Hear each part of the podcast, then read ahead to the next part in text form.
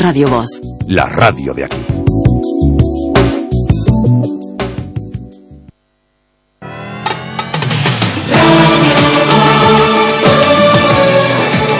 Radio Voz presenta Voces de Galicia. Con Isidoro Valerio.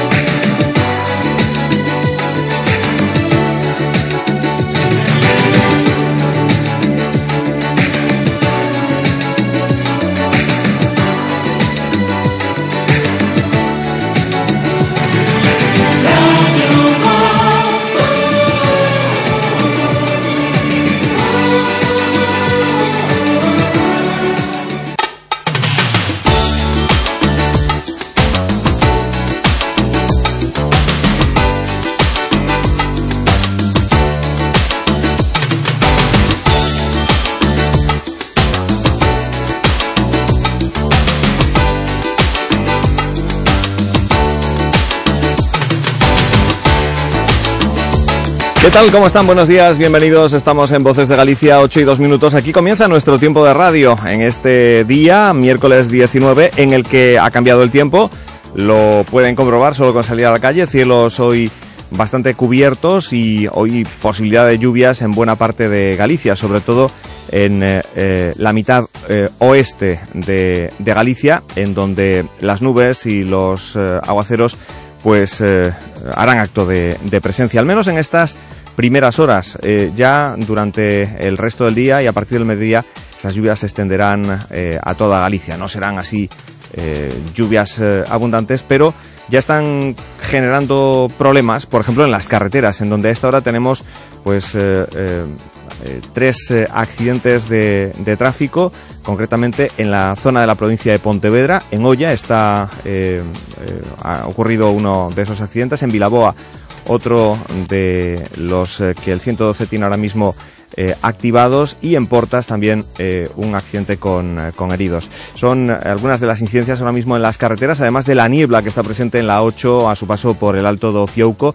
Si circulan por allí, háganlo con precaución. No está cortada la 8, pero hay niebla que dificulta la circulación, así que moderen la velocidad, enciendan las luces eh, para ser vistos y sobre todo para eh, bueno, circular con la máxima precaución en ese, en ese punto. Por lo demás, ¿cómo viene esta jornada de miércoles 19? Pues cargada de asuntos que tienen que ver con la actualidad. Además de todo el lío montado en Cataluña, con dimisiones que se han sucedido en estos últimos días eh, y con, bueno, pues cruce de acusaciones entre eh, gobierno de la Generalitat y gobierno eh, central. Eh, por otra parte, destaca ese golpe a la trama corrupta del presidente de la Real Federación de Fútbol Española, Luis María Villar, que bueno, fue, como saben, arrestado en el día de ayer junto con su hijo, acusados de delitos de apropiación indebida, administración desleal, falsedad documental y corrupción entre particulares. Y es que, al parecer, el sorteo de los partidos de liga, que debía ser eh, mañana, se va a aplazar hasta la próxima semana ante la incertidumbre generada pues por todo este lío que ha saltado en el día de ayer, con registros en la sede de la Federación, también en el domicilio de, de Villar, eh, y bueno, Villar que, por cierto, eh, fue detenido y participó en los registros hasta bien entrada la, madrugada. Llegaba a primera hora de la tarde a la sede de la Federación para el registro que se prolongaba hasta la, madrugada. Hoy también será día de mirar hacia dos casos, el caso Lezo y el caso Gürtel, que hoy eh, vuelven a estar activados. El juez del caso Lezo toma declaración a petición propia al expresidente madrileño Ignacio González y además, eh, con relación al caso Gürtel, eh, hoy, pues como testigos declararán en el juicio Gürtel el exsecretario de los populares madrileños, Ricardo Romero, y el excoordinador de campañas de la formación madrileña del Partido Popular, José Manuel Fernández Norniella. todo esto se une a lo que les venimos contando, al debate de Cataluña, a todos los líos que allí tenemos y a esa huelga de las autoescuelas que está generando muchas tensiones, sobre todo en el sector de las autoescuelas. Ayer veíamos eh, mm, eh, cómo los eh, responsables de las autoescuelas sobrensanas salían a la calle para protestar contra lo que está ocurriendo y de lo que se ven pues rehenes, dado que ellos nada pueden hacer por solventar un problema que sí les está afectando de, de lleno, provocando pues o abocando al cierre a muchas de las autoescuelas que se están quedando sin alumnos por causa de que no pueden presentarles a examen, dado que no, eh, no se está trabajando con la fluidez que sería necesario para desatascar lo que ya es un gran tapón de alumnos pendientes de realizar la prueba para obtener el carnet de, de, conducir. Luego hablaremos de ello porque hoy también tendremos con nosotros a José Manuel López Marín, el presidente de la Federación Gallega de Autoescuelas. Hablaremos también con Vanessa Fernández, la delegada en Galicia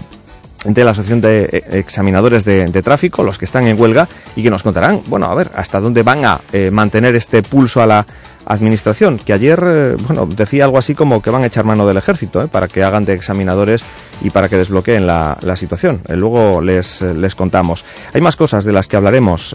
nos iremos... y vamos a ir el, lunes a hablar del, del CITUS de la USG, de la Universidad de Santiago de, de, Compostela, pero bueno, después por aquello de que nos fuimos retrasando no pudimos hablar de, muchas de, las cosas que se vieron concretamente el viernes en el CITIUS de la Universidad de Santiago. Allí se mostraron soluciones tecnológicas de última generación eh, creadas por empresas en gallegas. Hoy nos lo contará todo Paulo Félix Lamas, el director de CITIUS, eh, el Centro Singular de Investigación en Tecnologías de la Información de la Universidad de Santiago.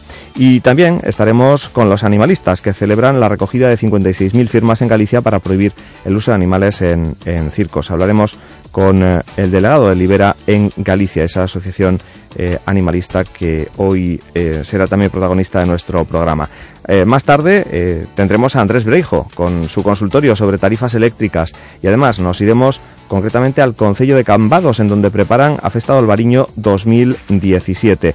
Y también hablaremos de la Asociación Iniciativa Galega por la Memoria, formada por más de 30 colectivos que trabajan en la lucha por la memoria histórica y que, y que reivindicaba esta semana en la isla de San Simón que ese lugar se erija como espacio simbólico de la represión, de la resistencia y de la memoria eh, colectiva. Por cierto, que estaremos también en contacto con la isla de San Simón porque está a puntito de comenzar ese festival del que no conocemos el cartel, que es un absoluto secreto de sumario y que comienza pues eh, este fin de semana, el Sinsal. Eh, allí nos eh, iremos con uno de sus organizadores, pero será ya en el último tramo del programa, allá cerca de las dos de, de, la tarde. Tendremos también la elección de la canción del verano, la tertulia, bueno, un sinfín de cosas que nos esperan de aquí a las dos de la tarde, ya saben, en la primera y segunda edición de Voces de Galicia que nos corresponde presentar a lo largo de estas dos semanas del mes de, julio. Ocho y ocho minutos, esto es Voces de Galicia, estamos en Radio Voz. Sean todos bienvenidos. Un alto en publicidad y volvemos. De lunes a viernes, Voces de Galicia, en Radio Voz. Son Gonzalo, bateiro da Ría da Arousa e todos os días cortalumes. Lucía, 35 anos, cociñeira e cortalumes. Na loita contra os lumes tes moito máis poder do que pensas. Denuncias prácticas delituosas nos nosos montes e se ves lume, chama o 085. Faite cortalumes, Xunta de Galicia. Que los gastos no te estropeen las vacaciones. Porque en Feubert, del 3 al 23 de julio, te regalamos el importe del montaje y equilibrado al comprar tus neumáticos Continental en un cheque regalo para tu siguiente operación de taller. Consulta condiciones en feubert.es. Feubert, tu coche en buenas manos. ¿Todavía con humedades en casa? Este verano di adiós a las humedades definitivamente con Hogar Seco, los expertos en humedades. Además de un diagnóstico totalmente gratuito, Hogar Seco tiene unas ofertas muy atractivas para que no sufras otro invierno con humedades. Llama al 900-828-938 o visita hogarseco.com. Hogar Seco y di adiós a las humedades. Vives en un edificio sin ascensor. Necesitas modernizarlo eliminando las escaleras que hay en el portal para llegar a tu ascensor. Confía el servicio de mantenimiento de tu ascensor a la empresa líder del sector. ThyssenKrupp pone a tu alcance la solución personalizada para tu comunidad. Llama sin compromiso al 901 020 909 o visita nuestras oficinas. En ThyssenKrupp te hacemos la vida mejor y más fácil.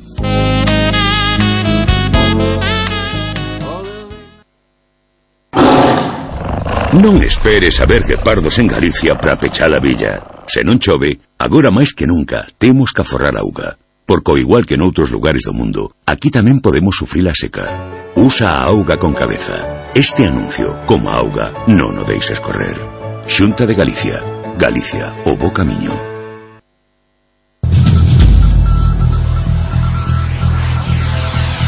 En Voces de Galicia de Radio Voz llega ahora el resumen de la actualidad.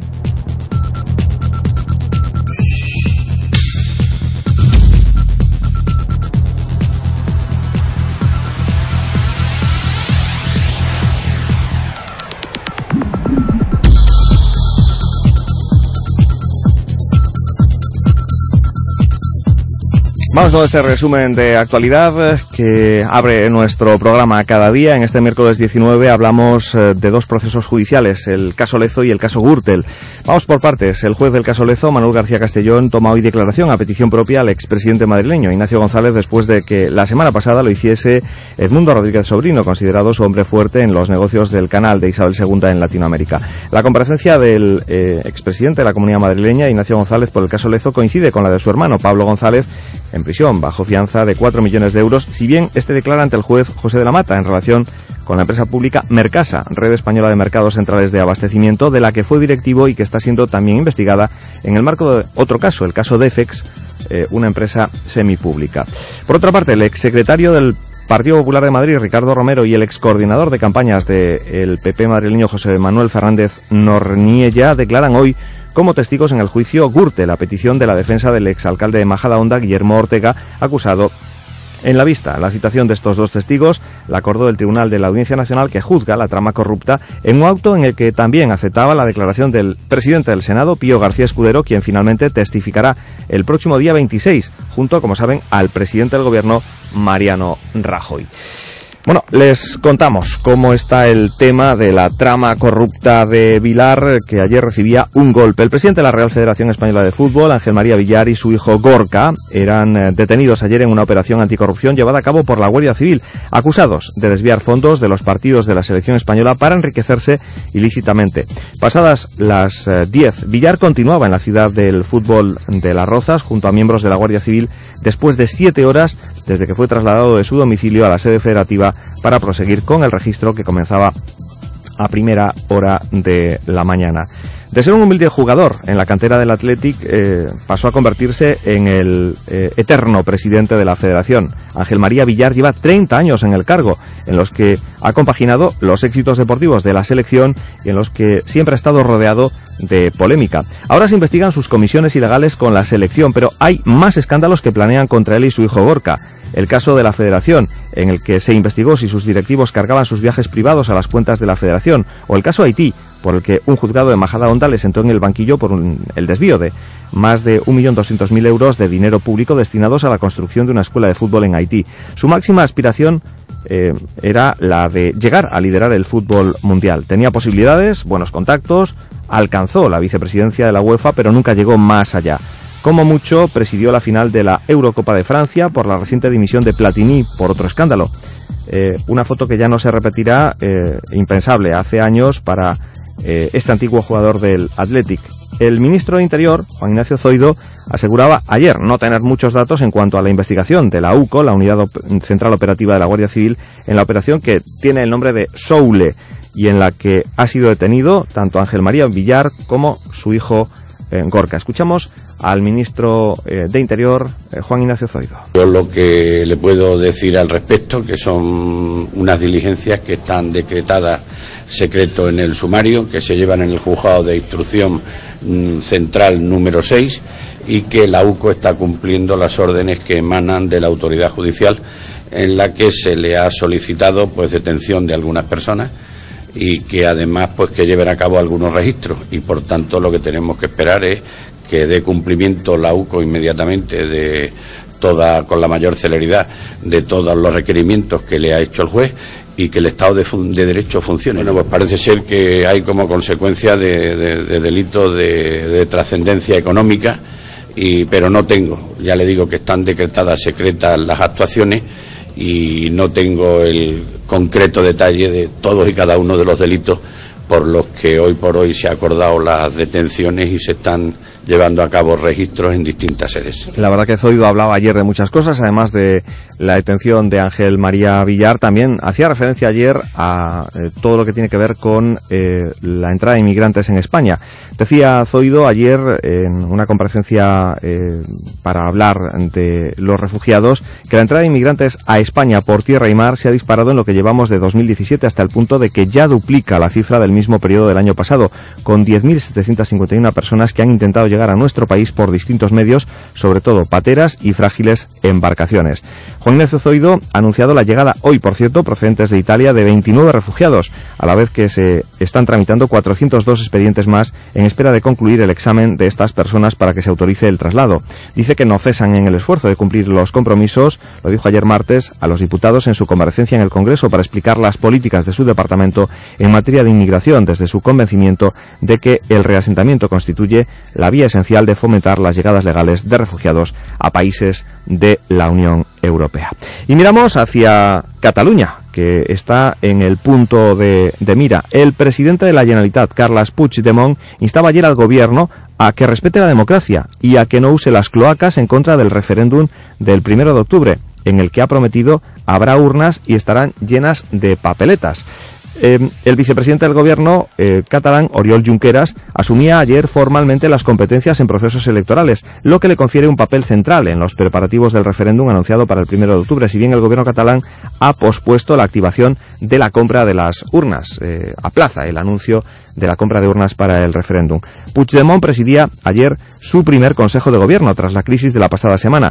El equipo fiel con el que el presidente quiere encarar el referéndum. El gobierno analizaba los diversos itinerarios para disponer de las urnas. Según el nuevo portavoz de la Generalitat, Jordi Turul, eh, esos itinerarios estarán dentro de la ley, pero no ha querido especificar nada más. Le escuchamos. El gobierno hoy, eh, después de tomar diversos acuerdos, lo que ha, analizado y ha compartido son los distintos itinerarios eh, para disponer de las urnas y hemos decidido que cuando se haya completado este itinerario, pues lo vamos a hacer público, lo vamos a presentar. Obviamente este itinerario lo vamos a hacer de acuerdo con la legislación eh, vigente y por tanto, mm, delante de cómo está actuando el Estado, que entendemos que no es de acuerdo a derecho en, eh, esta intimidación, querellas, etcétera, por una cuestión ideológica, porque hacemos cosas que hacen otras comunidades autónomas y a ellos no les hace nada y a nosotros ya ven cada día hay un requerimiento, pues hemos ah, acordado actuar de esta, de esta manera, analizando, compartiendo, decidiendo los itinerarios y cuando se hayan completado pues los vamos a hacer ah, públicos y los presentaremos. También se hacía público que Oriol Junqueras será quien pilote eh, el referéndum del primero de octubre. Se publicaba en el Diario Oficial de Cataluña que los procesos electorales están en sus manos ayer se hacía efectivo este asunto. La vicepresidenta del Gobierno, claro, pues eh, hablaba del tema. Soraya Sánchez de Santa María advertía desde Vitoria a los catalanes que los que apuestan por el extremismo y el fanatismo acaban aislándose, dice Soraya Sánchez de Santa María. Los que apuestan por el extremismo, por el fanatismo, por aislarse, acaban aislándose solos en las acciones electorales. Esto es lo que dice el, gobierno, luego escuchamos más a Soraya. Eh, mientras en varias ciudades catalanas ayer aparecían carteles con el rostro de Franco en los que se podía leer no votes 1 de octubre, no a la República. campaña de la agrupación independentista República de, eh, de Baix. La vicepresidenta Soraya Sánchez Santa María eh, volvía con otra advertencia desde Victoria. Decía que la radicalidad y el extremismo cosechan división y más conflicto. Y los que apuestan por la radicalidad y por el extremismo, al final lo único que cosechan es división y más conflicto. Bueno, y entre tanto, al frente de los Mossos, eh, ayer se situaba, el gobierno catalán situaba a Pérez Soler. Eh, no pone pegas al referéndum, Pérez Soler, como sí lo hizo su predecesor, el eh, que dimitió en la diana de sus tweets, de los de Pérez Soler, del nuevo director de los Mossos de Escuadra, pues están tanto el Partido Popular como el PSOE como Ciudadanos. Es muy activo en las redes sociales y, como se suele decir, muy cañero. Eh, objetivos con nombre y apellidos, eh, eh, forman parte de sus tweets. No se salvan ni los independentistas que se salen del camino marcado. El perfil de Pere Soler es, en definitiva, poco neutral. Los Mossos, con funciones judiciales en Cataluña, exigen quedar al margen de la batalla política, algo en lo que confía también el ministro del Interior. Escuchamos al portavoz del Sindicato de Mossos de Escuadra y al ministro Juan Ignacio Zoido nosotros vamos a comportarnos tal y como tenemos que comportarnos, siempre dentro del, marco legal. Yo no tengo la menor duda de que los mozos van a cumplir con su obligación. Bueno, lo que está en tela de juicio ahora es la neutralidad del que ayer fue nombrado jefe de los Mossos, Pérez Soler, eh, el nuevo portavoz del gobierno de la Generalitat, Jordi Turul, le recomendaba, no obstante, al ministro de Interior, Juan Ignacio Zoido, que vigile su casa y no esté tan pendiente de los Mossos a raíz de que Zoido eh, ha dicho que los Mossos, y estaba seguro de ello, lo acaban de escuchar, garantizarán el cumplimiento estricto de la ley el 1 de octubre. Jordi Turul se dirigía así a, a Zoido. Yo le diría al ministro del Interior que eh, él dice que no tiene ninguna duda de que los Mossos actuarán de acuerdo con la ley. Yo le diría que tengo muchas dudas de que toda la policía española actúe de acuerdo con la ley y invitaría al ministro a que mirara esta noche el reportaje de TV3, porque poner en duda la actuación de los Mossos de Escuadra, y cada día hablar de los Mossos de Escuadra, cuando es un cuerpo de referencia, y silbar, lo que se dice en catalán, chiular, delante de todo lo que está apareciendo en la operación Cataluña, me parece una manera, ah, bueno, no me haga poner el calificativo. Por tanto, ah, lo que tendría que ah, dedicar sus esfuerzos el ministro del Interior es que los episodios que se han producido, primero comprobar si se siguen produciendo, los episodios que se han producido durante eh, la época del señor Fernández Díaz. Eso sí que debería preocuparle. Y no estar todo, todo, todo el día pendiente de si Mossos, urnas, Mossos, urnas. Que vigilen su casa. Ahí estaba Turrul eh, recomendándole a Zoido que vigile su, su, casa antes de estar pendiente de los Mossos de Escuadra. Por cierto, que el consejero de Interior eh, Form y el director de los Mossos, Pérez Soler, mantendrán hoy la primera reunión con la cúpula de la Policía Catalana y con el Gabinete de Coordinación Antiterrorista tras ser nombrados en el cargo tras las dimisiones de Jordi Llané y Albert Badle. Según han informado desde la Consejería de Interior eh, catalana, Form presidirá a las cuatro la primera reunión con los mandos de Mossos de Escuadra en un encuentro en el que estará acompañado por el secretario general del departamento, César Puig, que ya estaba en el cargo en la época de Llané, y por Pérez Soler, a quien el gobierno catalán nombraba eh, sucesor de Albert Badle. Entre tanto, el portavoz de Ciudadanos en el Congreso, Juan Carlos Girauta, cree que el Gobierno tiene mecanismos para parar la consulta soberanista, pero no comparte que se intente apaciguar a los secesionistas con reformas constitucionales como sugiere Pedro Sánchez, dado que, dice Girauta, eso solo demuestra debilidad. Y el Partido Popular eh, bueno, pues ha denunciado a Podemos eh, y denuncia que Podemos se ha saltado el secreto de sumario en un procedimiento judicial en la comisión que investiga el supuesto uso partidista del Ministerio de Interior durante la etapa de Jorge Fernández Díaz.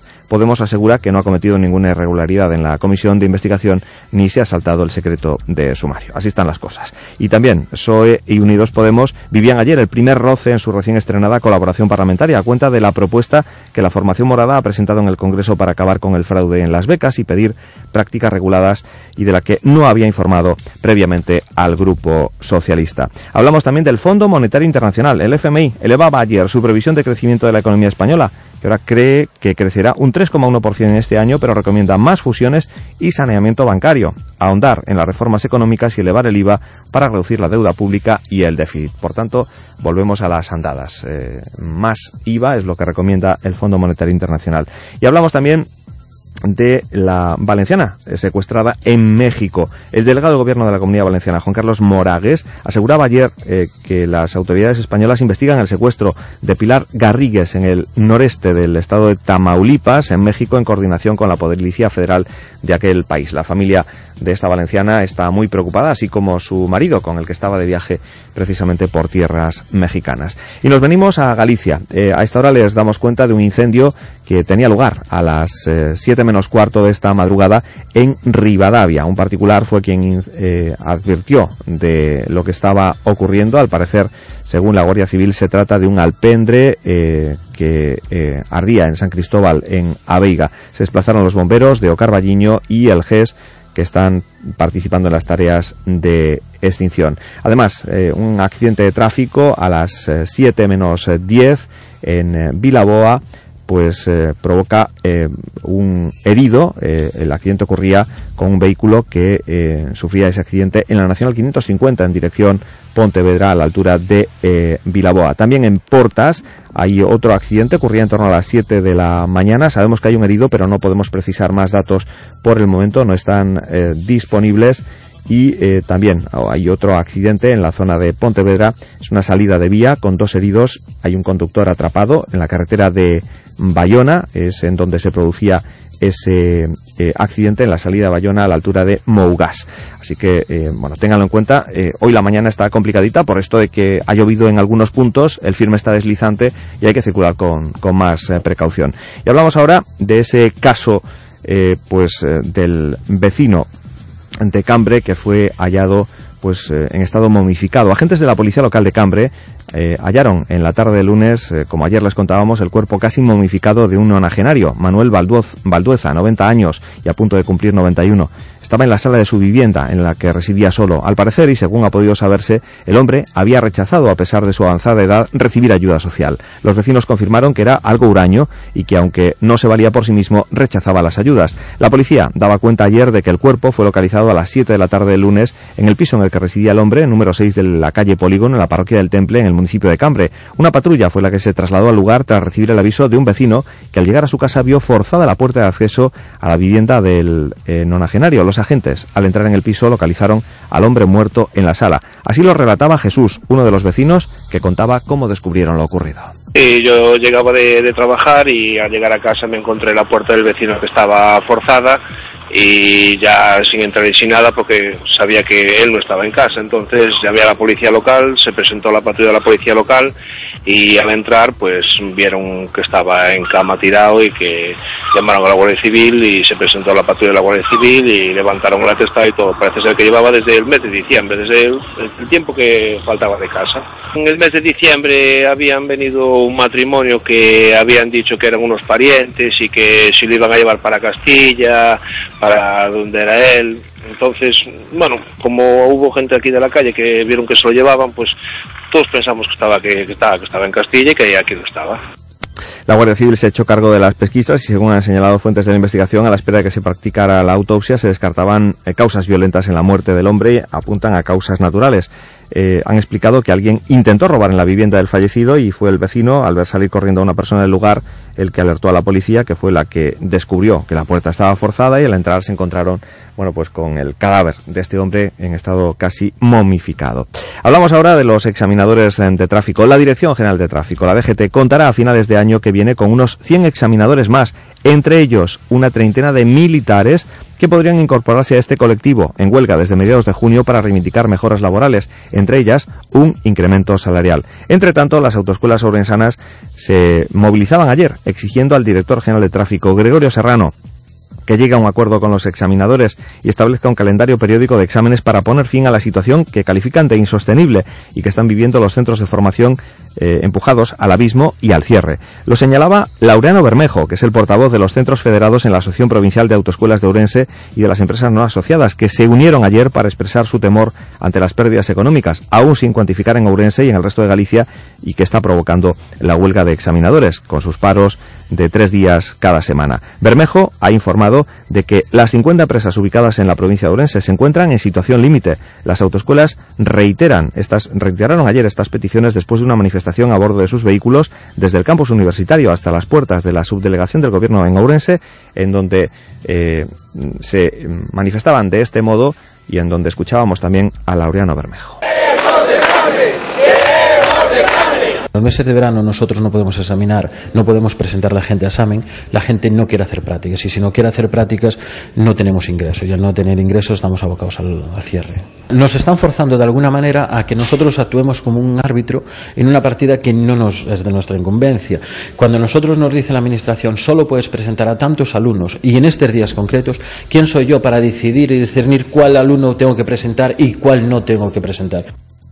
Claro, un auténtico problema al que se ven abocados. Luego ahondaremos más en este asunto. Hablamos ahora de la Agencia de Doación de Órganos, es, de órganos ESANGUE, que presentaba ayer su nueva campaña de comunicación con la que intentará sensibilizar a partir de ahora a la ciudadanía empleando donantes y receptores reales de sangre y órganos. La directora de la entidad, Marisa López, fue la encargada de presentar esta nueva campaña, dentro de la que a lo largo de los próximos meses darán a conocer 14 historias reales de donantes y receptores que contarán su propia historia. Esta es la primera vez que una campaña informativa de la Agencia de Donación de Órganos eh, Sangue se aleja del anonimato que caracteriza la donación y reúne experiencias vitales reales de personas que han sido usuarias o donantes en la ciencia. Eugenia Escudero es una de las protagonistas de la campaña. En moitos casos temos problemas renais, como no meu caso, eu levaba cinco anos facendo diálisis, pero levaba máis de 20 con problemas renais. E desde o ano pasado estou trasplantada. E, o trasplante, pois, para min deu unha nova vida, a min e a moita xente. Es una de las historias reales que forma parte de esa campaña. Marisa López García, la directora de A2, destacaba que a través de la iniciativa se busca sensibilizar a la sociedad sobre las necesidades que tiene la agencia, lanzando asimismo un mensaje especial para la población más joven de Galicia. Quieren sensibilizar y enseñarles a los jóvenes el significado de la donación. En este sentido, la directora de A2 explicaba que en la actualidad la agencia cuenta con una población de donantes que posee una media de edad de 43 años. Un dato afirmó que aún siendo bueno es mejorable. Por tanto, cree que deben convencer a los más jóvenes a que den el paso de hacerse donantes para así ser capaces de regenerar la edad media de la población donante.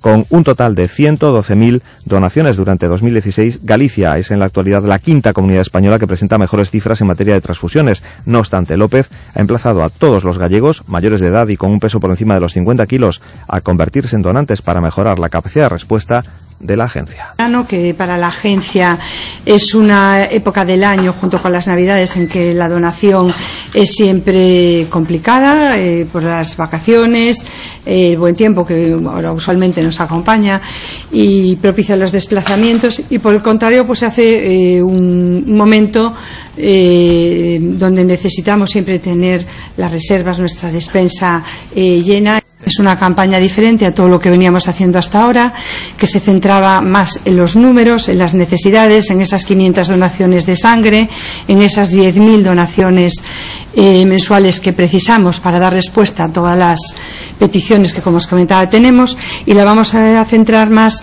en poner cara a nuestros donantes y a nuestros receptores, ¿no? en sensibilizar a la sociedad de las necesidades que tenemos. Y ayer hubo Junta General de Accionistas de Inditex. El presidente del grupo, Pablo Isla, defendía el crecimiento sólido, sostenible e integrado como las principales claves del futuro de la compañía que cuenta con modelo integrado de tiendas y también online. En el marco de su intervención en la Junta de Accionistas, Pablo Isla señaló que la corporación Inditex cuenta con una estrategia de crecimiento sostenible en todas las fases de creación de valor, al tiempo que afirmó que Inditex es una generadora de valor social y medioambiental. Pablo Isla. Tienen que ver con esa idea del trabajador en el centro y centrándonos eh, fundamentalmente en siete áreas de actividad. La participación de los trabajadores, la salud y seguridad laboral, el salario digno, las prácticas de compra responsables, el empoderamiento de la mujer, la protección de los migrantes y la formación y la sensibilización. El presidente de Inditex recordó que el grupo creó 9.596 puestos de trabajo durante el pasado año, de los cuales 2.480 empleos se concentraron en España. En los últimos cinco años, las contrataciones ascienden a 53.000 personas, 10.000 de ellas en nuestro país. Durante su intervención, Pablo Isla relató que Inditex elevó a 5.600 millones de euros su contribución tributaria global a lo largo del pasado año. De ese total, 1.616 millones se pagaron en España y de los que 870 correspondieron a impuestos directos. La Junta General de Accionistas de Inditex aprobaba ayer el pago de un dividendo correspondiente al ejercicio del año pasado de 0,68 euros por acción, equivalente a 2.117 millones de euros en función del número actual de acciones con derecho a percibirlo y un 13,3% superior al repartido el año anterior. Y hablamos de otra empresa ubicada en Galicia, el grupo Ascensores Enor, dedicado a la fabricación, instalación y mantenimiento de elevadores. Eh, ha cerrado un contrato con el grupo naval Meyer para el suministro de un total de 381 ascensores y escaleras mecánicas para siete cruceros que el astillero construye en Alemania y en Finlandia. Alberto Núñez Feijóo visitaba ayer esa empresa en Vigo y eh, comunicaba todo esto durante eh, la visita a las instalaciones de NOR en el Parque Tecnológico y Logístico de Vigo, donde destacaba la expansión que está experimentando este grupo empresarial que en la ciudad Olívica cuenta con una plantilla de 350 personas. Fijo concretaba que se está ultimando una línea de créditos de hasta 33 millones de euros, del que se podrán beneficiar 100 proyectos que fomenten la innovación entre las pymes y ha garantizado que ninguna iniciativa de esta índole en Galicia se verá frustrada por la falta de financiación.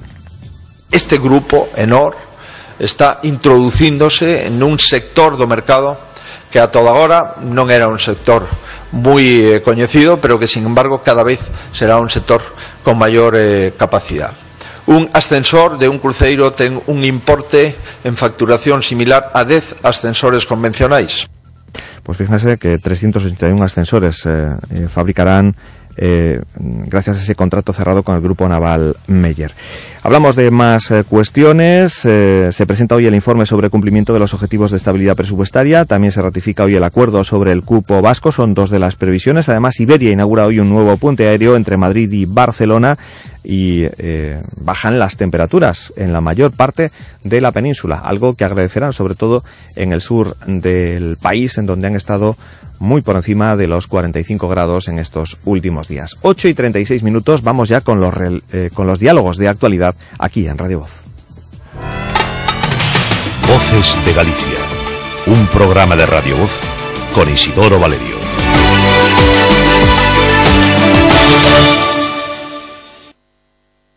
¿Me quiere? No me quiere. ¿Me quiere? No me quiere. ¿Me quiere? Vaya. ¡Qué mala suerte! Toma el camino alternativo con el nuevo Renault Captur. Ahora desde 12.600 euros. Descúbrelo en la red Renault. Oferta RCI Bank válida hasta fin de mes. Consulta condiciones en Renault.es. Red Renault de Galicia. Universidad de Stanford. Elixio Galicia. Porque Galicia leva oito anos consecutivos conxelando as súas tasas universitarias. Porque contamos con docentes de primeiro nivel, campus que apostan pola especialización e proxectos de investigación con excelencia internacional. E porque a terra tira, e moito. Elixe Galicia. Galicia, o bo camiño. Xunta de Galicia.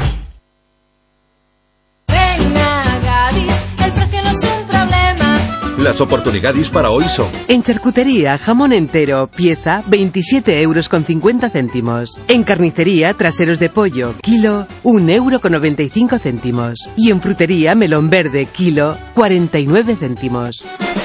Solo hoy y solo en Gadis. Colaborador del acontecimiento Prevención de la Obesidad. Aligera tu vida.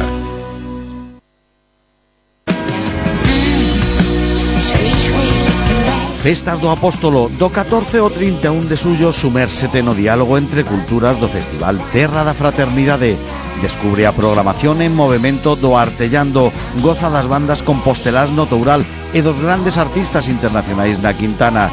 Rememora o Apóstolo máis tradicional coa xornada do folclore Día do Frase ou as orquestras da Alameda. Vive o Apóstolo, Concello de Santiago.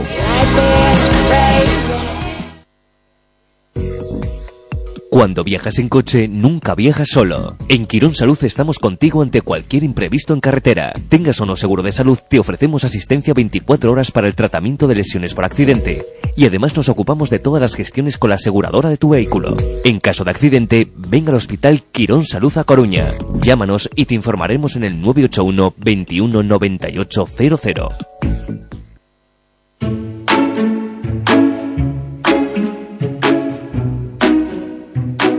Estás escuchando Radio Voz. Si quieres participar, puedes hacerlo llamando al 981 13 44 33. Tenemos hoy con nosotros aquí en el tiempo de diálogos de actualidad a dos de nuestros contertulios, Aitor Bouza y José Alén. Con ellos vamos a compartir estos minutos de, de opinión en la sintonía de Radio Voz en este miércoles 19 de, de julio. Aitor, buenos días. Hola, buen día. Buenos días. Y José Alén, también buenos días y gracias por, por estar ahí. José. Soy José Luis Díaz, Ah, no sé. Vaya, vaya, vaya, vaya, vaya, vaya, vaya. Equivocación. Pues nada, una equivocación de las, de las nuestras. Nada, pues muy mal aquí. José Luis Díaz, ¿cómo estás? Muy bien. Bueno, pues menudo, menudo lapsus. José Luis, eh, a ver, vamos a, José Luis y Aitor, vamos a comenzar hablando por, eh, bueno, de ese golpe a la trama corrupta de, de Vilar. Hoy es de lo, de lo más destacado y la verdad que los oyentes hoy ya se nos han adelantado eh, enviándonos comentarios a través del WhatsApp. Nos dice aquí un, oyente eh, que eh, mm, no solo deberían investigar a la Federación de Fútbol, también a la Liga y a los clubes de fútbol y televisiones. A ver si así entendemos de dónde sale tanto dinero. No me parece que sea de la venta de entradas y de cuotas de socios. Pero bueno, el fútbol es así, que diría el otro. Vila- eh, Villar es uno de muchos, una persona solo no hace ese montaje. Debe haber mucha gente implicada. Nos da las gracias Manuel y nos eh, eh, desea un, un buen día. Eh, ¿qué, os parece todo lo que, lo que está ocurriendo y bueno, lo que ayer comenzaba pues a ocurrir con la Federación Española de, de Fútbol? Lo cierto es que no es la primera vez que Villar está en el punto de, de mira, ¿no? ¿Cómo, ¿Cómo lo veis? Aitor. Bueno, eu creo que ao final demostrase que que o que xa esperábamos algúns, non? É o que podíamos ter previsto porque polas actuacións que se que se levaban a cabo, pois que ao final, pois por desgracia, pois foron foron verdade, non? Eu creo que, que sí que é bo que, que comece a comecen as investigacións, como comentaba ese ouvinte, non só na federación, senón tamén en todas as, as prácticas e modalidades, por certo, non só de fútbol, senón tamén pois das outras modalidades deportivas. Ujú. Eh, José Luis, ¿cómo, ¿cómo lo ves?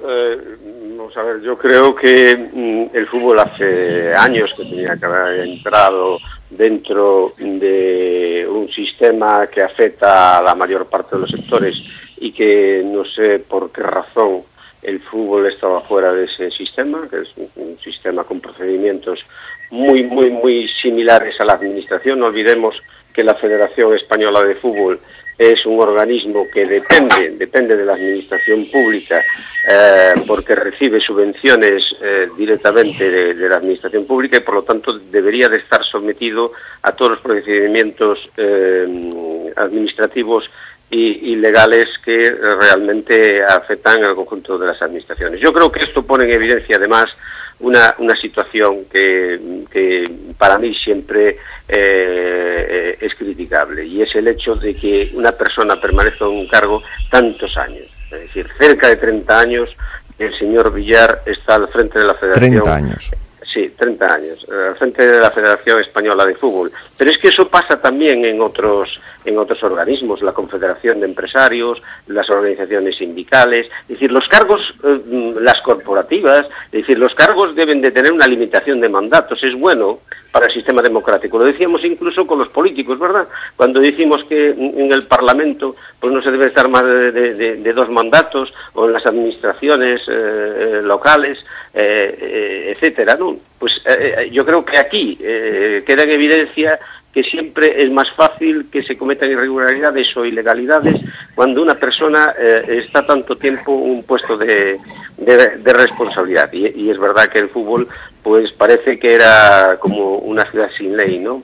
Es decir, un ámbito Claro. donde realmente no se supervisaba ni controlaba absolutamente nada por parte de las administraciones. Claro, pero fijaros, fijaros que ayer nos decían ya algunos oyentes eh, a través de WhatsApp, nos decían, cuando el río suena, agua llueva, y es que Villar lleva tiempo en el punto de mira, ¿no? Ahí está el caso Federación, eh, investigaba si sus directivos cargaban viajes privados a las cuentas de la Federación, o el caso Haití, ¿no? Que eh, está viendo un juzgado de Majadahonda que sentó en el banquillo a, a Villar por el desvío de más de 1.200.000 euros de dinero público que estaban destinados a la construcción de una escuela de fútbol en Haití y que parece que fueron a parar a un sitio de paradero eh, desconocido. Y ahora, bueno, pues salta todo esto de los amaños que tenían, al parecer, con eh, los eh, partidos internacionales de, de la selección. En fin, eh, no sé qué más se puede esperar. Nos dice aquí el, el, oyente al que hacía antes referencia, es penoso ver a familias que lo pasan mal y oír estas noticias, tanta corrupción incontrolada. Mm, de verdad, de verdad que no hay nadie que se diese cuenta, nadie que denunciase aunque fuera anónimamente.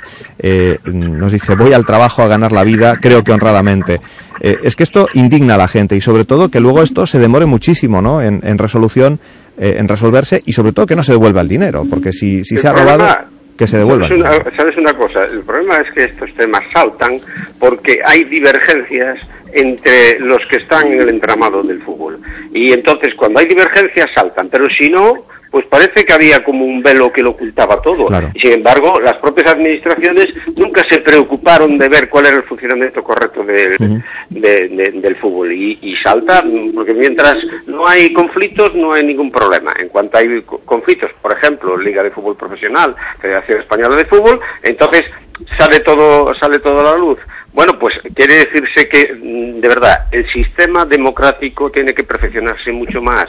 Y, por lo tanto, estas cuestiones tienen que cambiar. Ah, pero tú, tú, fíjate que, que, lo del fútbol es escandaloso, ¿no? Porque cuánto tiempo llevamos hablando de la deuda del fútbol con el fisco y cosas por, por claro. el estilo, ¿no? Y aquí parece que nada se soluciona, que todo se va acumulando y acumulando y haciendo la bola de papel cada vez más grande. Me voy al teléfono porque tenemos a un oyente en, en espera, 981 13 44 33, nuestro WhatsApp el 649 48 37 99. Hola, buenos días. ¿Con quién hablamos?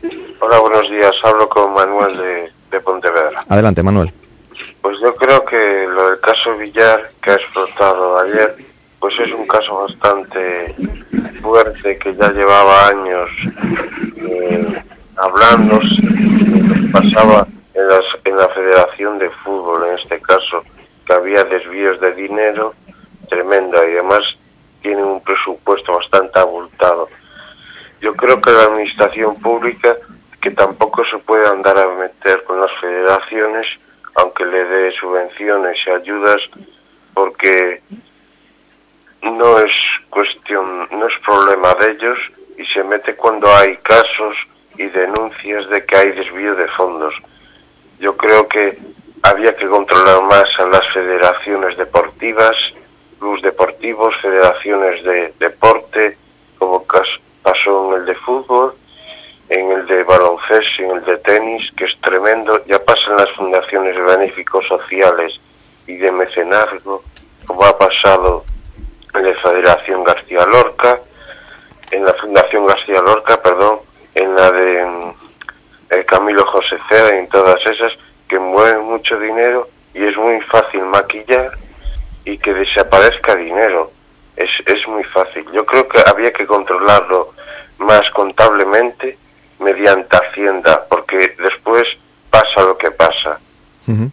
Hay desvíos de dinero y es tremendo. Pero el caso de Villar, que es algo que se llevaba más de 20 años hablando y se sabía lo que pasaba.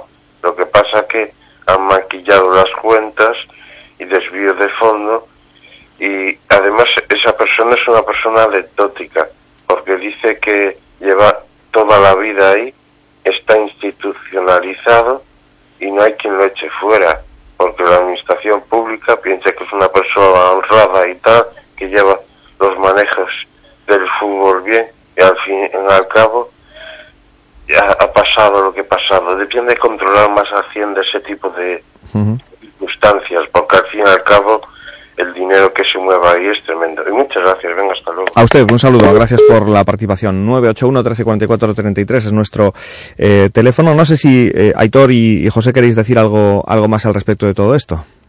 Aitor. Yo creo que donde hay dinero público eh, tiene que haber un control, pero y, y ¿Qué cantidad de asociaciones, organizaciones están recibiendo dinero público? Muchísimas y sin embargo, bueno, pues eh, no hay controles. Eso al margen de que las actividades que, que desempeñen sean legales, ¿no? Porque aquí uh da la sensación como si hubiese una trama, una red de intereses, que, que, que, conectan determinadas uh, federaciones territoriales claro, con fíjate, fíjate claro, a su alrededor, etcétera. Lo que decía el, el, oyente que nos escribía en WhatsApp, eh, decía, Vilar es uno de muchos, una persona sola no hace ese, ese montaje, tiene que tener evidentemente cómplices. Bueno, ayer eh, había más detenciones, aparte de la de Vilar, también algunos de los eh, dirigentes que están en otros cargos dentro de la Federación Española de, de Fútbol. Aitor, no sé si quieres por tu parte decir algo. Escuchábamos a José Luis. Eh, Aitor, va Sí, en- yo creo- que- creo que va en el tren y por eso le estamos escuchando con dificultad, ¿no?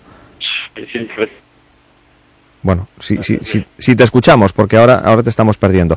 Vamos a, eh, a, a hacer otra cosa, vamos a cambiar de, de asunto, eh, luego a ver si podemos tener mejor sonido con, con Aitor, y vamos a contactar con el eh, presidente de la Federación Gallega de Autoescuelas eh, y de la Asociación Provincial de Autoescuelas de la provincia de Coruña, que es José Manuel López Marín. Ayer ya vimos cómo pues están muy enfadados, por ejemplo, en Ourense. Los responsables de las autoescuelas salieron a la calle para protestar, para exigir que se hagan exámenes. Ayer comparecía por la tarde el director general de tráfico, que anunciaba que contará a finales de año con unos 100 examinadores más de los que hay en la actualidad, ellos una treintena de militares que podrían incorporarse a este colectivo en huelga que está en huelga desde mediados de junio para reivindicar mejoras laborales, entre ellas un incremento salarial, y que podrían ir a, a una huelga eh, continuada sin, eh, bueno, pues esos dos días que dedican sí a examinar, pero que no dan abasto para deshacer el tapón que se ha generado con esos paros continuados de lunes, martes y miércoles de, de cada semana. Yo no sé cómo veis este, este asunto que está abocando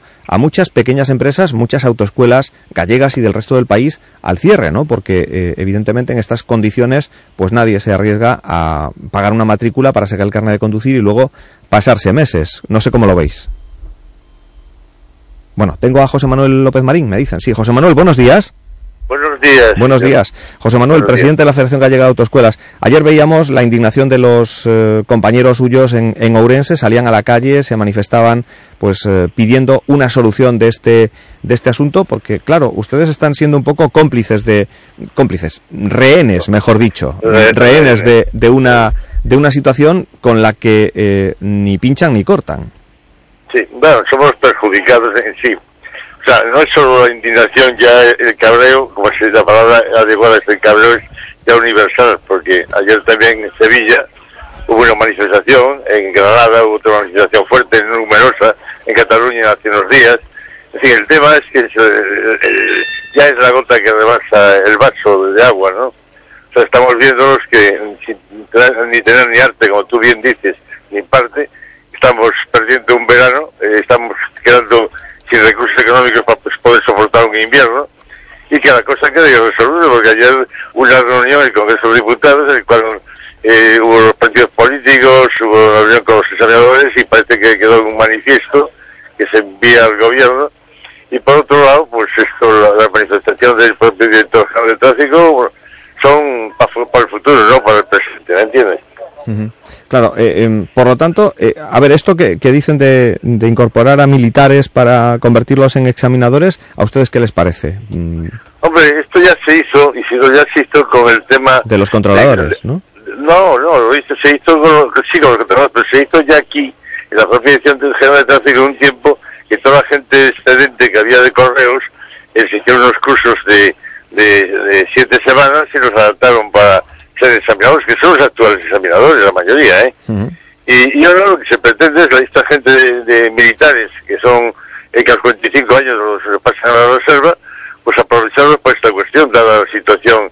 Porque claro, es preceptivo que sea un funcionario el que, el que acceda a esta plaza. Si fuera una posición libre como era antes, que era el cuerpo ejecutivo y que salían de la calle, claro, bien, que ahora hay cantidad de gente que está en el paro, pues tú que tienes una posición para este cuerpo, se pelearían por, por Pero fíjate, venga, ahí estamos, eh, encajonados, nos hablan de futuro, pero del año 2018, pero el problema está ahí, latente, que no, no, no tenemos el servicio y no podemos hacer nada. Bueno, yo no Y sé, estamos- yo no sé si a, nivel eh, Federación de Autoescuelas aquí en Galicia, José Manuel, van a tomar algún tipo de medida de presión, porque claro, esto, mm, mm, como usted bien dice, no lo pueden soportar más. Tienen que pagar los sueldos a fin de mes de los monitores, eh, tienen que hacer frente a los a los gastos corrientes de pues de una escuela de, de conductores y si no hay ingresos porque no hay matrículas, dado que se ha paralizado toda eh, esa situación ante la incertidumbre de poder sacar el carné en, en el tiempo, pues normal que, que- que mucha gente aprovecha el, el verano, pues evidentemente ustedes están teniendo una merma de ingresos muy, pero que muy abultada. Nosotros tenemos una merma eh, de ingreso abultada, como tú dices, pero aparte hay- se está haciendo un gran daño a la ciudadanía, porque está privando de un derecho que tiene que, que, tiene que dar algún servicio, bien sea de la forma que sea, bien sea funcionarios, o bien sea en lo que se llama la externalización de servicios, como ocurre ya en Alemania, en Francia, en esto, en, en esto, en, en aquí en el país vecino, en Portugal.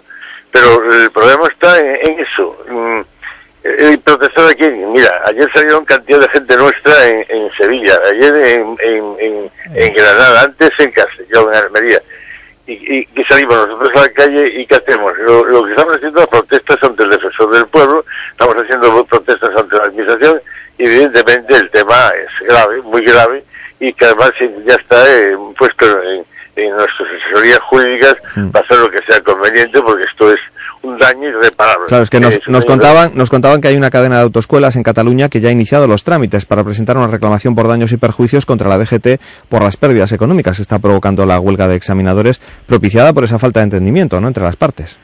No, no, la propia Confederación Nacional de Autoescuelas está dando un servicio, un bufete de abogados, que todo aquel que quiera hacer la, la- esa reclamación, pues lo que tiene que dirigirse a la Confederación Nacional de Autoescuelas, al bufete de abogados, y le darán ese, ese servicio. Y evidentemente aquí nosotros, a todo aquel que quiera de- eh, eh, emplear este, este, este camino, estamos a disposición de dárselo. Ahora, que no hay duda que el daño está ahí, que ya se ha hecho, el daño está en estado latente, o sea que se sigue con ese daño, estamos perjudicados y nos están haciendo un daño que, que, que- que no sé cómo se va a resolver. Ayer había una, cuestión que llegaba a un acuerdo entre examinadores y lo que eran los, los- las fuerzas políticas de estaba el PSOE, estaba eh, Podemos, estaba eh, eh, estos los de eh, estos, ¿cómo se? Los de- Ciudadanos.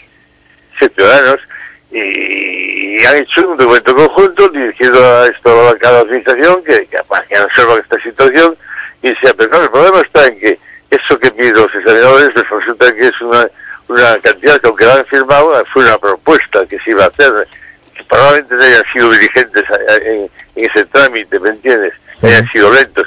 Pero aparte el problema está que si se tiene que subir lo que dicen ellos, lo que argumentan, y se le suben a ellos también tiene que subir a todos los administrativos que hay en, en, en Claro. todo en todo el estado y eso es un problema gordo, ¿no? Bueno, En fin, una, cosa para finalizar, José Manuel. Vamos a tener en, en, la siguiente, en el siguiente tramo de nuestro programa a Vanessa Fernández, que es la delegada en Galicia de la Asociación de Examinadores.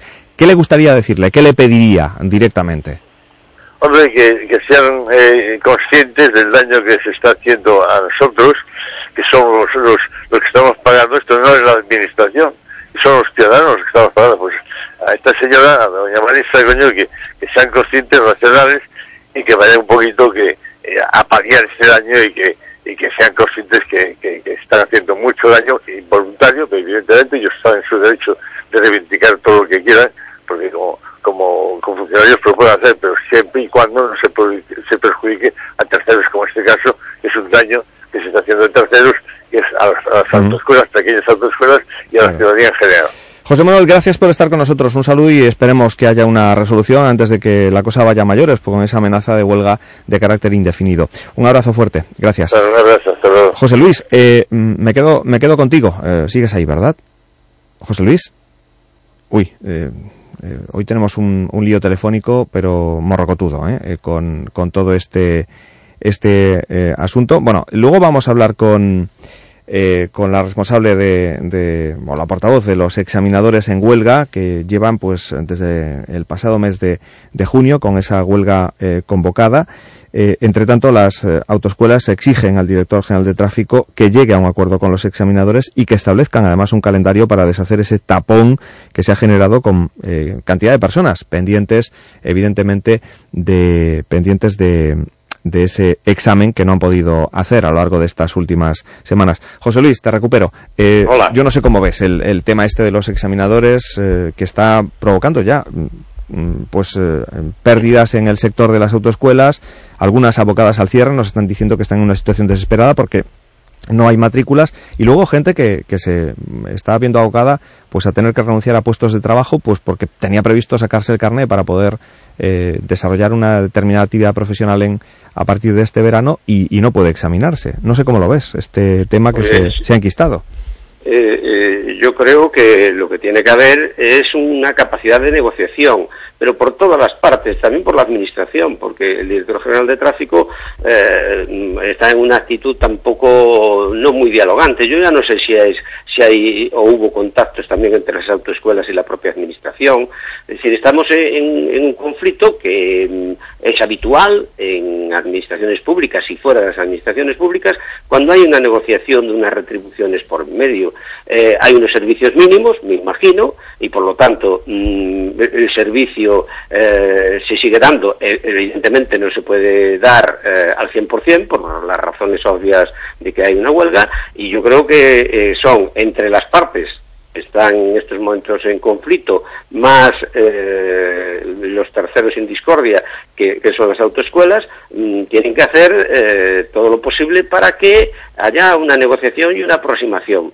Eh, y a partir de ahí pues tendrá que salir un, acuerdo. Eso es lo, deseable, pero eh, no hay que olvidar que mm, todas las partes tienen que poner mm, su granito de arena y desde luego, mm, bueno, pues si las reivindicaciones son justas, es lógico que los trabajadores, en este caso los examinadores, mantengan su posición hasta que haya una aproximación, supongo que a lo que ellos reivindican. Ya se sabe muchas veces que las organizaciones sindicales o, los representantes de los trabajadores no sacan el 100% de sus planteamientos y lo mismo le tiene que pasar a la administración, por lo tanto... En este caso dicen que están reclamando algo que se comprometió a darles el gobierno allá por el año 2015. Lo dejamos aquí, José Luis, gracias por estar con nosotros. Un saludo. Un abrazo. Son las nueve.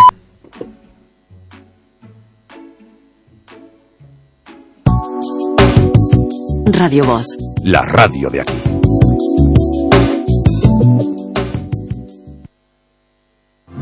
Soy Alberto, conductor. De todos los días son cortalumes. Marta, 30 anos, profesora e cortalumes. Na loita contra os lumes tes moito máis poder do que pensas. Entra en soncortalumes.gal e coñece este novo oficio. Responsabilidade de todos. Faite cortalumes. Xunta de Galicia. Te pasas el día compartiendo. ¿Acaso te pagan por ello? En Unshipping sí. Si compartes Unshipping con tus amigos, ellos se volverán locos. ¿Y tú? Tú conseguirás tu hotel gratis. Unshipping. Mono por compartir. ¿Lo compartes?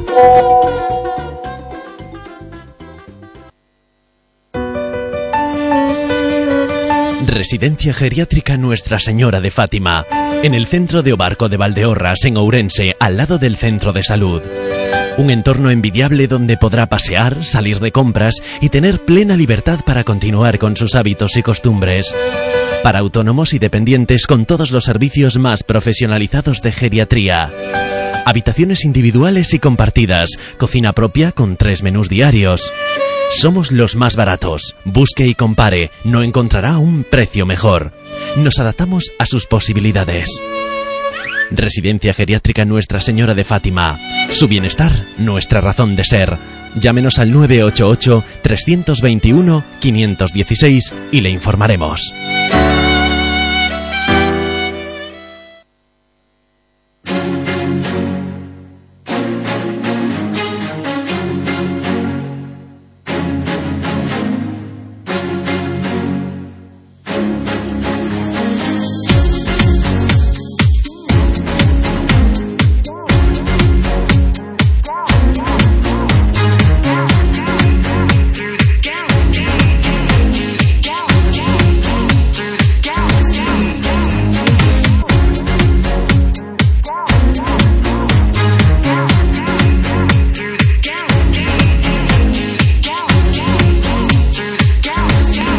Con la información del servicio. A esta hora la DGT nos informa de que hay eh, tan solo una incidencia destacada que afecta a la circulación. Es en la A8, como de costumbre, la niebla está ocasionando problemas en el Alto Fiouco a su paso por Mondoñedo, entre los kilómetros 536 y 552 se van a encontrar con niebla abundante a esta hora y esto dificulta la circulación. No está cortada la A8, pero se circula eh, con eh, nivel verde en aquel punto debido pues esa presencia de, niebla. Eh, hoy va a ser un día complicado en las carreteras, lo está siendo de hecho con varios accidentes que ya están registrados en la provincia de Pontevedra, cuatro concretamente, dos de ellos, bueno, pues con personas heridas. En Vilaboa, a las 7 menos 10 de la mañana, mm, volcaba un vehículo en la Nacional 550, dirección Pontevedra, y una persona herida que resultaba de ese accidente. También eh, hay otro accidente en la zona de Portas, ocurría en torno a las 7 de la mañana entre Romay y Sanxián. Eh, no nos podían precisar eh, más datos, eh, sí nos daban cuenta de que había una persona herida también y se producía una salida de vía en eh, Oya, concretamente a las 7 y 53 minutos, a consecuencia de ese accidente. Dos eh, personas resultaban heridas y el conductor quedaba atrapado en el vehículo. Este accidente ocurría en la carretera Bayona a en la salida de Bayona a la altura de Mougas.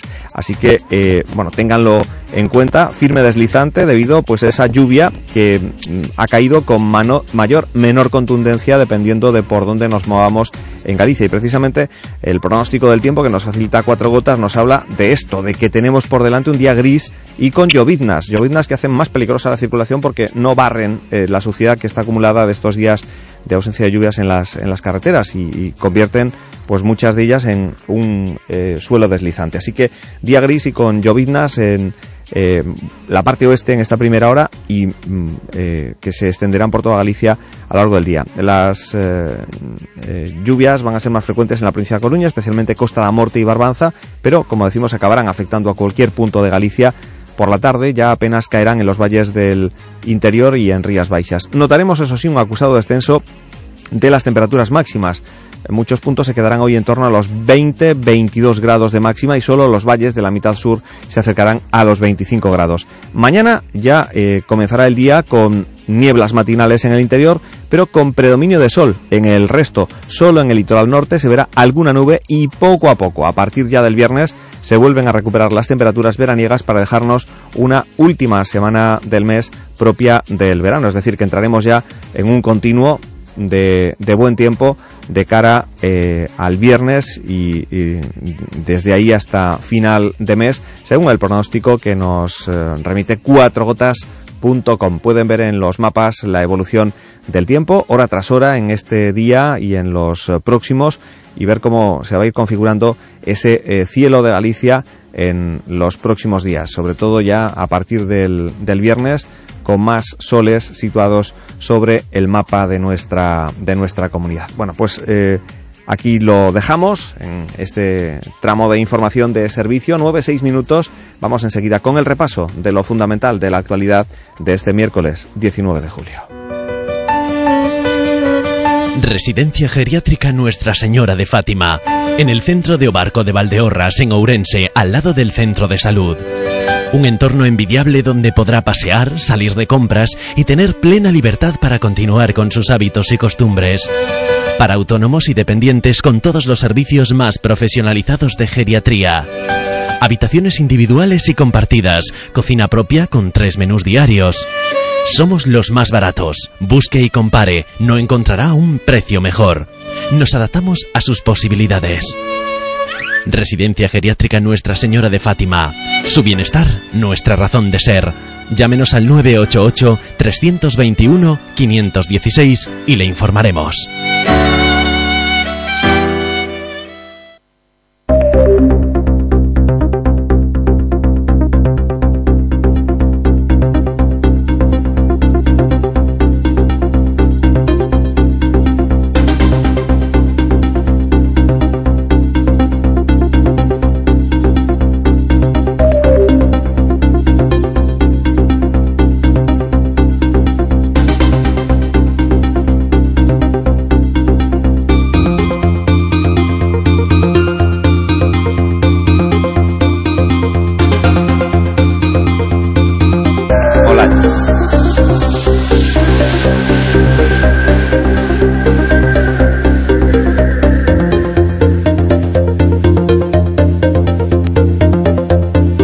Decir yo, hola, hola ya, eh, buenos días. Hola, buenos días. Y, y me pilló el micrófono ahí abriéndose sin, sin querer.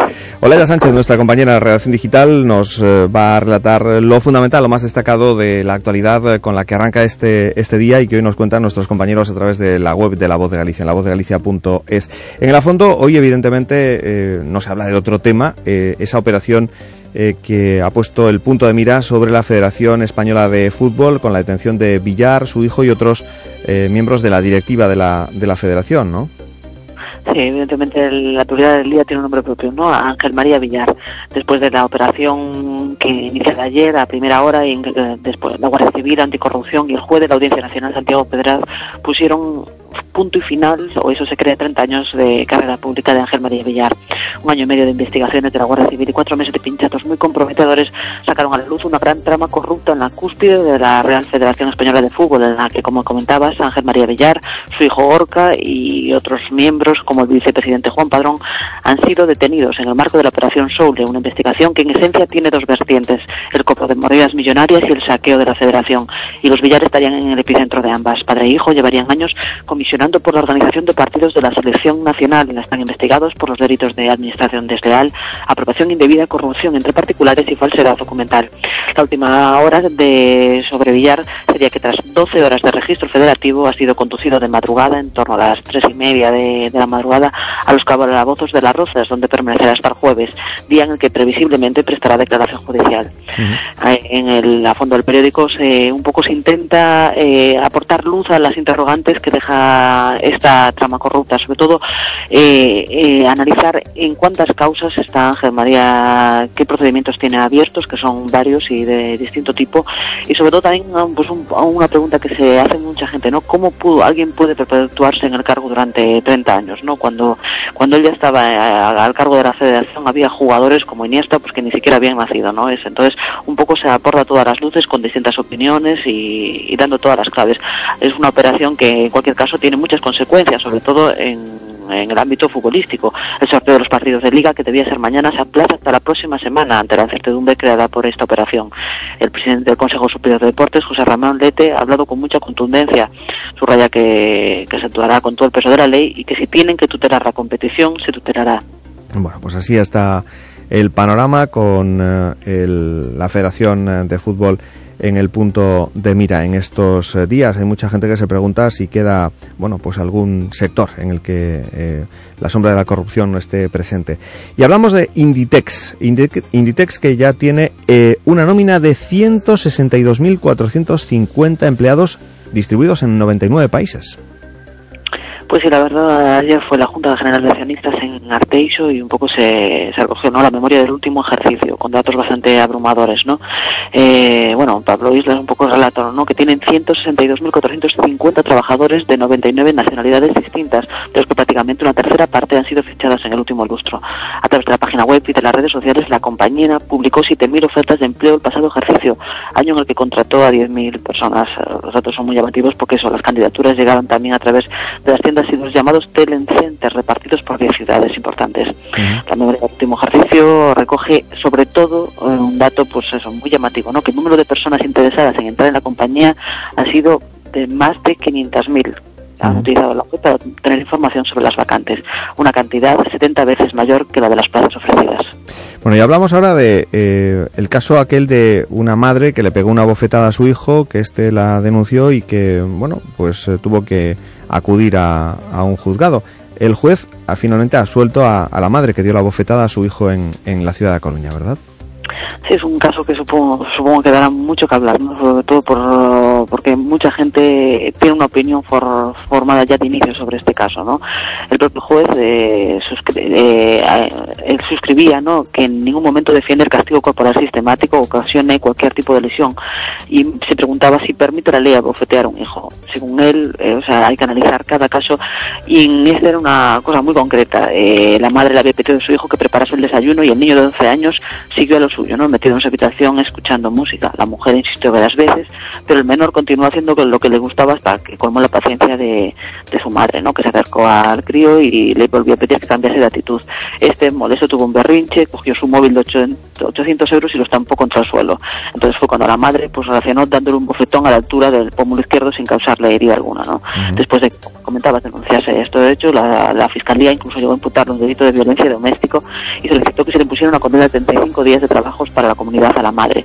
Al final la juez la absolvió, eso sí, precisando la sentencia, pues lo que comentábamos, ¿no? Que, que no se defiende el castigo corporal sistemático.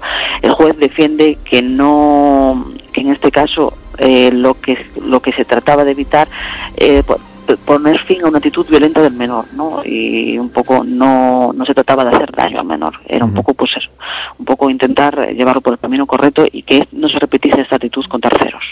Bueno, y eh, también nos contáis que una veintena de carreras universitarias colgaban ayer el cartel de no hay más plazas.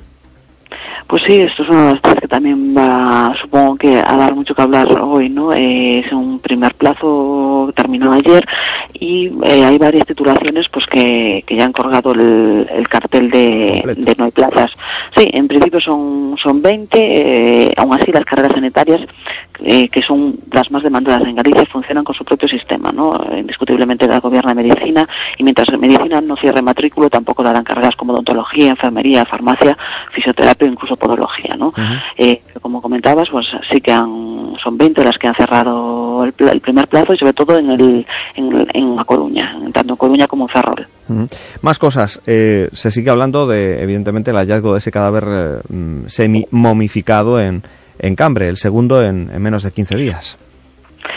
Pues sí, eh, eh, yo creo que el día después ¿no? de la conmoción que vivió Cambre con todos sus vecinos un poco preguntándose cómo era posible ¿no? que, aparece, que apareciese otro cuerpo momificado después del de Culleredo y que nadie se hubiese dado cuenta, un poco empiezan a salir a la luz a lo mejor las causas que explican este, este nuevo hallazgo, sobre todo pues que era una persona eso de 90 años, sus vecinos decían que tenía un carácter un tanto huraño, que no se dejaba ayudar, que no había, que había rechazado la asistencia social del ayuntamiento que se había ofrecido y un poco que no tenía relación con su hijo, que también vivía en el mismo ayuntamiento. Entonces, yo creo que se daban todas las todas las causas para que esta persona eh, pudiese pues eh, morir sin que nadie lo, uh -huh. lo echase en falta.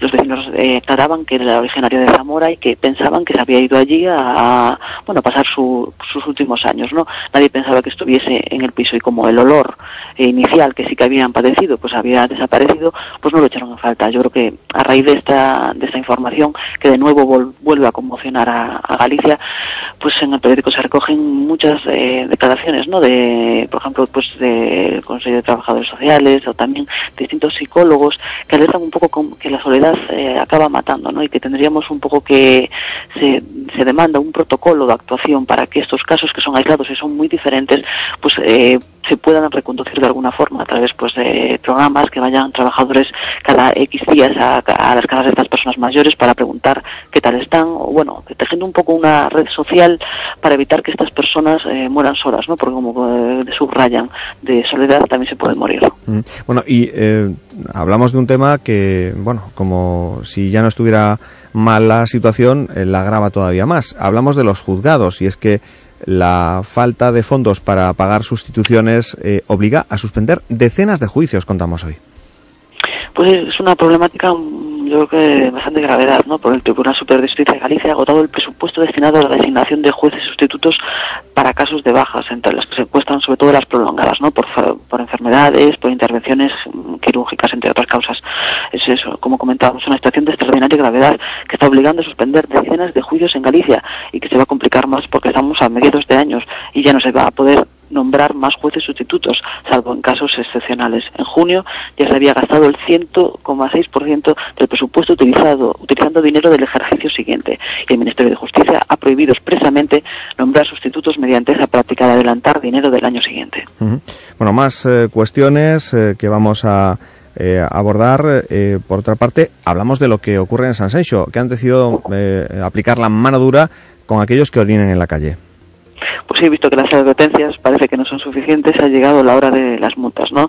Cansados de escuchar quejas vecinales y de encontrarse con algunos lugares públicos llenos de basura al amanecer, el nuevo gobierno de Sanxenxo, presidido por el popular Telmo Martín, está aplicando un dispositivo especial de seguridad. El resultado lo están notando los infractores en su cuenta bancaria y los vecinos en la mejora de su descanso.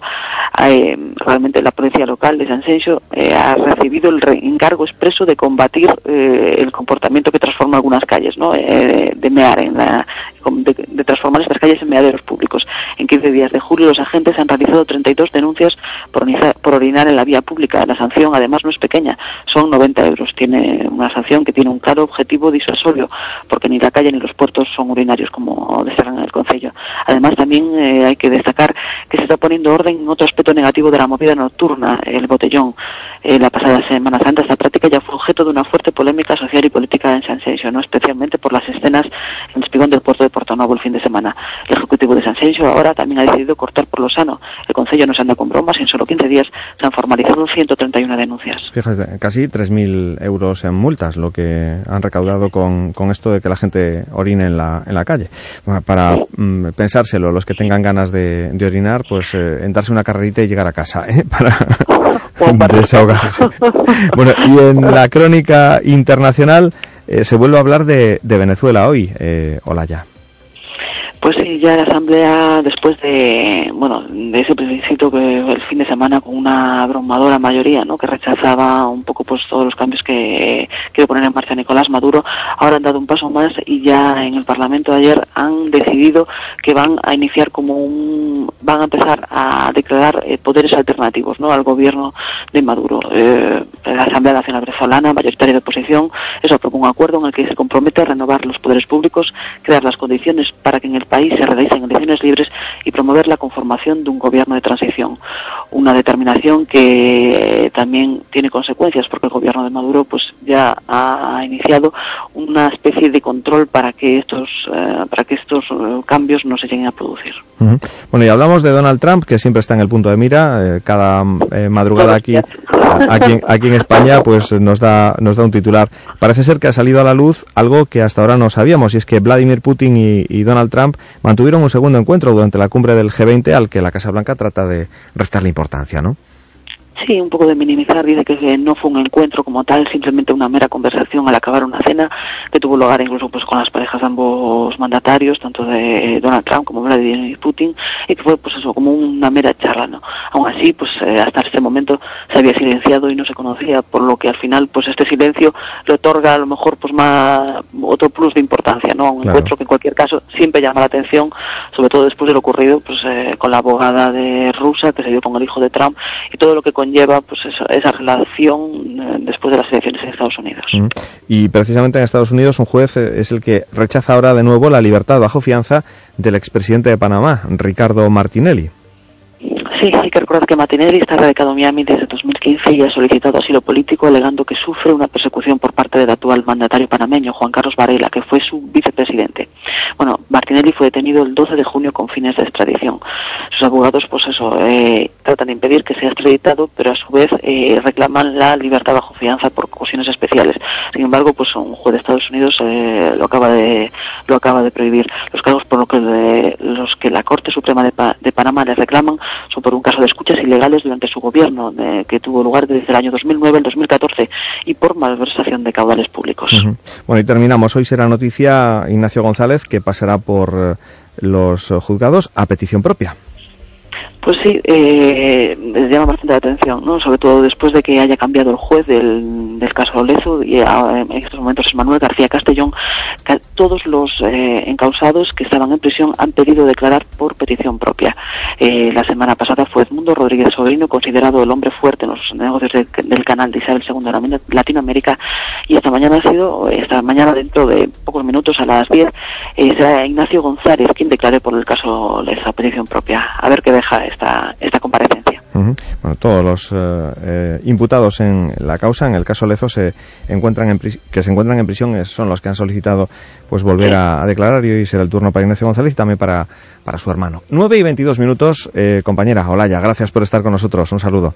Seguiremos muy pendientes de toda la actualización de contenidos eh, constante en la web de La Voz de Galicia, en lavozdegalicia.es. Y ahora los deportes con Alberto González. Alberto, preparado ya. Buenos días, ¿qué tal? Buenos días. Conmoción en el mundo del fútbol por la detención en la mañana de ayer del presidente de la Federación, Ángel María Villar acusado de corrupción para enriquecerse a costa de la organización de partidos de la selección española de fútbol. Detención llevada a cabo por la Guardia Civil, por la OCU, dentro de la operación Soule, desarrollada o por orden, en este caso, del juez de la Audiencia Nacional, Santiago Pedraz. Esta detención supone que la Asamblea de la Federación Española, que se iba a celebrar mañana jueves, día 20, en Las Rozas, queda aplazada inicialmente sin día. Una asamblea, entre otros aspectos, se iba a dar a conocer el calendario de la próxima temporada, primera, segunda división, segunda división B y también, en este caso, tercera división. Hablando de fútbol, ayer el Deportivo en esta pretemporada jugaba su cuarto partido amistoso, lo hacía en Cerceda, ganaba 0-1 el conjunto de Pepe Mel ante el debut de Tito Ramallo en el banquillo del Cerceda, equipo de Segunda B para la próxima temporada, y en lo que suponía además también la despedida de Noel López después de 18 temporadas vistiendo la camiseta del Cerceda. En el Deport debutaba Bacalí, el futbolista cedido por el Valencia, que pasaba por la mañana reconocimiento médico y decía sentirse muy contento de haber fichado por el Deportivo. Está muy contento de estar aquí con este equipo, muy grande equipo. Eh, la afición está bien aquí, el estadio está muy bien, todo está bien. Sí, sí, porque me gusta mucho este equipo, eh, está contento. Este equipo tiene una historia, una buena historia, eh, por eso me gusta. El entrenador está bien, eh, el equipo está, está bien. En Vigo, en el Celta, la novedad es la vuelta de Drasic a los entrenamientos no encuentra equipo para la próxima temporada. Es uno de los jugadores con los que no cuenta Juan Carlos Unzué. Tenía diferentes propuestas encima de la mesa, no llegó a concretarse ninguna y ayer se reincorporaba al trabajo en Vigo. Pendientes también de la incorporación de los internacionales chilenos, el Tuco Hernández y Marcelo Díaz, que todavía faltan por llegar al trabajo de la pretemporada celeste. Aunque el Chelo Díaz podría no incorporarse, se está hablando de que es uno de los jugadores, quiere buscar minutos y ya avanzaban días pasados. El director deportivo Felipe Miñambres, que si quiere jugar y en el Celta no encuentra esos minutos, lo más normal es que busque acomodo en otra parte. Y en Lugo fue presentado el delantero Cristian Herrera, llega procedente del Girona, con el que consiguió el ascenso a Primera División, firma por el conjunto lucense para las dos próximas temporadas como opción a un año más. Estos son testimonios reais de experiencias reais. Estou namorada desta terra. Galicia mola. Despertar aquí non ten prezo. A min dame unhas vacacións de verdade. Eh. Dame Galicia. Galicia, o bo camiño. Actuación cofinanciada pola Unión Europea a través do Fondo Europeo de Desenvolvemento Regional. ¡Soldado! Sí, señor. Nos ataca el enemigo por tierra y aire. Bichos que se arrastran o que vuelan. Prepare nuestra arma mortífera, Insectrón. A sus órdenes. Dele novedades al general. Cucarachas, pulgas, chinches, hormigas, termitas, polillas e insectos que vuelan vencidos. ¿Y si falta munición? Insectrón dura un año de Laboratorio Sanros Pharma de venta en farmacias.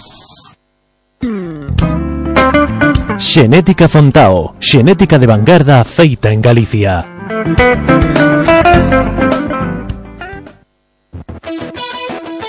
Xenética Fontao ofrécelles a noticia agrogandeira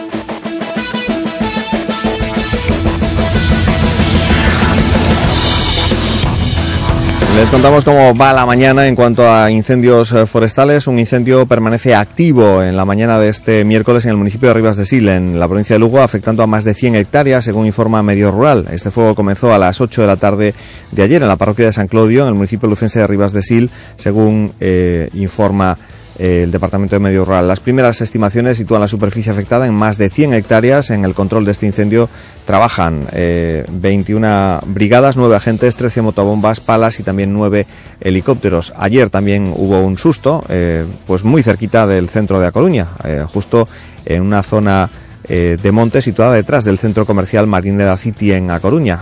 un incendio quedó extinguido allí tras quemar unas más de, de 3 hectáreas. Eh, según los datos facilitados por Medio Rural, el fuego comenzó a las 4 de la tarde en la zona de Asviñas y tras quedar controlado poco antes de las seis y media eh, se acababa dando por extinguido a las 10 de la noche. Eh, son escasamente media hectárea de arbolado y cerca de tres de Monterraso las que fueron pasto de las llamas en ese incendio que sorprendió a muchos de los visitantes al centro comercial coruñés Marina de Acite. 9 27 minutos estamos en la sintonía de Radio Voz. Seguimos. Pilar Barreiro é a dona de Barreiro Lodeiros, de Arzúa, unha explotación que ordeña con robot 58 vacas cunha media de producción de 12.600 litros e que pechou 2015 cun total de 48 lactacións finalizadas válidas. Pilar, que touros usas para conseguir estas cifras? Pois nos adoitamos traballar con touros de xenética Fontao porque a súa relación calidade-prezo garántenos unha elevada media de produción. Xenética Fontao, a túa mellor fonte de xenética. Son Alberto, conductor, e todos os días son cortalumes.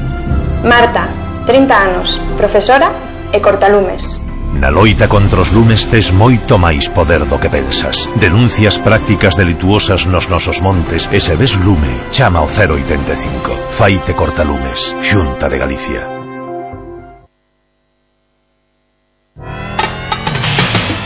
En Radio Voz, Voces de Galicia. Isidoro Valerio. Por se non oiches os foguetes, Galicia está en festas e hai que dalo e vivilo todo. Achégate ás festas do Apóstolo do 15 ao 31 de suyo, onde Santiago e Xacobe, Iago e Mari Carmen.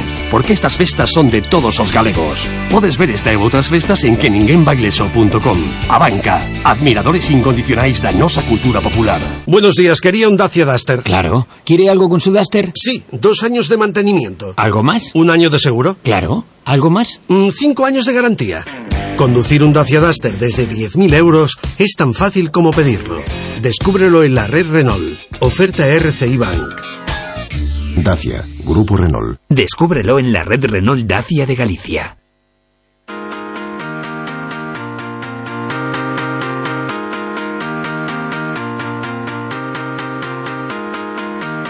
Voces de Galicia. Isidoro Valerio. Radio Voz.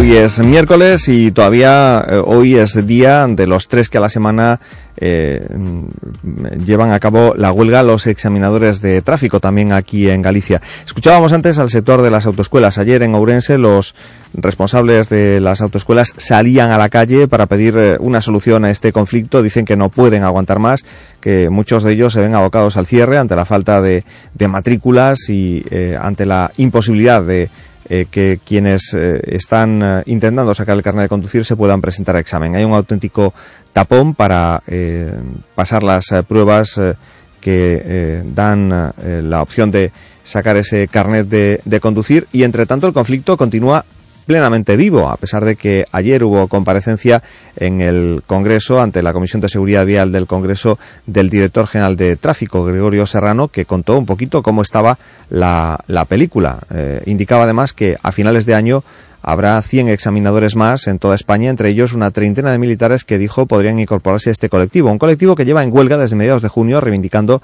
mejoras laborales, entre ellas un incremento salarial. Pero la negociación pues eh, es inexistente. Con quien han hablado los eh, eh, que secundan la huelga es fundamentalmente con la oposición, que pues tampoco es que de por el momento haya podido hacer más que patalear para que el gobierno atienda las reivindicaciones del, del colectivo de examinadores. Vamos a saludar a Vanessa Fernández, delegada en Galicia de la Asociación de Examinadores de Tráfico Asextra, que está secundando pues esa huelga desde el pasado junio. Vanessa, buenos días.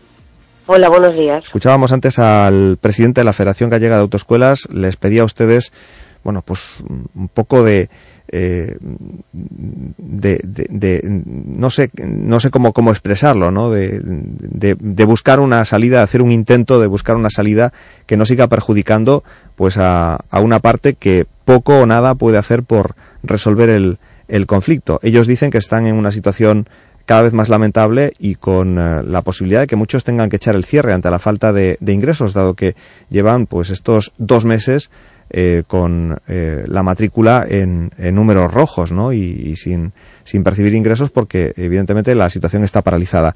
Eh, ¿Qué posibilidades hay de que, de que esto no vaya más y que encuentren una, una solución, Vanessa? Bueno, pues vamos a ver.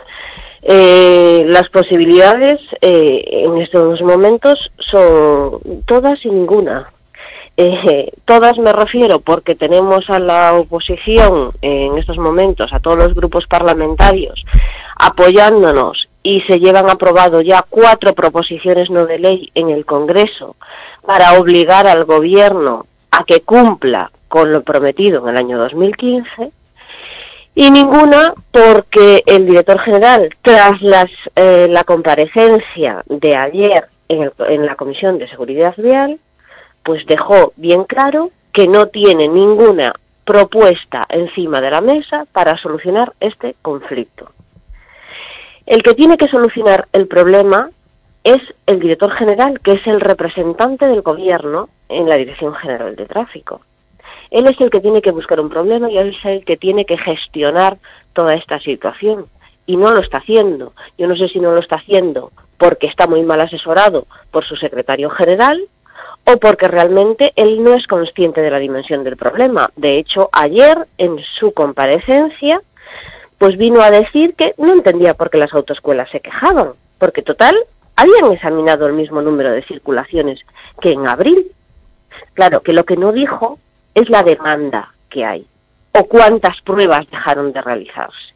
Eso no lo dijo.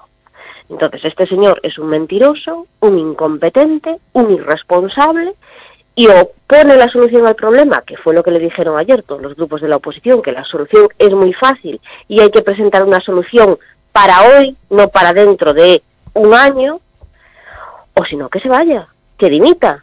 Si no es capaz de resolver y de gestionar el área que lleva, que se vaya.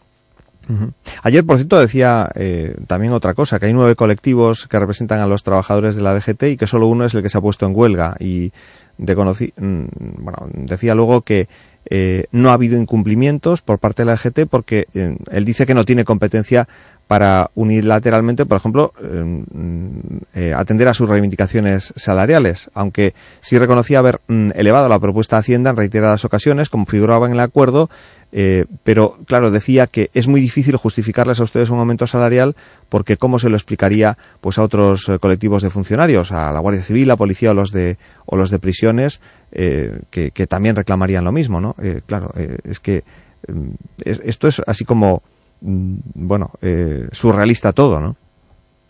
Bueno, pues no, la verdad es que de surrealista no tiene nada. Vamos a ver, si es verdad que él ha elevado una propuesta de modificación de la relación de puestos de trabajo a la que es el órgano competente para aprobarlo, en esa memoria tuvo que haber justificado esa modificación de los puestos de trabajo.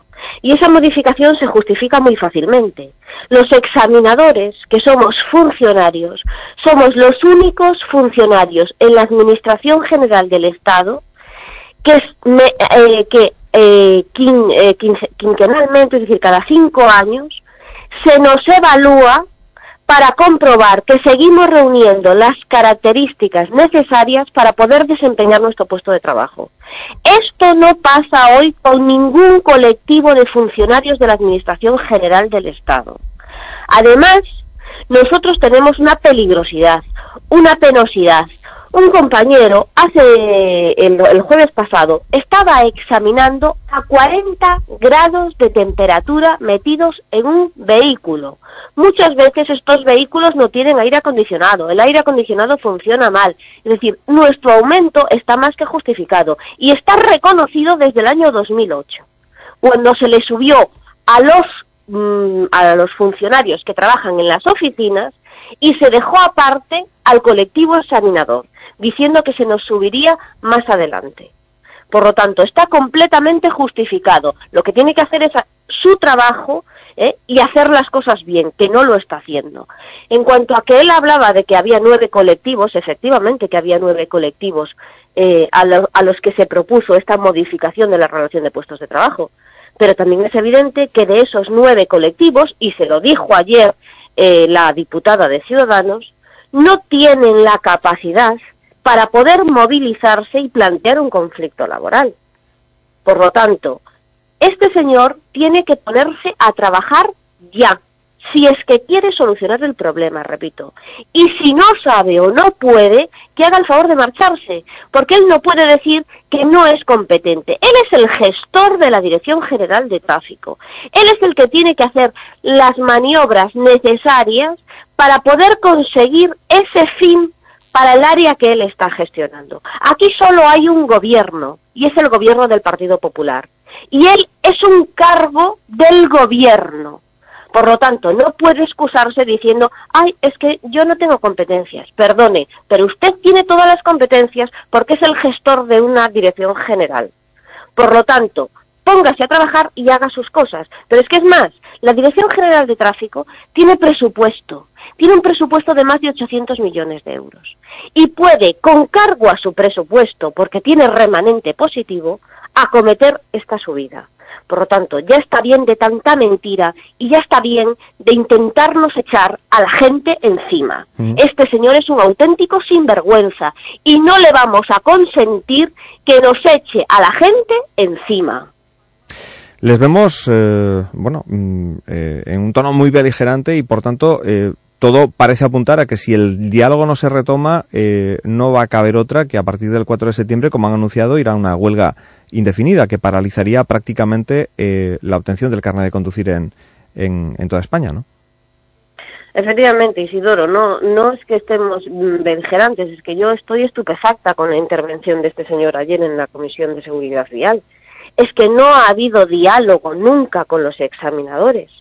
Es que este señor no se sentó a dialogar con el comité de huelga. Este señor tuvo dos reuniones con el comité de huelga. En la primera reunión estuvo apenas 45 minutos y se levantó diciendo que tenía otros compromisos de agenda. Y en la segunda reunión, su secretario general, que es la cabeza visible de toda la estructura de la dirección general, estaba de vacaciones. Entonces, ¿qué es lo que está pasando aquí? Es que no ven que existe un problema, es que no ven que hay empresas, que son las autoescuelas, que están siendo muy afectadas, es que no ven que hay ciudadanos que tienen un derecho a sacarse el carnet de conducir y que se les está cercenando su derecho a hacerlo, o es que no lo quieren ver. Yo ya no sé cuando piensan sentarse realmente a dialogar con nosotros. Nosotros estamos dispuestos a sentarnos mañana mismo. Pero decía, decía, decía ayer el señor Serrano que ustedes eh, son los que han decidido no volver a sentarse eh, a negociar mientras no vayan con una propuesta en, positivo, de que le suben los salarios y que atienden a sus reivindicaciones. Mire, vamos a ver, efectivamente, eh, aquí hay un conflicto laboral planteado, ¿verdad? Y ese conflicto laboral tiene una demanda muy clara que es la dignificación de nuestro puesto de trabajo. Es decir, nuestra, la dignificación de nuestro puesto de trabajo pasa por un aumento del complemento específico, que ya he dicho que es una reivindicación que viene del año 2008. Muy bien. Si él nos llama al comité de huelga para sentarnos en una mesa y decirnos, señores, no hay subida de complemento específico y voy a crear una escala lo toman o lo dejan y es lo que voy a hacer y me da exactamente igual lo que opinen ustedes. Hombre, eso aquí y en toda España dialogar no es. Por lo tanto, como cada vez que él llama al comité de huelga para sentarnos a una mesa, está gastando dinero público, dinero que es de todos, para trasladar a todos los miembros del comité, le dijimos que por favor no siguiera tomándonos el pelo. Si tiene una propuesta seria y firme encima de la mesa para sentarnos y hablar sobre ella, nosotros encantados de la vida. Pero si no es así, por favor, que no nos tome más el pelo, que deje de gastar el dinero público y que se ponga a trabajar. Eso es lo que le dijimos. Bueno, pues así está la, situación y ya vemos que enquistada de momento ante esa falta de diálogo y un conflicto que va creciendo y que cada vez está creando pues más damnificados. Eh, gente que no puede quitar el carnet de conducir y autoescuelas abocadas, como decían desde el sector, al, cierre por eh, esta parálisis que están teniendo, sobre todo con las nuevas matrículas, dado el, el, tapón que se está generando con esta huelga de los examinadores. Vanessa Fernández, delegada en Galicia de la Asociación de Examinadores de Tráfico de ASEXTRA, gracias por estar con nosotros. Un saludo y suerte.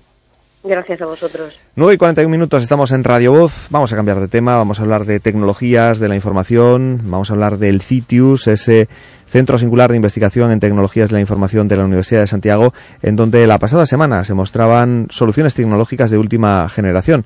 Vamos a hablar de ello con Paulo Félix Lamas, el director de CITIUS en la Universidad de Santiago. 9 y 42 minutos, sintonía de Radio Voz, Voces de Galicia.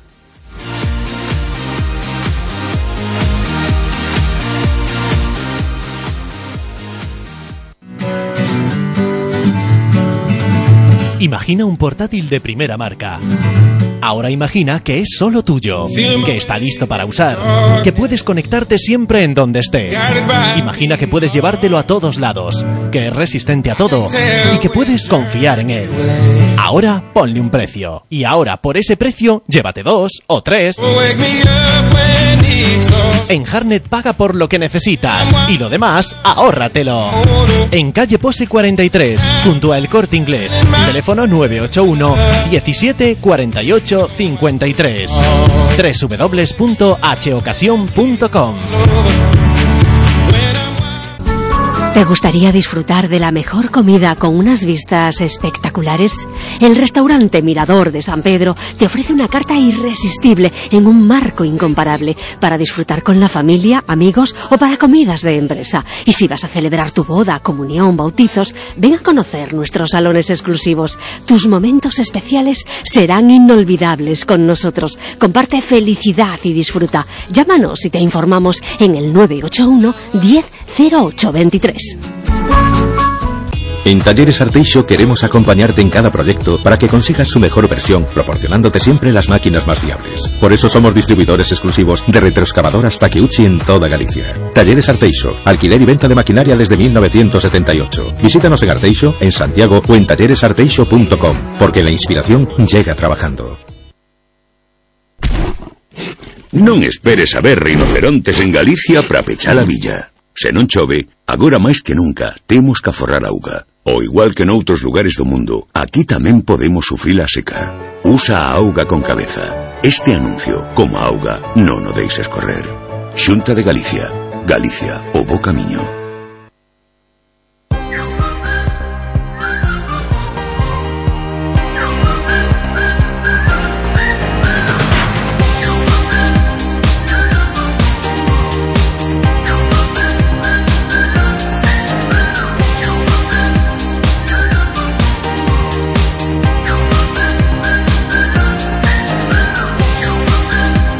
Nos vamos al Centro eh, Singular de Investigación en Tecnologías de la Información de la Universidad de Santiago, el CITIUS, que el pasado viernes celebraba su tercera jornada de puertas eh, abiertas, eh, que servía pues para presentar nueve soluciones tecnológicas de última generación desarrolladas a través de ese Centro Singular de Investigación. Estamos en contacto con Paulo Félix Lamas, que es el director del CITIUS de la Universidad de Santiago de, Compostela. La verdad que ¿Cuál es el balance que, hacen de lo que ocurría el viernes en el CITIUS, en esa tercera jornada de puertas abiertas, bajo la denominación de Inside the Lab, dentro del, laboratorio?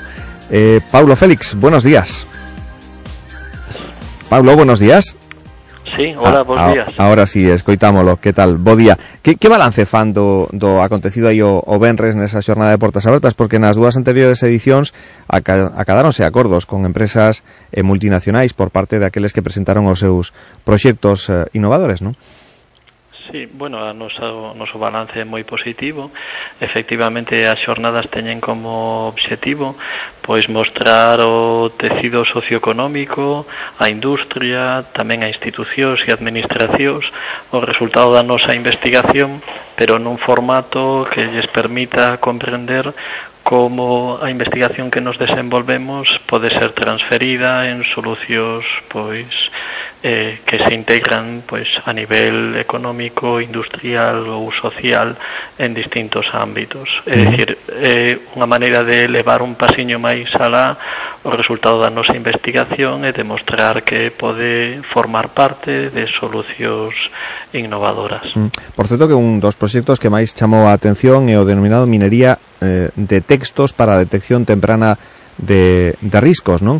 Eh, sí. Mm, que é un, bueno, un sistema, un proxecto que permite analizar textos das redes sociais para alertar eh, de casos de, de risco eh, a, a policía, por exemplo, non? Eh, casos de, de acoso, eh, de moving, eh, de eh, depredadores sexuais que, que utilizan as redes pois, para captar as súas, as súas víctimas eh, de todas estas cousas. Algo eh, así como moi evolucionado.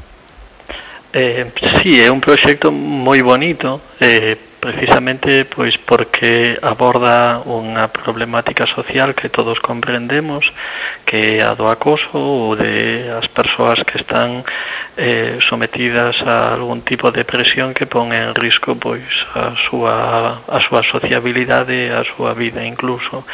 Eh, efectivamente, mm, a nosa forma de abordar o problema é parte do recoñecemento de que ese tipo de acosadores eh, se comportan seguindo patróns ben establecidos que se proxectan na linguaxe que eh, eh, utilizan para eh, captar ou para dirixirse a esas persoas eh, que eh, ocupan ese, unha situación de vulnerabilidade en, este, en esa relación E eses patróns de comportamento, eses patróns lingüísticos, eh, unha vez recoñecidos, nos permiten eh, pois detectar de maneira precoz ese risco. Uh -huh. En este momento, claro, eh, parece evidente para todos que constitúe ademais unha aplicación relevante, unha aplicación fácil de, de valorar por todos. Uh -huh. Por certo que destacaban entre os nove proxectos eh, eh que, que, eh, que, que, que mostraban o, o pasado Benres,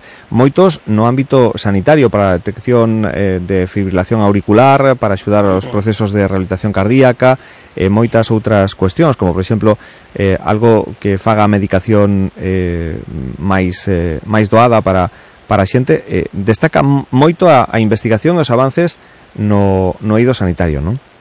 Sí, máis, máis que no sanitario no ámbito bio, non? Mm. Eh, é certo que o CITIUS é un centro de investigación que forma parte do proxecto Campus Vida, eh, constituído por, por unha rede de centros singulares de investigación onde está o CICUS e o CIMUS tamén e efectivamente hai un sesgo cara ás ciencias e tecnoloxías da vida da investigación que desenvolvemos.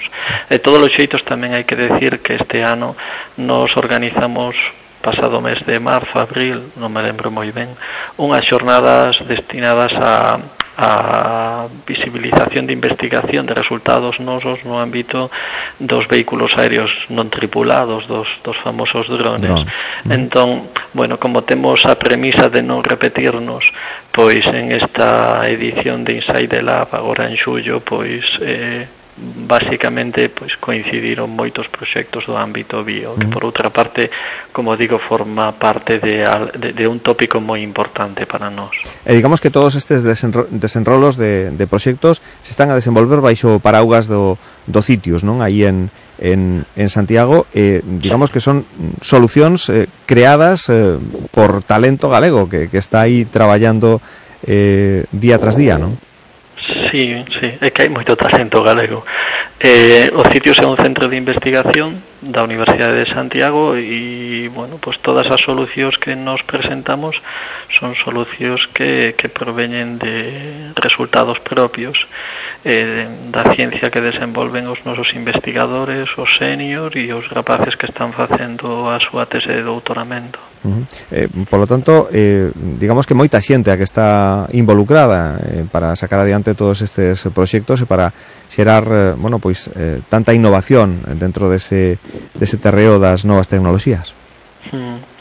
Sí, sí, o sea, somos un centro en este momento de uns 100 investigadores máis ou menos que traballamos, bueno, pois no ámbito das tecnoloxías da información que aínda que a, eh, a universidade, digamos, que académicamente está agora mesmo en vacacións, aí se sigue, se sigue traballando no día a día, non? De feito, hoxe mm. creo que teñen unha, unha xornada tamén con bastante actividade, non? Eh, sí, bueno, é un curioso e frecuente malentendido eso de que a universidade está de vacacións. Sí.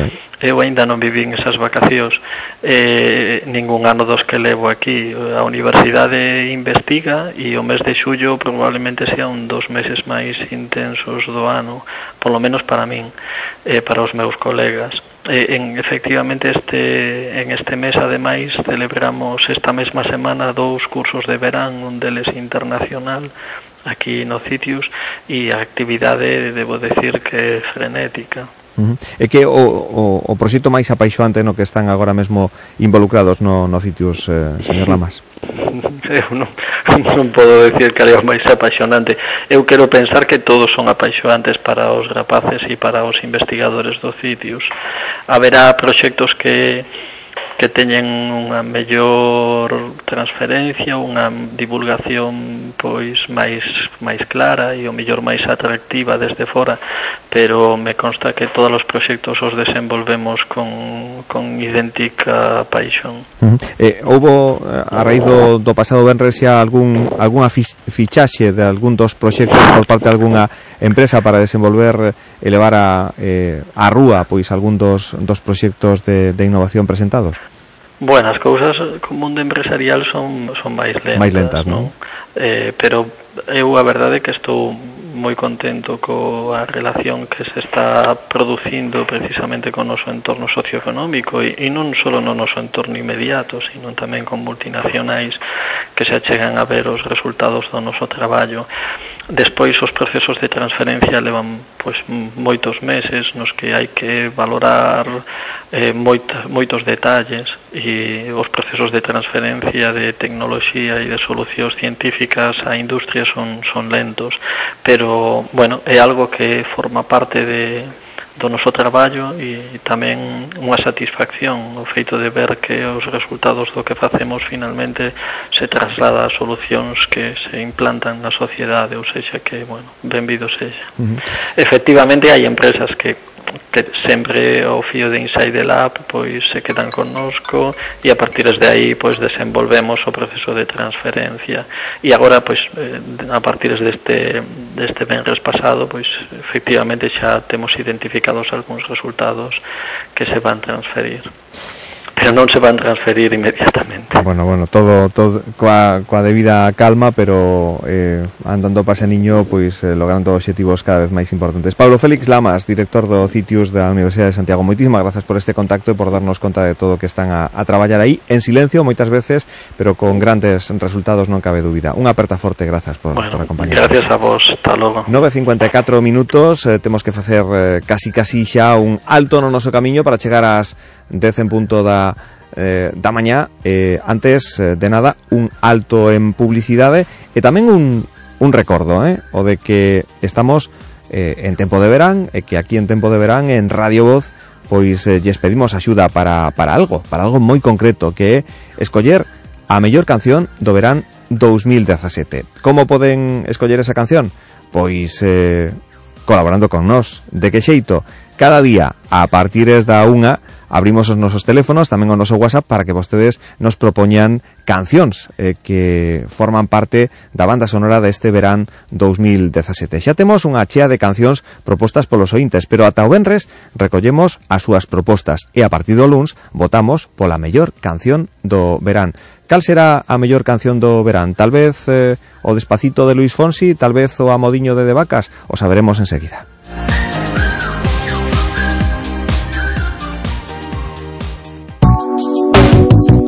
Radio Voz. La radio de aquí.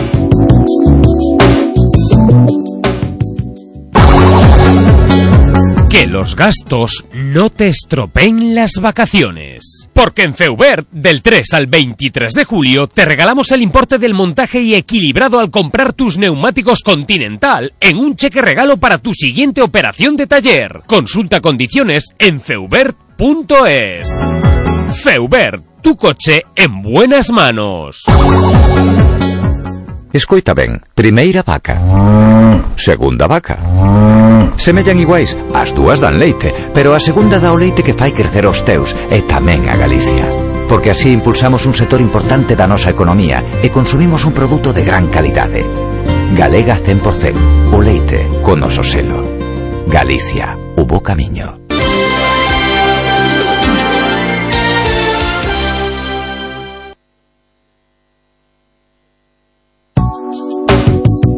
Radio Voz. La radio de aquí.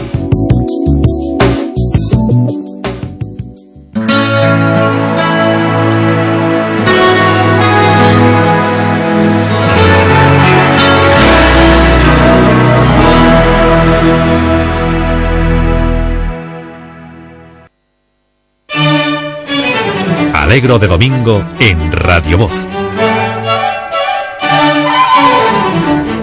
Cada domingo de 8 a 10 de la mañana, divertimento, alegría e información. Escrito por Antón de Santiago. Hoxe desplazámonos ata o Concello de Trabada para visitar a gandeiría Callobro-Holstein. Esta explotación conta con 80 vacas cunha media de calificación de 84 puntos e un promedio de 13.000 litros. Estamos co seu dono Gonzalo Balea. Contanos, Gonzalo, que touros usas? Uso touros de xenética Fontau. Con eles sempre consigo medias de calificación moi altas e uns niveis de produción moi elevados. Xenética Fontau, a túa mellor fonte de xenética. Tienes problemas de salud? Los doctores José Luis Vázquez y Jacinto Valverde te aconsejarán cada tarde de lunes a viernes de 6 a 6 y media en Radio Voz y de 8 a 8 y media en V Televisión. Salud para todos. Radio Voz. La radio de aquí. En Radio Voz, la publicidad suena más cerca de ti, de tus clientes, de tu negocio, de tu ciudad. Porque nadie te conoce tanto como quien te escucha, anúnciate en Radio Voz, la radio de aquí.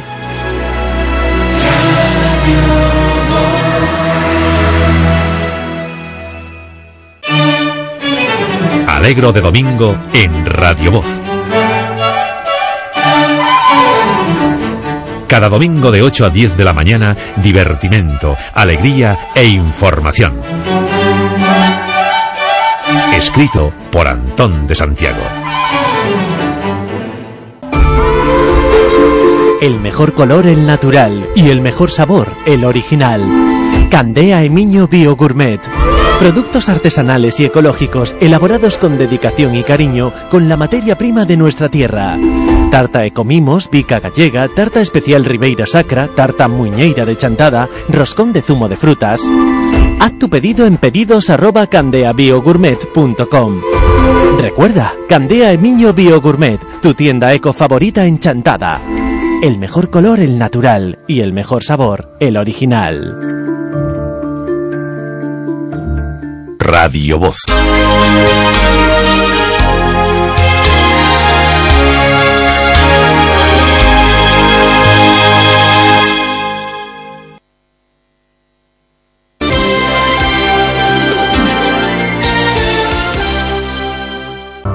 La pérdida de un ser querido es siempre un momento delicado. Grupo Albia ofrece un servicio funerario integral y personal que cuida cada detalle con confianza y respeto, permitiendo a las familias despedirse con total tranquilidad.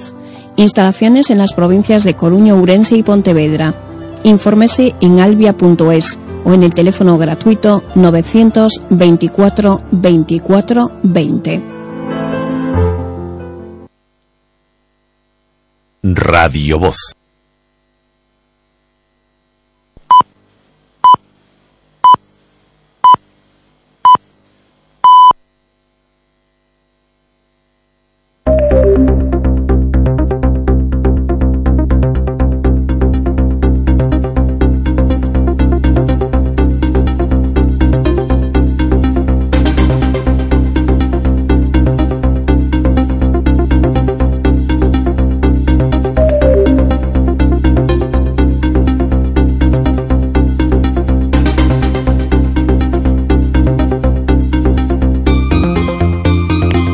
De Radio Voz, eh, 10 de la mañana. Vamos eh, a repasar actualidad, eh, qué cosas eh, están aconteciendo en nuestro entorno más próximo. Vamos hasta la redacción de Radio Voz. eh, nos lo cuenta todo Elba de la Barrera. Elba, buenos días. Buenos días, Isidoro. Pues un incendio forestal permanece activo en la mañana de hoy en el municipio de Rivas de Sil, en Lugo, donde afecta ya a más de 100 hectáreas, según informaba la Consellería de Medio Rural.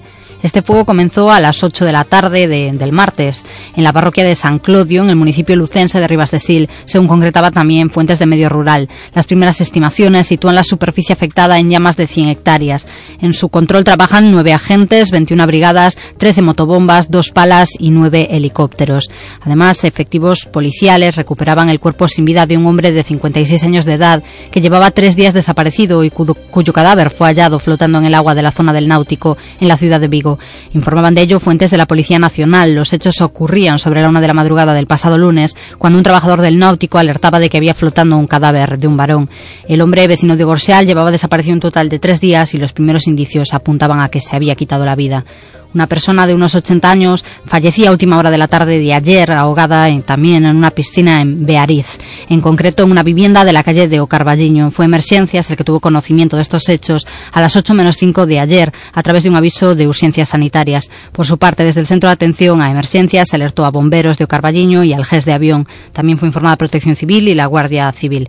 Seguimos con más sucesos del día. Una persona tuvo que ser escarcelada por los bomberos de Oporriño al salirse de la vía. El vehículo en el que viajaba en Bayona. La víctima fue trasladada hasta el centro hospitalario de referencia. El accidente tuvo lugar en la carretera que une Bayona y Olla, a la altura de Mougas. Urgencias sanitarias alertaba del siniestro a Emergencias Galicia. Esto fue esta mañana a las 8 menos 5. Los efectivos sanitarios indicaban que la persona accidentada estaba atrapada por la cadera. Y desde Emergencias se requirió la intervención de la Guardia Civil, bomberos y GES de Aguarda. Y Emergencias informó de lo ocurrido a los bomberos de Vigo también y al GES del Val Miñor. Un hombre esta mañana también herido después de volcar su vehículo, este caso, en este caso en Vilaboa. El varón fue trasladado por los efectivos sanitarios a un centro hospitalario. A consecuencia del accidente, una farola del alumbrado público acabó dañada también. El siniestro tuvo lugar en la Nacional 550 a la altura del cruce de Vilaboa, en el sentido Pontevedra, al hilo de las 7 horas de la mañana. A partir de ahí, desde el centro de, de, de emergencias, se pasó el aviso enseguida a Guardia Civil de Tráfico y Protección Civil. Y seguimos con más incidentes eh, de carretera. En Tui, en este caso, una colisión en la que se vieron implicados tres vehículos. Se saldó esta mañana con una persona herida leve. El accidente ocurrió en el punto kilométrico 25 de la A55 en sentido Tui. Y en la tarde de ayer un accidente entre dos coches, uno de ellos volcados, eh, un herido en la localidad coruñesa de Teo. Faltaban 10 minutos para las 8 de la tarde cuando un particular solicitaba asistencia sanitaria para una persona en el lugar de Sebe, en Cacheiras. Una persona también resultaba herida después de salirse de la vía cuando circulaba por la carretera de Silbosa, en Río Mayor, al paso de la localidad de Muros. Un alertante fue quien al hilo de las 12 de, la medianoche llamó a la Guardia Civil para solicitar ayuda. Se solicitaba asistencia sanitaria para el conductor del turismo que había resultado herido al intentar bajar del vehículo accidentado. Y vamos con la información del día eh, a nivel autonómico. El comité de empresa de la concesionaria de mantenimientos de parques y jardines de Vigo anuncia el inicio de movilizaciones diarias a partir del día de hoy para denunciar incumplimientos laborales por parte de la empresa Valoriza. Según ha explicado el presidente del comité, Alfredo Filgueiras, y tan la secretaria comarcal de CIGA, la concesionaria Tránsito Fernández se niega a facilitar información solicitada por el comité acerca de los contratos o los índices de, absentismo. También incurre, según dice la CIGA, en cesión ilegal de trabajadores porque obligaron a un conductor del servicio a trasladarse al Ayuntamiento de Pollo, donde la empresa también tiene una concesión. Cuando se les negó eh, esta situación, eh, a otro en su lugar. Han añadido también que la central, eh, bueno, que se denuncia el exceso de, de, horas extras, la congelación salarial, el convenio habría expirado en el año 2015 o el deterioro del servicio por falta del personal. El personal asimismo decidió en asamblea que al menos de momento sean solo los delegados de este comité de empresa los que hagan las concentraciones, que se realizarán diariamente y comienzan hoy entre las 11 y las 12 ante las oficinas de la empresa y a las 12 y a partir de las 12 y media y hasta la una y media al mediodía delante del ayuntamiento. En este caso, sindicatos y empresas del transporte de viajeros por carretera mantienen hoy la primera reunión a nivel gallego desde la suspensión de la huelga de autobuses el pasado miércoles. Lo harán después de que las cuatro mesas provinciales para negociar la actualización de los convenios hayan concluido sin grandes avances, incluso en algunos casos con un mal resultado, según las centrales en lo que respecta pues a las mesas de Lugo, Ourense y Pontevedra, mientras el diálogo es mayor, aunque lento, en la ciudad de A Coruña. Las organizaciones sindicales critican que la patronal no asuma en las tres primeras ni ese 2% de incremento salarial de umbral mínimo acordado la semana pasada a nivel gallego, que fue lo que permitió en cierta medida la suspensión de la huelga indefinida que iba a empezar el jueves. Por otra parte, la ministra de Empleo y Seguridad Social, Fátima Báñez, estará hoy en la ciudad de Lugo, donde firmará un protocolo para la reasignación de usos en los inmuebles del antiguo Hospital Xeral.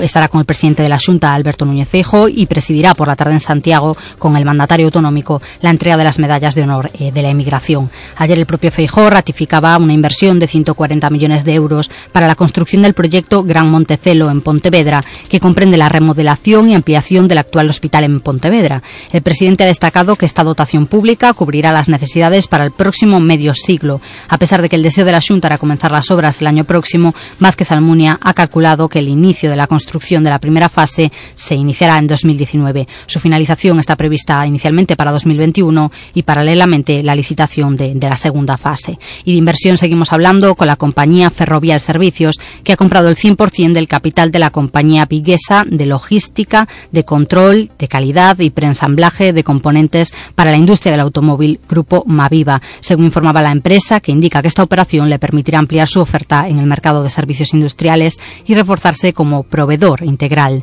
de servicios en este sector. Ferrovial Servicios apuntaba que esta compañía aportará capacidades técnicas para penetrar en el mercado industrial con servicios de valor añadido. La gestión, en este caso del agua, está previsto que sea asumida de forma plena por la mancomunidad de municipios de la comarca de Ferrol, tal y como avanzaba el alcalde Jorge Suárez. En el pleno del organismo comarcal celebrado este lunes, la empresa Emalsa, encargada del estudio de esta gestión, presentaba sus conclusiones y la valoración de los regidores fue muy positiva. El primer edil de la ciudad ha explicado también que la empresa continuará trabajando con el objetivo de que en abril de 2019 el servicio dependa ya única y exclusivamente de la mancomunidad.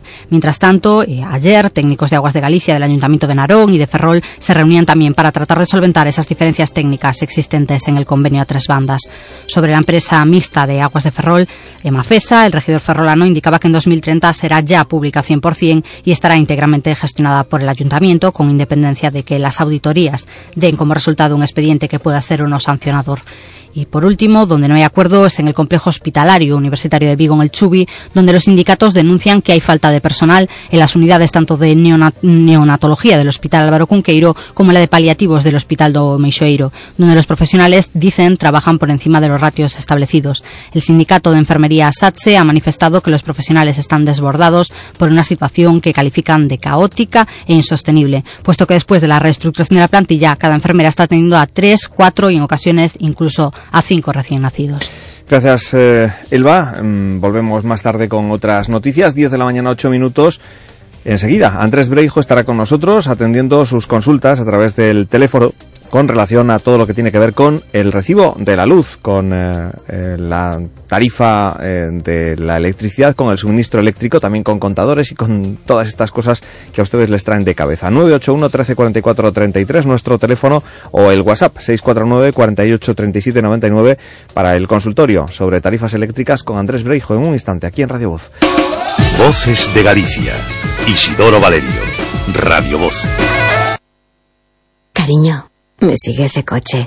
En Renault Selection nuestros coches te eligen a ti. Este mes llévate tu Renault del 2016 o 2017 con condiciones que te atraparán. Y además, con un año de seguro auto de regalo. Oferta válida RCI Bank. Consulta condiciones en Renault.es. Renault Selection. Coches que te eligen a ti. Te esperamos en la red Renault de Galicia. Universidad de Stanford. Elisio Galicia. Porque Galicia leva oito anos consecutivos conxelando as súas tasas universitarias. Porque contamos con docentes de primeiro nivel, campus que apostan pola especialización e proxectos de investigación con excelencia internacional. E porque a terra tira, e moito. Elixe Galicia. Galicia, o bo camiño. Xunta de Galicia. ¿Problemas de humedad en su vivienda? En Aquasec tenemos la solución definitiva. Y estamos tan seguros de nuestro trabajo que lo garantizamos por escrito. Solucione ya sus problemas de humedad. Pida su diagnóstico completo y gratuito en el teléfono 900-535-625. 900-535-625.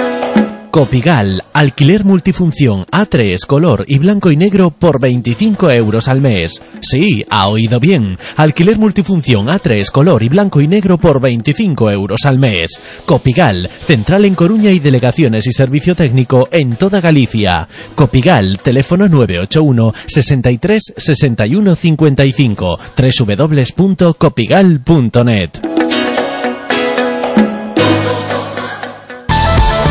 VSN Sistemas Coruña. Llevamos más de 40 años ofreciendo servicios de impresión para empresas y autónomos desde 28 euros mes. Sí, 28 euros mes. VSM. Llámanos 981 242 744 y compruébalo. Estos son testimonios reais de experiencias reais. Chegamos e tiñamos a praia para nós. Que gusto poder dormir pola noite. Non me quero ir. A min dame unhas vacacións de verdade. Dame Galicia. Galicia, o bo camiño. Actuación cofinanciada pola Unión Europea a través do Fondo Europeo de Desenvolvemento Regional.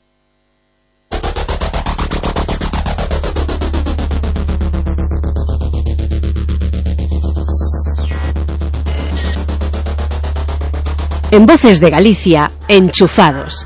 A sección para saber máis do recibo eléctrico. Se desexa participar, marque xa o 981 13 44 33.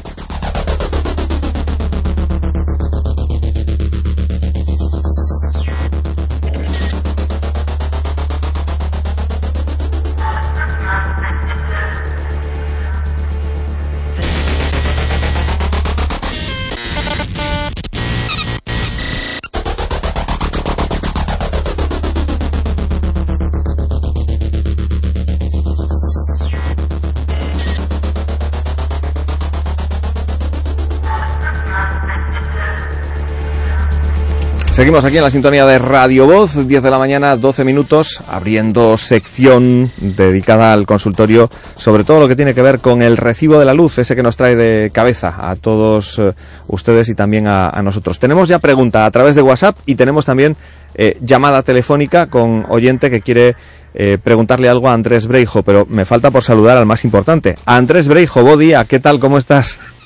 Hola, bo día. O máis importante non, o menos importante. Bueno, o no. importante son os teus ritmos. Pero ti eres máis importante que, que, que min neste, neste momento porque eres o, o protagonista da sección que eres más o... Que ti, más que ti son sempre. O que, o, bueno. o que sabes. bueno, como estás? Que hoxe, hoxe non bueno. poideches vir mm, para estar aquí con nós. Un pouco liadillo, entón non poden acercar aí. É que, é que hai moito lío con isto da, da luz. A ver, imos, imos por partes. Atendemos primeiro a chamada e logo imos sí, con para WhatsApp. sí. Vale, pois Sí, pagamos para a xente. Imos ao teléfono 981 13 44 33 O teléfono para as súas consultas en directo Con Andrés Breijo Sobre todo que ten que ver co recibo da, da luz Co consumo eléctrico, cos contadores Con todo isto que nos trae de, de cabeza Que tal, bo día, con quen falamos? Hola, buenos días, con Bu- María. María, que quería preguntar? Eh, bueno, eh, mira, era referente a que a mí me mandaron una factura en el mes de, mm, de mayo, la compañía, tele- bueno, la compañía de electricidad, de 350 euros. Entonces, cuando llamé, ellos me comunicaron que era, eh, el motivo fue porque la distribuidora no les notificó durante cuatro o cinco meses las lecturas. Entonces, eh, yo a raíz de eso el- les mandé dos lecturas a la compañía eléctrica y ellos me facturaron la luz. De esas dos, bueno, me hicieron otras dos facturas a partir de eso. Y ahora, este mes, no me hicieron ninguna factura porque dicen que como tengo hecha una reclamación y están esperando a que los de la distribuidora le verifiquen el contador, que no me pueden facturar. Entonces, yo me puse en contacto con la distribuidora y la distribuidora me dijo que fue una incidencia. Y les dije que quería, cuando vinieran a verificar el contador, que ellos, yo quería estar allí eh, presente. Sí, claro. Entonces, eh, ellos vinieron, no me avisaron, me dejaron el contador allí abierto y a mí aún siguen con esta historia. Entonces, a mí me parece abusivo y era para que me orientaras, Andrés.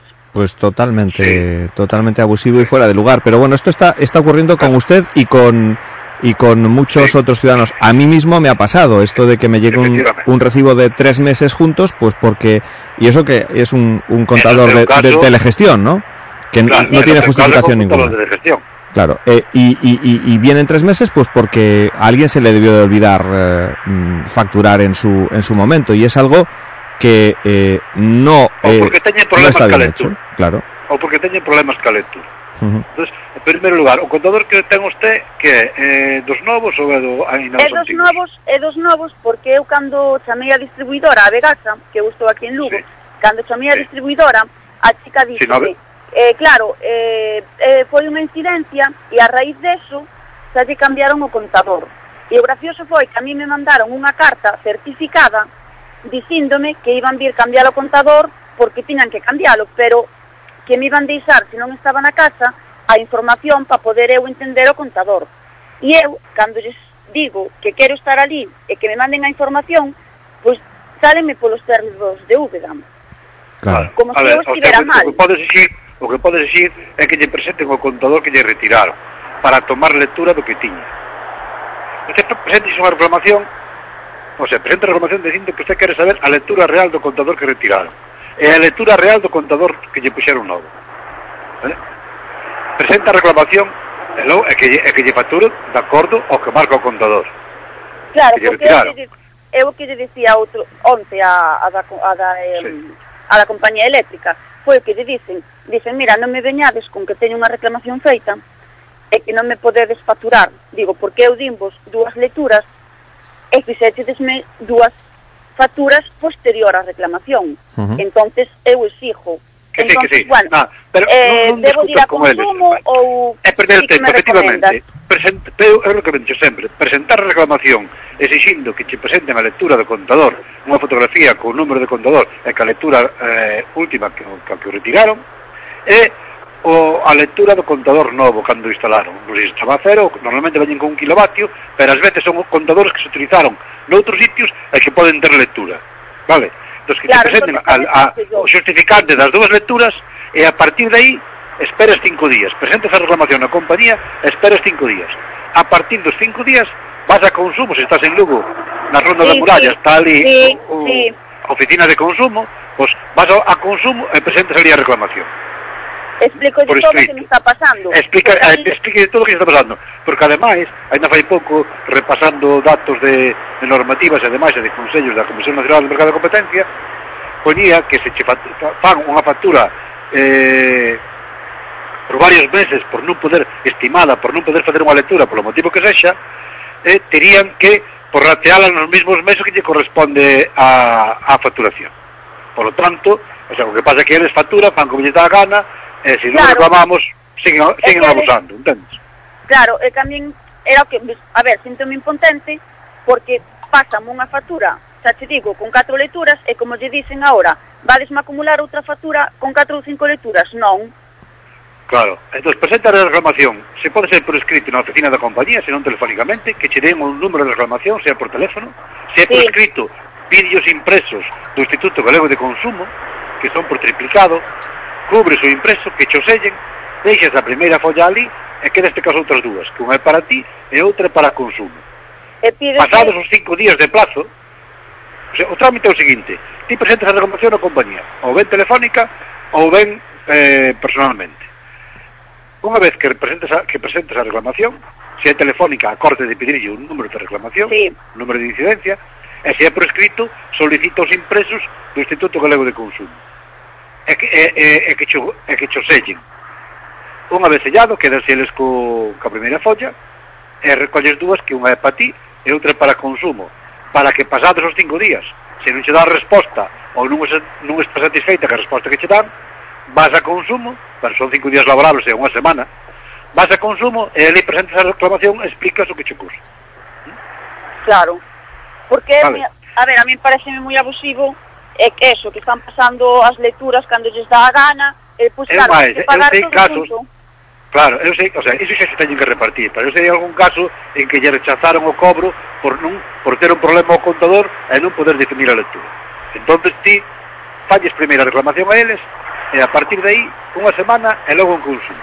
De acordo? De acuerdo, muchísimas gracias. Gracias. Vale, un saludo. Veña, un Vale, saludo. chao, chao. 981 13 44 33 o noso teléfono. A ver, imos con eh, preguntas eh, que, que nos están a facer os, os ointes a través de WhatsApp. Imos con a que nos envía Juan. Di, hola, buenos días, soy Juan de Urense.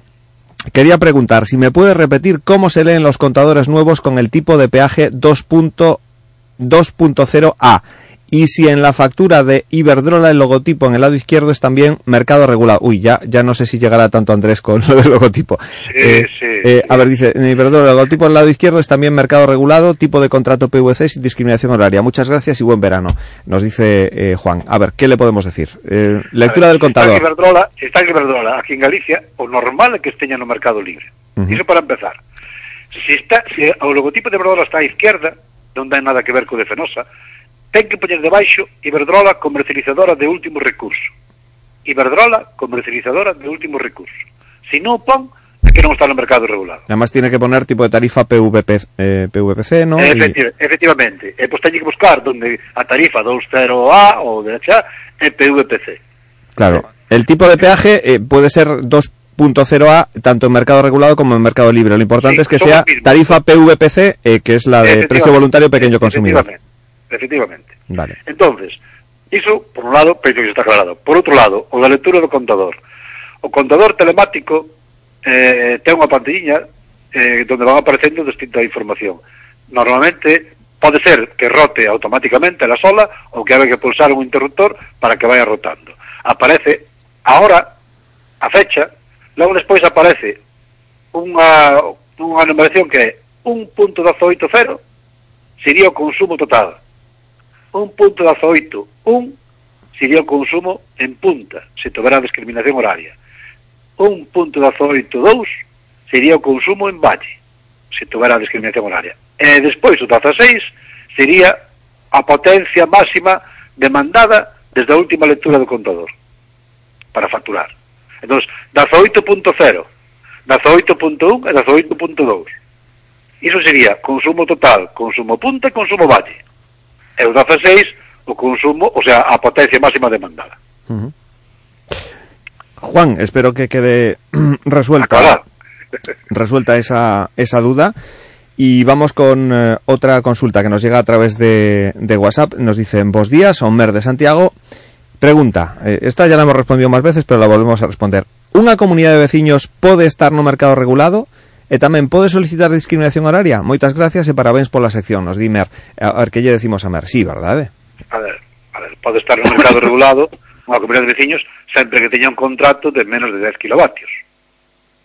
Porque nas comunidades de veciños suele ser moi habitual por un despiste dunha normativa en Galicia suele ser moi habitual que a potencia dos comunidades de veciños que teñen ascensor ou garaxe ou tal sexa superior aos 10 kilovatios. Claro. Pero sí poden baixar esa potencia.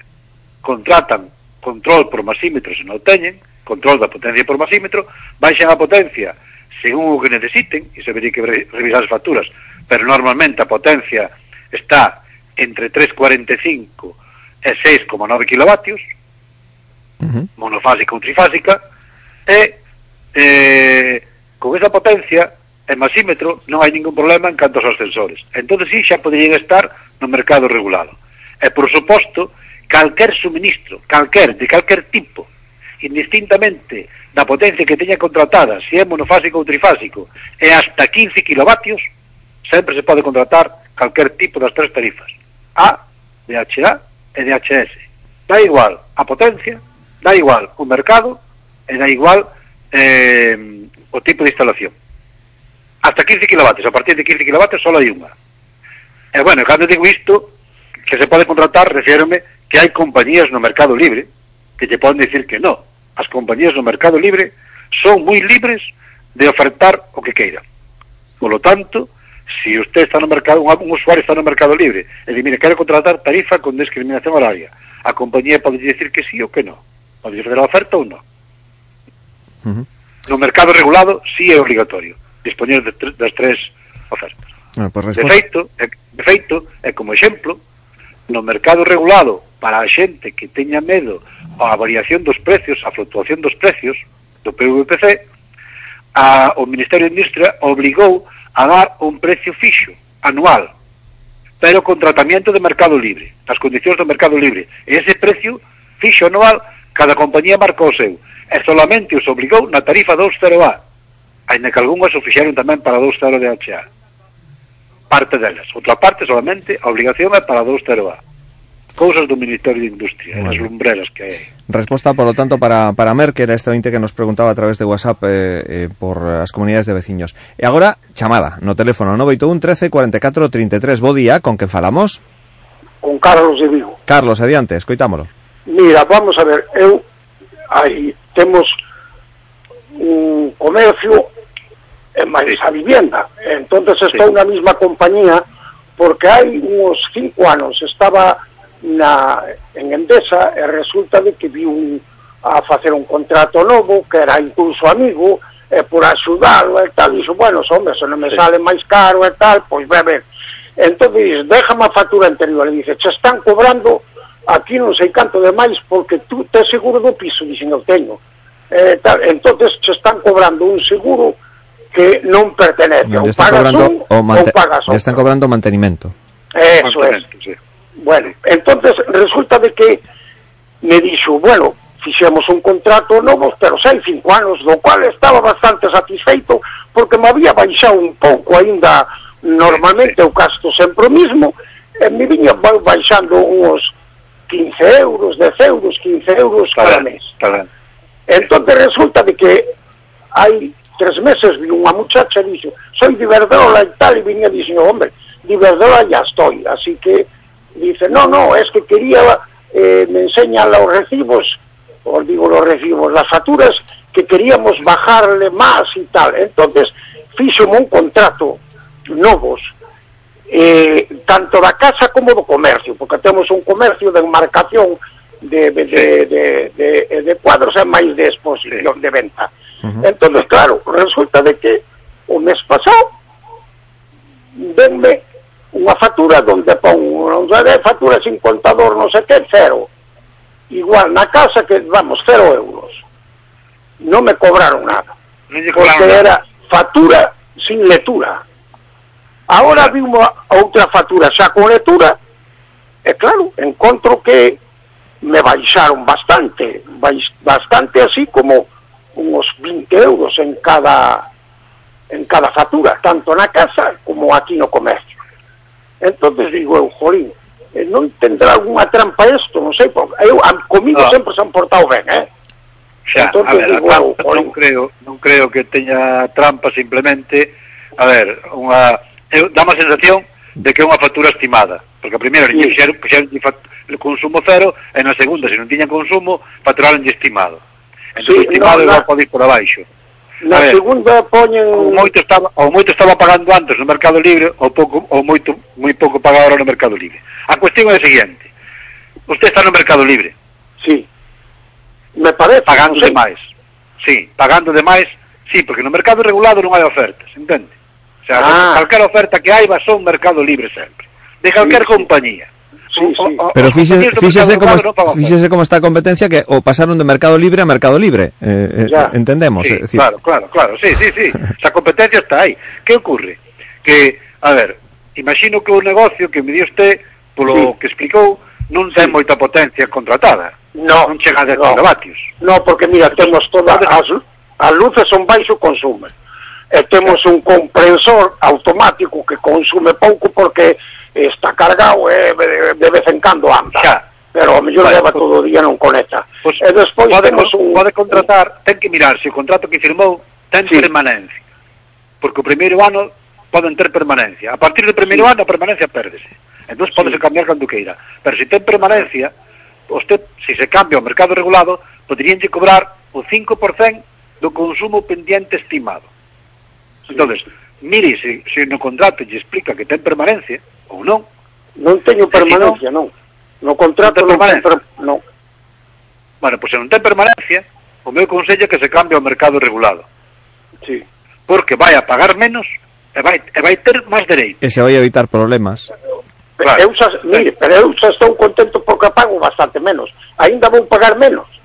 Probablemente sí. sí. A ver, bueno. pero unha cousa que pague menos, claro, se o teu primeiro mes non pagou nada e o segundo pagou pouco, claro que está contento. O problema sí. é canto pagaron o terceiro ou no cuarto. Ah, Entende? bueno. Porque se, se lle estuveron facendo unha lectura estimada e despois lle, lle cobran o atrasado, porque non lle cobraron antes, sí. entende?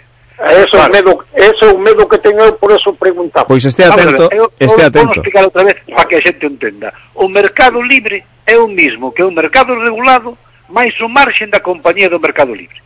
Por lo tanto, sempre ten que ser máis caro. Porque é máis caro que nadie regala nada. Eh, digo eh, Efectivamente. Entonces, usted pode explicar unha cousa. Non me mandaron ao mercado... Escoite, no mandaran no mercado regulado, no, no mercado regulado nunca sí. lle van facer unha oferta, non teñen personal, nin publicidade, nin nada. Ah, vale, no mercado vale. libre, usted foi unha persona aí facer unha oferta. Sí. Sí, sí, é un sí. contrato. A esa sí, persona sí. hai que pagar. Hombre, claro. E iso costa máis. E iso teñen que poñer no seu marxe comercial. Vale, vale. Entón, vale, sempre, no mercado libre sempre vai ser máis claro. Vale. Vale. vale. Grazas. Pues muchas gracias. Saúdos, eh? saúdos. Nada, un saludo. Imos ao teléfono novamente, vai ser a última chamada que entre en, en antena hoxe. Bo día, con quen falamos? Hola, son Celso. Celso, adiante.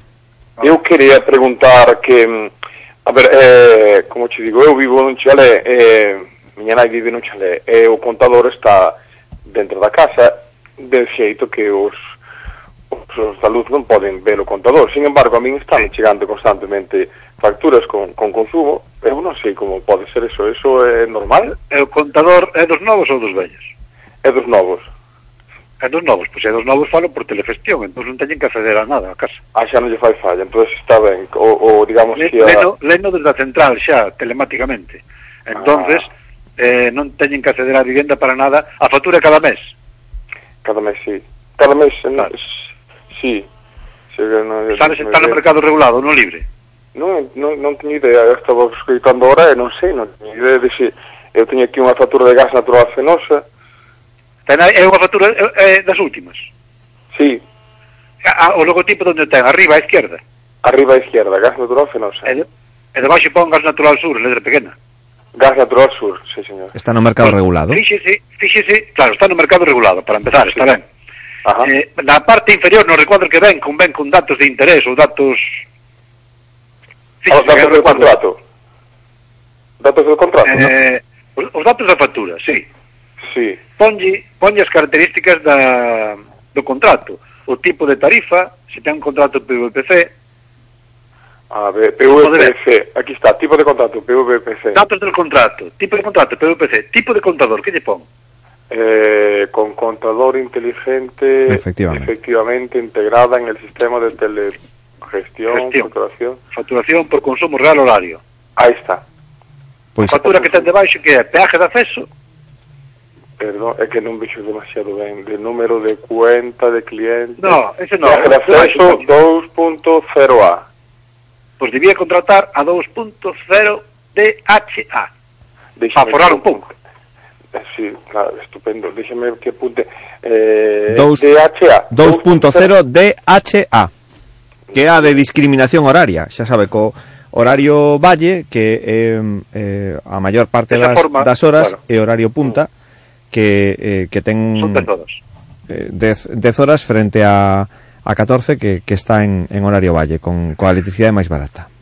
Entonces, de discriminación horaria, eso significa que me cobran a distinto, a distinto precio unas horas, unas horas. A ver, ahora mismo, ahora mismo lle están cobrando a distinto precio cada hora. Ajá. Pero, Porque é tan sencillo como que según a demanda subo ou baixo o precio. ahí está. Entonces, hai unhas diferencias entre un e dous céntimos durante o día, dunhas horas a outras. Ajá. Con ca tarifa que ten agora. Ca tarifa DHA, Sí. a diferencia é maior. entonces ten 14 horas das 10 da noite ás 12 da mañá de inverno e das 11 da noite a 1 da tarde de brau que esa, durante esas 14 horas é un máis barato 4,95 céntimos Ajá. máis barato Ajá. e a maioría da xente fai moito consumo nesas horas o, sea, hai me, o 99% Ajá. e despois ten das, 10 da, das 12 da mañá ás 10 da noite ou da 1 da tarde ás 11 da noite 1,9 céntimos máis caro co cual compensa eh, o, o aforro medio está entre o 10, entre o 10 e o 15%. Que, que pode ser máis se se desplaza consumo hacia aí, hacia esas horas máis baratas. O sea, que as horas máis baratas serían cales podes me repetir, se tan amable? Das 10 da noite ás 12 da mañá no horario de inverno, Ajá. e hora que estamos no Brau, ao, co cambio horario, das 11 da noite a 1 da tarde. Das 11 da noite a 1 da tarde, este é máis barato. Mas, sí. Na tarifa, de, resto, na tarifa de HA, eh? Na ah, tarifa, de tarifa Vale, vale, vale. Iso de bravo, en as 10 da noite, ás 12 da mañá de inverno. Entón, imagínate, a mañá podes fazer moitas cousas, pois, eh, non sei, eh, lavar, poñer lavavajillas, a lavadora, a secadora, planchar, que sei, cociñar hasta unha da tarde, todo que entra aí é 4,9, 5 céntimos máis barato, da forma genérica, vamos. E despois pola tarde é 1,9 céntimos máis caro sempre. Ajá. Muy o consumo bien. normal está ao 50%. Canto máis consumo pase ás horas baratas, máis vai a forrar.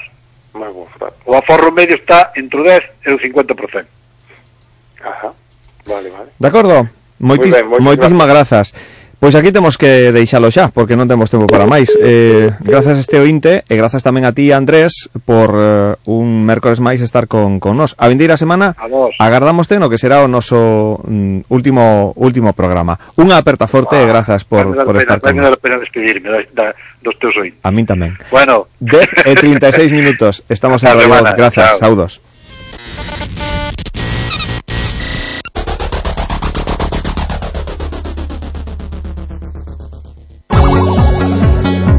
Que los gastos no te estropeen las vacaciones. Porque en Feubert, del 3 al 23 de julio, te regalamos el importe del montaje y equilibrado al comprar tus neumáticos Continental en un cheque regalo para tu siguiente operación de taller. Consulta condiciones en feubert.es.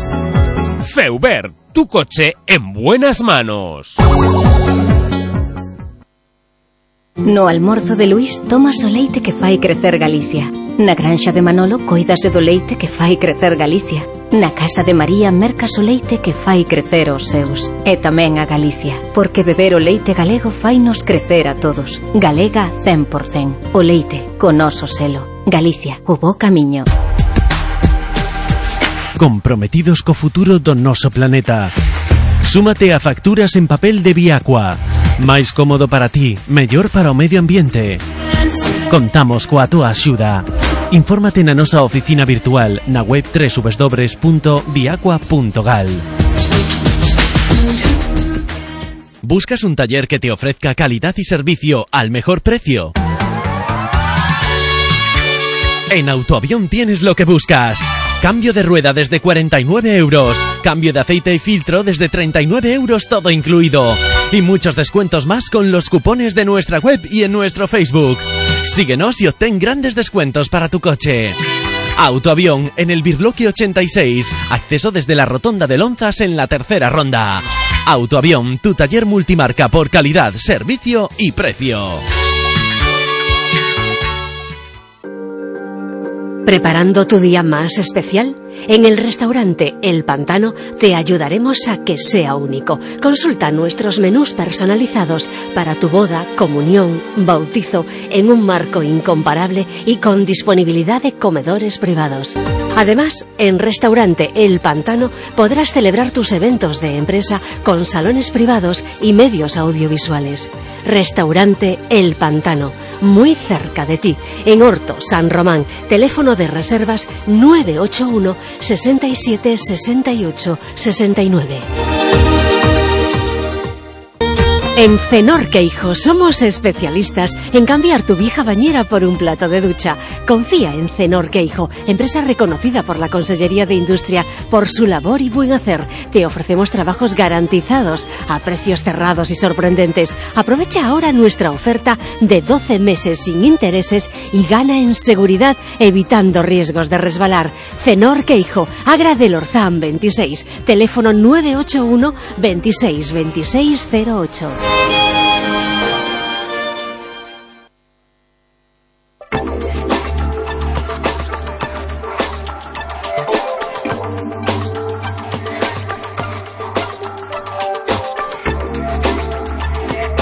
Falamos a continuación da Asociación a Iniciativa Galega pola Memoria que forma máis de, tri, máis de 30 colectivos que traballan na loita pola memoria histórica e que reivindicaban eh, nestes eh, días eh, na illa de San Simón que ese lugar eh, sexa eh, un espacio simbólico da represión, da resistencia e da memoria colectiva. Estamos en contacto con Luis eh, Bará que é un dos voceiros desa esa Asociación Iniciativa Galega pola, pola Memoria. Luis Bará, bo día.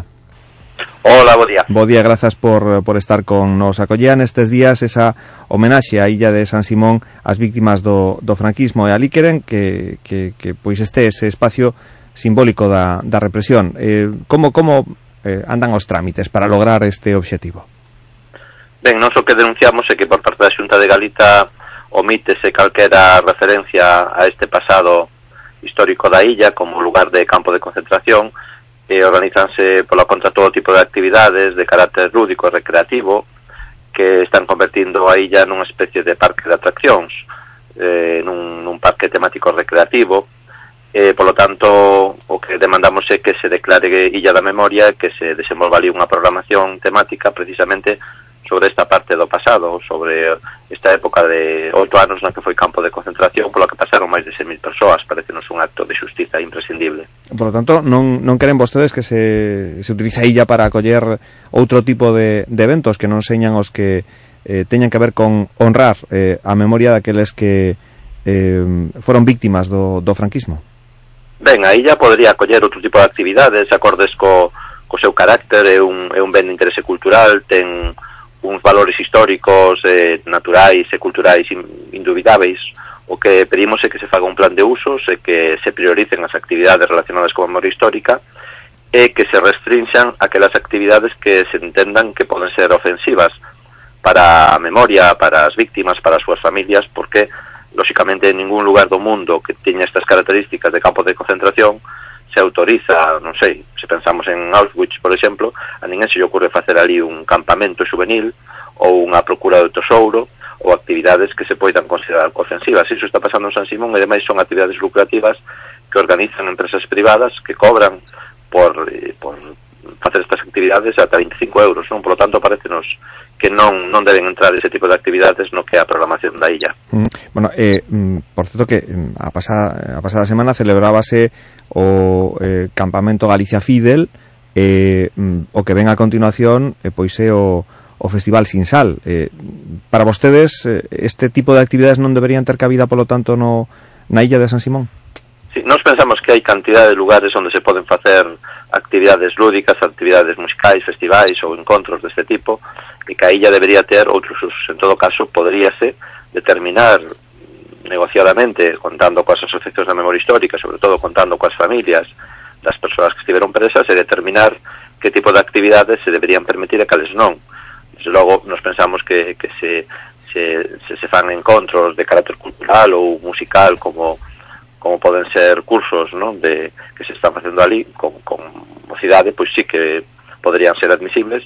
En todo caso, sempre esas actividades deberían ter algún tipo de información ou algún tipo de reflexión ou de aprendizaxe, porque ten que ser un espazo sobre todo educativo, sobre o pasado da illa, sobre todo este pasado que nos reclamamos como principal de, pola súa proximidade, polo impacto, polas consecuencias que tivo para miles de persoas. Mm, pero eh, non sería tamén mellor o mellor pasar páxina e, e, e superar eh, pois pois eso, dar dándolle outro outro tipo de vida porque eh, a ver, estábamos pensando eh, mm, eh, eh decir isto e eh, eh, restringir os os usos dun lugar eh, como a illa de de San Simón con un pasado certamente eh, eh, triste, non? Como cárcel que foi franquista durante o período que abarcou dentro do 36 ao 43 eh, non pasar páxina sobre isto podría mm, entenderse como converter a illa de San Simón nunha especie de, de Valle dos Caídos, non? Non, nada que ver, o Valle dos Caídos é un lugar de homenaxe a, xa, xa, aos xa. crimes, aos asesinatos, no, pero... a represión, a, ao bando, digamos, que foi o culpable da, da brutal represión e das mortes de miles de persoas. Aquí estamos reivindicando un lugar de homenaxe eh, precisamente do contrario das persoas que loitaban por valores democráticos, pola liberdade, pola democracia, polos dereitos de Galicia, polo tanto que precisan, necesitan un homenaxe, e non hai que pasar páxina porque habría que pasar páxina cando se fa unha condena do franquismo, cando se investigue de verdade, se saiba o que pasou, cando se homenaxe e repare a todas as víctimas, entón sí que podemos pasar páxina porque además teríamos unha sociedade máis san, unha sociedade máis máis cohesionada, non? E, e non coas alturas que ten esta sociedade actual precisamente por deixar nas cunetas abandonadas a miles de persoas. A ninguén se lle ocurriría, eh, cito expresamente o caso de Auschwitz, que foi un campo de concentración, sí. porque de, de San Simón sacaron a dúcias, a centos de persoas para asasinalas e ali tamén mataron persoas. Por lo tanto, non se pode banalizar, nin trivializar, nin convertir un espazo que ten esa carga emocional, esa carga eh, simbólica nun lugar de, de, de un parque de atraccións para que vayan aí as familias a buscar o tesouro, porque iso parece non unha ofensa e a ninguén se lle ocurriría facer algo semellante en lugares como que foron campos de concentración que teñen esa carga dramática e simbólica. Mm. Ben, pois aí queda expresada esa intención da Asociación Iniciativa Galega pola, pola Memoria en torno á illa de San Simón. Luis Bará, moitísimas grazas por estar con nos, explicarnos eh, esa, esa pretensión. Unha aperta forte. Muchas gracias. Un gracias. Seguimos en Radio Voz desde mañá e 45 minutos. Eh, cambiamos de, de asunto. Agora falamos dunha, dunha festa por todo alto a que se vivirá concretamente en Cambados. O vinteiro día eh, 2 de agosto principia a que é unha das festas eh, con maior tradición en Galicia, a festa de exaltación do Albariño, eh, a festa do Albariño 2017. Falamos dela con Víctor Manuel Camaño Rivas, que é o tenente alcalde no Concello de, de Cambados. Eh, señor Camaño, bo día. Bo día, moi bo, bo día. día. Todo preparado mm, eh, ou ultimando preparativos para que principie todo o vindeiro 2 de agosto, ademais con festa rachada, non? Porque van a ter aí moita música, moito ambiente eh, rodeando toda esa festa de exaltación do, do viño do, do Albariño na, na denominación Rías Baixas. Pois prácticamente todo preparado, a verdade é que, que ben, todo que as cousas pormenorizadas están, se están dando os últimos retoques, pero xa, por decirlo así, xa non queda nada no aire. Uh -huh. Bueno, eh, un programa realmente impres impresionante, ¿no? O que van a desenvolver con concertos de alto nivel, porque por aí estarán, entre outros, os Waterboys. Pois sí, a verdade é que hai unha festa moi variada desde o punto de vista cultural tamén e, e con todo tipo de atractivos con concertos, o sea, de moito interés, desde Budiño con Mercedes Peón, hasta, bueno, hasta Son de Seu, os Waterboys, Heredeiros da Cruz, e, e un, un vamos eh, un, unha actuación especial que, que vai, na que van intervir o xoves 2 ou perdón, o mércores 2 a, a Orquesta de Jazz de Galicia que é unha das cousas que imos presentar hoxe mañán que é prácticamente o último que nos queda para pormenorizar.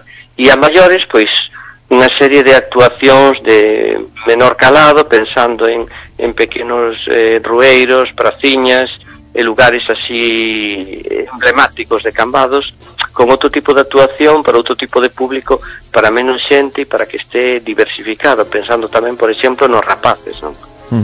Estamos escoitando a Orquestra de Jazz de Galicia que digamos a, a última incorporación ao cartel da, da Festa do Albariño de, de Cambados que principia o, o mércores día 2 de, de agosto non? Moito ambiente o que haberá por, por aí sen dúbida. Eh, como, como están as cousas de cara a que os colleiteiros pois, presenten os seus caldos?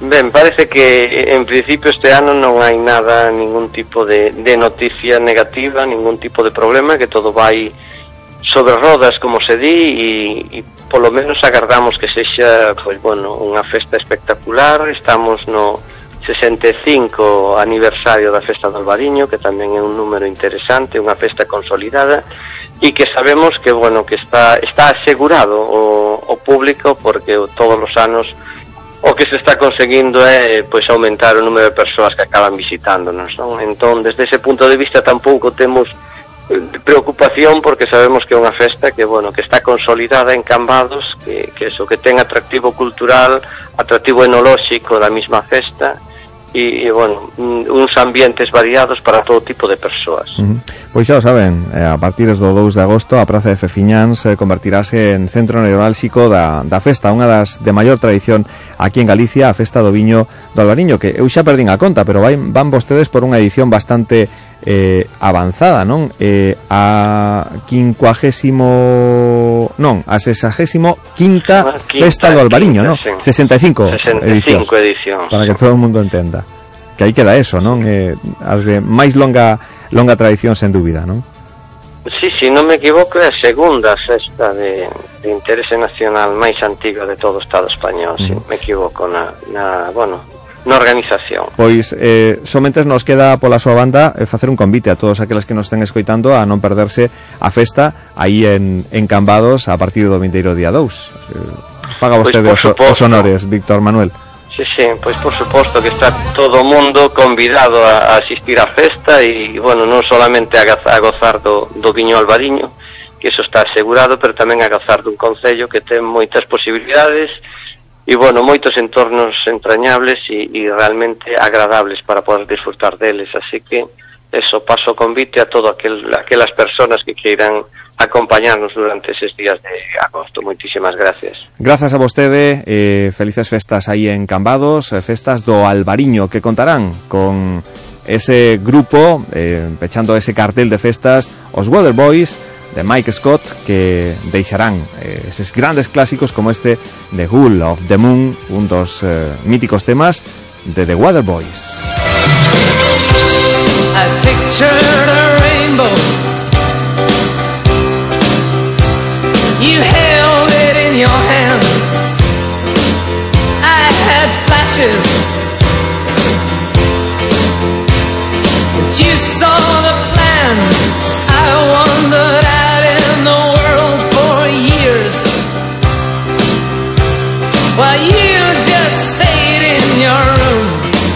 Saw the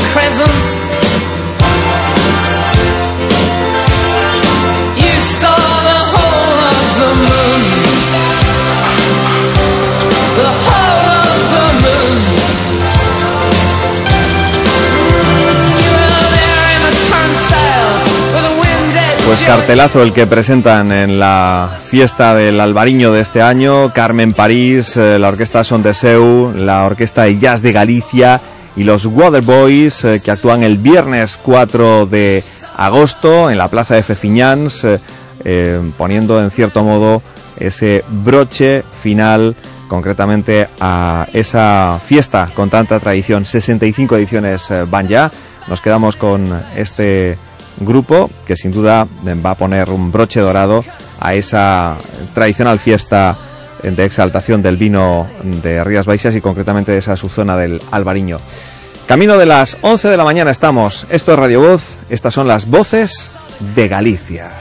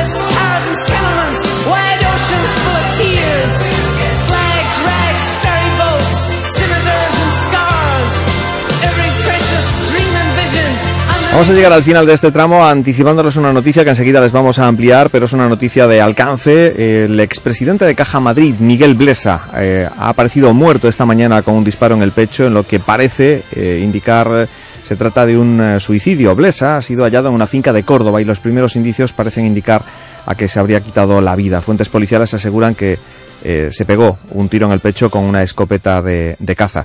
Enseguida ampliaremos esta noticia y otras que forman parte de la actualidad de este día, pero queríamos anticipársela antes de irnos a un alto para publicidad aquí en la sintonía de Radio Voz. Estamos en Voces de Galicia, volvemos enseguida.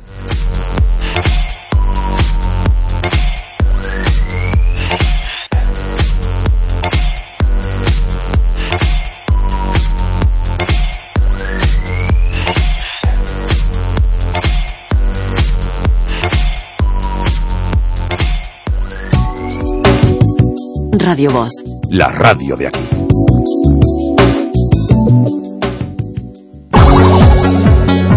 Que los gastos no te estropeen las vacaciones. Porque en Feubert, del 3 al 23 de julio, te regalamos el importe del montaje y equilibrado al comprar tus neumáticos Continental en un cheque regalo para tu siguiente operación de taller. Consulta condiciones en feubert.es. Feubert, tu coche en buenas manos. Descubren un sistema solar parecido al nuestro a 40 años luz llamado Trapistuno. ¿Habrá vida alienígena? Tranquila, en Viajes Interrías Ascension movemos el mundo con el mejor protocolo de comunicación. Más de 300.000 pasajeros, 2.500 grupos y 30 años de experiencia. Viajes Interrías. Consulta tu agencia de viajes. Viajes Interrías. Descubre mundos nuevos.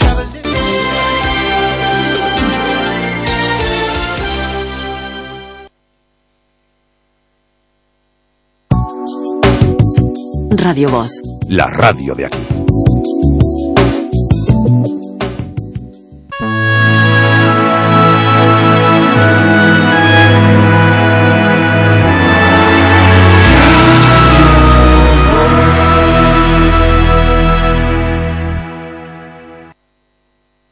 Ecolactis revoluciona el mundo de la nutrición con la leche de yegua liofilizada. Su aporte en vitaminas, minerales e inmunoglobulinas la hace diferente a todas. Refuerza las defensas, mantiene la densidad ósea y ayuda a solucionar problemas dermatológicos. Tomada en cápsulas o en polvo cada día, la leche de yegua Ecolactis se convierte en la mejor aliada en periodos de recuperación. Leche de yegua Ecolactis, por su salud. Pídala en herbolarios y para farmacias o llamando al 91 332 3025. Ecolactis.es.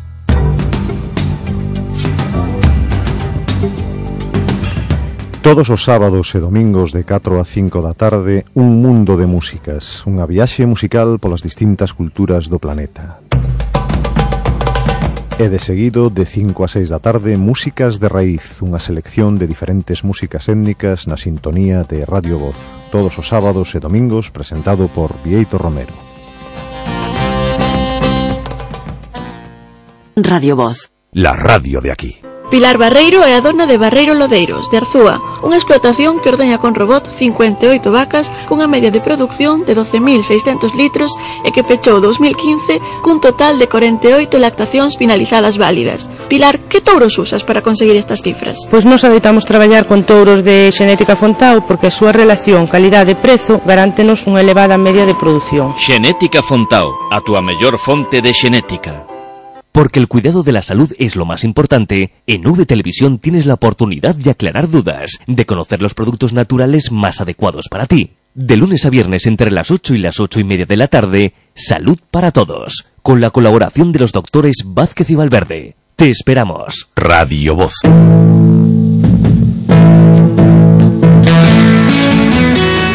En Radio Voz, os sábados, de 6 a 7 da tarde, a música da tua vida.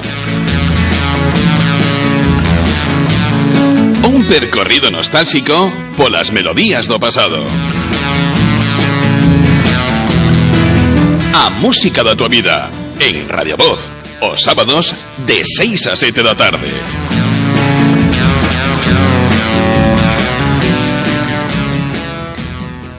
Radio Voz. La radio de aquí.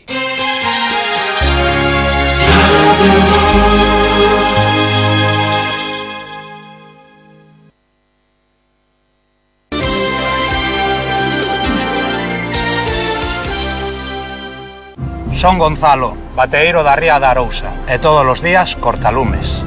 Lucía, 35 anos, cociñeira e cortalumes. Na loita contra os lumes tes moito máis poder do que pensas. Denuncias prácticas delituosas nos nosos montes e se ves lume, chama o 085. Faite cortalumes, Xunta de Galicia. Non esperes a ver que pardos en Galicia para pechar a villa. Se non chove, agora máis que nunca, temos que aforrar auga. Porque igual que noutros lugares do mundo, aquí tamén podemos sufrir a seca. Usa a auga con cabeza. Este anuncio, como a auga, non o deixes correr. De Galicia. Galicia, o bo camiño. Radio Voz.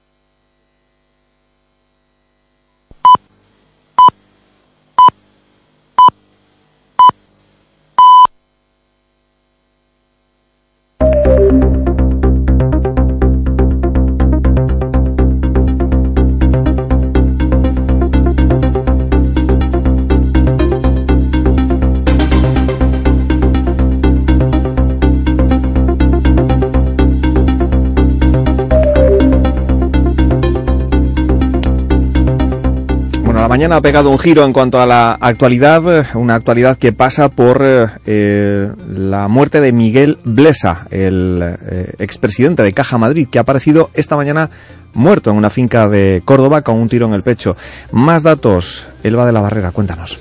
Eh, sí, Isidoro. El cuerpo sin vida del expresidente de Caja Madrid, Miguel Blesa, ha sido hallado eh, hoy en Puerto del Toro, en Córdoba, que era un lugar que frecuentaba eh, Miguel Blesa para cazar. Según indican las fuentes policiales, se encontraba desayunando con un grupo de amigos antes de salir de cacería y se, se levantó diciendo que iba a mover el, vehículo, el coche. Según los primeros indicios, la causa de la muerte ha sido un disparo en el pecho, producido por una escopeta de caza, y las primeras hipótesis apuntan al suicidio. El cuerpo ha sido localizado en la cochera de su finca, que aunque no perdona, que no es de su propiedad y estaba frecuentada por Plesa, que la utilizaban pues para ir a cazar. La titularidad de Puerto del Toro corresponde a la sociedad Rozuelas del Valle y la gestión del coto está a nombre de Fermín Gallardo y Rafael Alcaide, que en el momento de los hechos no se encontraban en la finca. Blesa, que iba a cumplir 70 años el próximo día 8 de agosto, fue condenado, recordemos, por la Audiencia Nacional a seis años de cárcel por el uso de tarjetas Black de Caja Madrid y es la noticia que hoy eh, pues ha causado sorpresa de propios y extraños. Fuentes policiales investigan eh, si mm, realmente se pegó un tiro en el pecho él mismo con esa escopeta de caza. La noticia es esa, Miguel Blesa hallado muerto esta misma mañana en una finca cordobesa. Pero hay otros asuntos que también merecen nuestra atención. Eh, cuéntanos, Selva. Sí, además a nivel internacional el jefe del, Estado Mayor de los Ejércitos, Pierre de Villers, al que el presidente Emmanuel Macron llamó al orden recientemente por unas críticas, anuncia su, di- su dimisión. Eh, la posible dimisión del jefe de Estado Mayor de los Ejércitos de Francia desde hace unos días los círculos militares, después de que este último criticara los recortes presupuestarios previstos por Macron para 2017, que afectarán fundamentalmente a defensa. El gobierno contempla un recorte de 850 millones de euros en gasto militar en este año, en un contexto general de recortes presupuestarios para 2017, con una disminución prevista de 4.500 millones de euros de gasto del Estado. Y en nuestro país, Ignacio González declara hoy por el caso Lezo a petición propia. El juez del caso Lezo, Manuel García Castellón, toma hoy declaración a petición propia al expresidente madrileño Ignacio González, después de que la semana pasada lo hiciera Edmundo Rodríguez Sobrino, considerado su hombre fuerte en los negocios del canal de Isabel II en Latinoamérica. La comparecencia de Ignacio González por el caso Lezo coincide también con la de su hermano Pablo González, en prisión bajo fianza de 4 millones de euros, si bien este declara ante el juez José de la Mata en relación con la empresa pública Mercasa, de la que fue directivo y que está siendo investigada también en el marco del caso Defex, una empresa semipública. Y continuamos con casos de corrupción. El secretario del PP de Madrid, Ricardo Romero de Tejada, y el excoordinador de campañas de la formación regional, José Manuel Fernández Norniella, declaran hoy como testigos en el juicio Gürtel, a petición de la defensa del exalcalde de Majadahonda, Guillermo Ortega, acusado en la vista. Y no podemos olvidarnos del caso y que sacude el fútbol español. El presidente de la Real Federación Española de Fútbol, Ángel María Villar, y también su hijo Gorka han sido detenidos en una operación anticorrupción llevada a cabo por la Guardia Civil, acusados de desviar fondos de los partidos de la selección española para enriquecerse ilícitamente. Pasadas las eh, 10 horas de anoche, Villar continuaba en la ciudad de fútbol de Las Rozas junto a miembros de la Guardia Civil después de siete horas desde que fue trasladado desde su domicilio a la sede federativa para proseguir con esos registros que comenzaban ayer a primera hora de la mañana. Y en tela de juicio, la neutralidad del que ayer fue nombrado jefe de los Mossos, Pérez Soler, el nuevo portavoz del gobierno de la Generalitat, Jordi Turrul, recomendaba al ministro del Interior, Zoido, que vigilase su casa y que no esté pendiente de los Mossos, a raíz de que Zoido hubiese dicho que los Mossos garantizarán el cumplimiento estricto de la ley en el 1O. Y Marisa López García, la directora de ADOS, destacaba que a través de, la iniciativa que, llevan a cabo se busca sensibilizar a la sociedad sobre las necesidades que, tiene la agencia, lanzando asimismo un mensaje especial para la población más eh, joven eh, de Galicia. Seguimos eh, con información de Galicia, sanitaria, el Servicio Galego de Salud, avanzamos antes, bueno, el conflicto que está habiendo en el complejo universitario de Vigo, en el Chubi, donde los sindicatos denunciaban esa falta de personal, pues ha habido respuesta también por parte de, del Sergas, que defendía que la unidad de neonatología del Hospital Álvaro Cunqueiro de Vigo cumple los ratios de personal establecidos de acuerdo con el número de pacientes ingresados y, de hecho, ha añadido que la plantilla es similar al del resto de las unidades de estas características en nuestra comunidad autónoma y también en el resto del Estado. Así, en respuesta a las denuncias realizadas este mismo martes por el Sindicato de Enfermería SATSE, ha manifestado que esta unidad hospitalaria dispone de un total de 53 efectivos de enfermería, 28 enfermeras y 25 auxiliares, constituyendo una de las mayores eh, plantillas de enfermería de toda la comunidad eh, autónoma. Y bueno, eh, tenemos también eh, a, a, Vanessa Fernández eh, de Transportes que bueno que ha estado esta mañana ante los micrófonos de, de Radio Voz explicando un poco eh, cómo la oposición si tiene su, su si cuentan con el apoyo de la oposición en ese paro indefinido que se llevará a cabo a partir del mes de septiembre. Los examinadores de, tráfico que apuestan por seguir eh, manteniendo vivo ese conflicto, hoy de nuevo eh, jornada de paro en el sector de los examinadores de, de, tráfico, algo que preocupa a las autoescuelas que se ven abocadas, muchas de ellas dicen, al cierre ante la falta de nuevas matrículas, dado el colapso que se está produciendo eh, para dar salida a todas aquellas personas que quieren obtener el carnet de conducir. Desde Asiestra, la Asociación de Examinadores eh, de Tráfico, eh, están eh, con tono beligerante en estos momentos y manteniéndose firmes en que quieren negociar y quieren obtener el compromiso, hacer realidad el compromiso que el gobierno alcanzó con ellos en 2015 y que de momento no se ha cumplido. Bueno, pues vamos a ver. Eh, las posibilidades eh, en estos momentos son todas y ninguna. Eh, todas me refiero porque tenemos a la oposición en estos momentos, a todos los grupos parlamentarios, apoyándonos y se llevan aprobado ya cuatro proposiciones no de ley en el Congreso para obligar al Gobierno a que cumpla con lo prometido en el año 2015 y ninguna porque el director general, tras las, eh, la comparecencia de ayer en, en la Comisión de Seguridad Vial, pues dejó bien claro que no tiene ninguna propuesta encima de la mesa para solucionar este conflicto. El que tiene que solucionar el problema es el director general, que es el representante del gobierno en la Dirección General de Tráfico. Él es el que tiene que buscar un problema y él es el que tiene que gestionar toda esta situación. Y no lo está haciendo. Yo no sé si no lo está haciendo porque está muy mal asesorado por su secretario general o porque realmente él no es consciente de la dimensión del problema. De hecho, ayer en su comparecencia, pues vino a decir que no entendía por qué las autoescuelas se quejaban, porque total habían examinado el mismo número de circulaciones que en abril. Claro, que lo que no dijo es la demanda que hay o cuántas pruebas dejaron de realizarse. Eso no lo dijo. Críticos con el director general de tráfico, los examinadores que mantienen hoy una nueva jornada de, de huelga y que dejan eh, pues sin la posibilidad de examinarse a muchos eh, aspirantes a obtener el carnet de conducir, algo que desde luego a las eh, autoescuelas las está llevando pues a una situación límite. Lo anunciaban ayer precisamente en Ourense, miembros eh, de la Asociación de Autoescuelas de, de, Ourense que salían a la calle para protestar por lo que está ocurriendo y pidiendo, también demandando soluciones y que mueva ficha la Dirección General de Tráfico. 11 y 8 minutos, estamos en Radio Voz, vamos con más eh, cuestiones. Enseguida repasamos de qué se está hablando a esta hora en las redes sociales.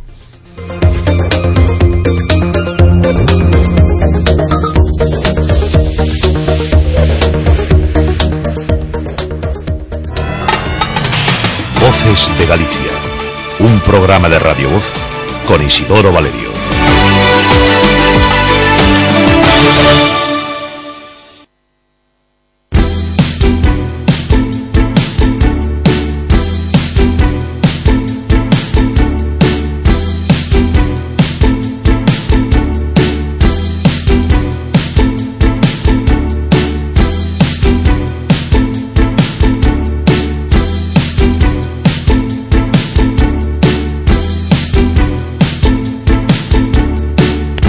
Llevamos dos días eh, que el feliz eh, día, eh, ayer feliz martes era desbancado por la detención de Ángel María Villar. Hoy, Elba, el feliz miércoles lo desbanca, evidentemente, la Miguel noticia que Blesa, acabamos de contar. sí, Miguel Blesa, ¿no? Es ahora mismo de lo que más se está hablando en redes sociales, dado pues eh, mm, ese suceso, ¿no? Y ha aparecido el cadáver de Miguel Blesa en una finca de Córdoba con un disparo en el pecho. Eh, supuestamente todo parece indicar que se trata de un de un suicidio del que fuera eh, eh, presidente de, de Caja eh, Madrid y que, eh, bueno, pues estaba recientemente condenado a esos ocho años de, cárcel. ¿Qué se está diciendo?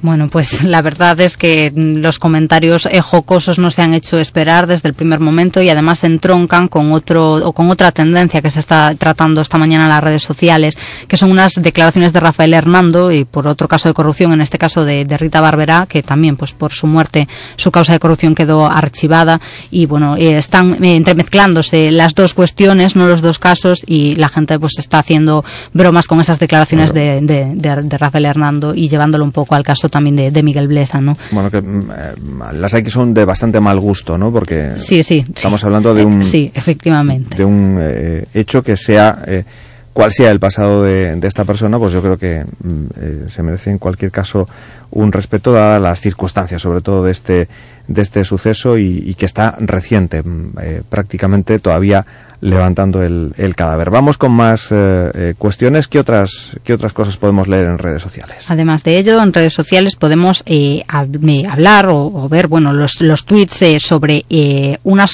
o, declaraciones que vertía eh, la directora Isabel Coixet sobre el referéndum catalán. Se mostraba en contra ¿no? de, llevar a cabo este proceso que considera pues antico- anticonstitucional en cierta medida y bueno las reacciones tampoco se han hecho esperar tanto de los partidarios como los de los detractores de la celebración de, del 1 en Cataluña. Eh, dicen algunos, Isabel Coixet siempre ha sabido ganarse la vida, en tono jocoso lo dice. No necesitaba las subvenciones de nadie y por eso se permite opinar libremente. Admirable. Eh, Isabel Coixet ha dicho que no es el momento de crear más fronteras, sino de tender puentes en, en Cataluña. Y bueno, pues eh, hay gente que lo ve bien, esto que ha dicho Coixet, y hay quien la está criticando y dándole eh, la zurra, pues Sí, la verdad en, es que en el sentido de lo que decíamos antes. ¿no? Es, es bastante valiente hacer esas declaraciones porque es un tema bastante polémico en estos días. Y, y además de, de Isabel Coixet, eh, se está hablando muchísimo tanto de José Bono como de Obiang por esas negociaciones que se están llevando a cabo para tratar de, de que bueno que España establezca negocios eh, con ellos. Por supuesto, también muchísimos tweets de cabreo de que bueno era lo que faltaba, ¿no? Que España establezca negociaciones con, con un dictador, decían, y, y además bueno pues que sea José Bono el encargado de, de llevarlas a término. Y también se habla de bueno de U2, concretamente de, de Joshua Tree, eh, hace 30 años de la publicación de, de ese álbum, ¿no? Y bueno, se hablaba de la pena de que no se pueda disfrutar de la música de, de Bono y de, de U2 en Madrid y que solo pueda ser en, en Barcelona. Fue ayer el, el concierto, conciertazo de, de U2 en esa gira del de Joshua Tree, eh, que recordaban que fue un álbum que se hizo para protestar por eh, la política que hacía Ronald Reagan y que curiosamente 30 años después estamos en la las mismas y podría ser aplicado a las políticas de, de Donald Trump. Ayer eh, los chicos de U2 triunfando en, en Barcelona. ¿Alguna cosilla más?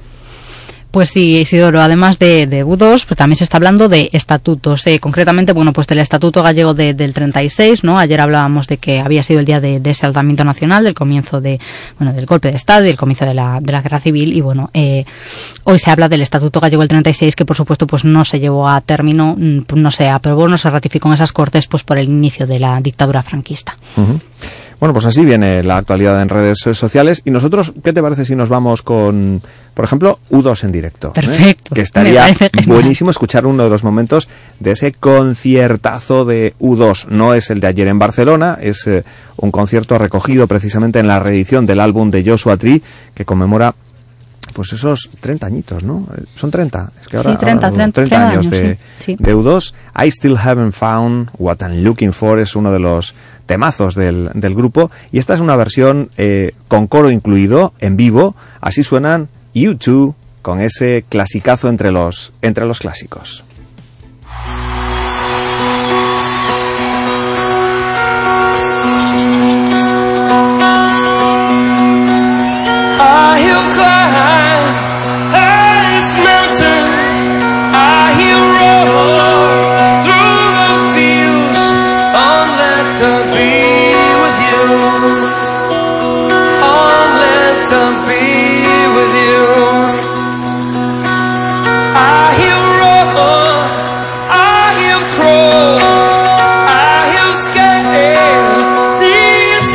City walls.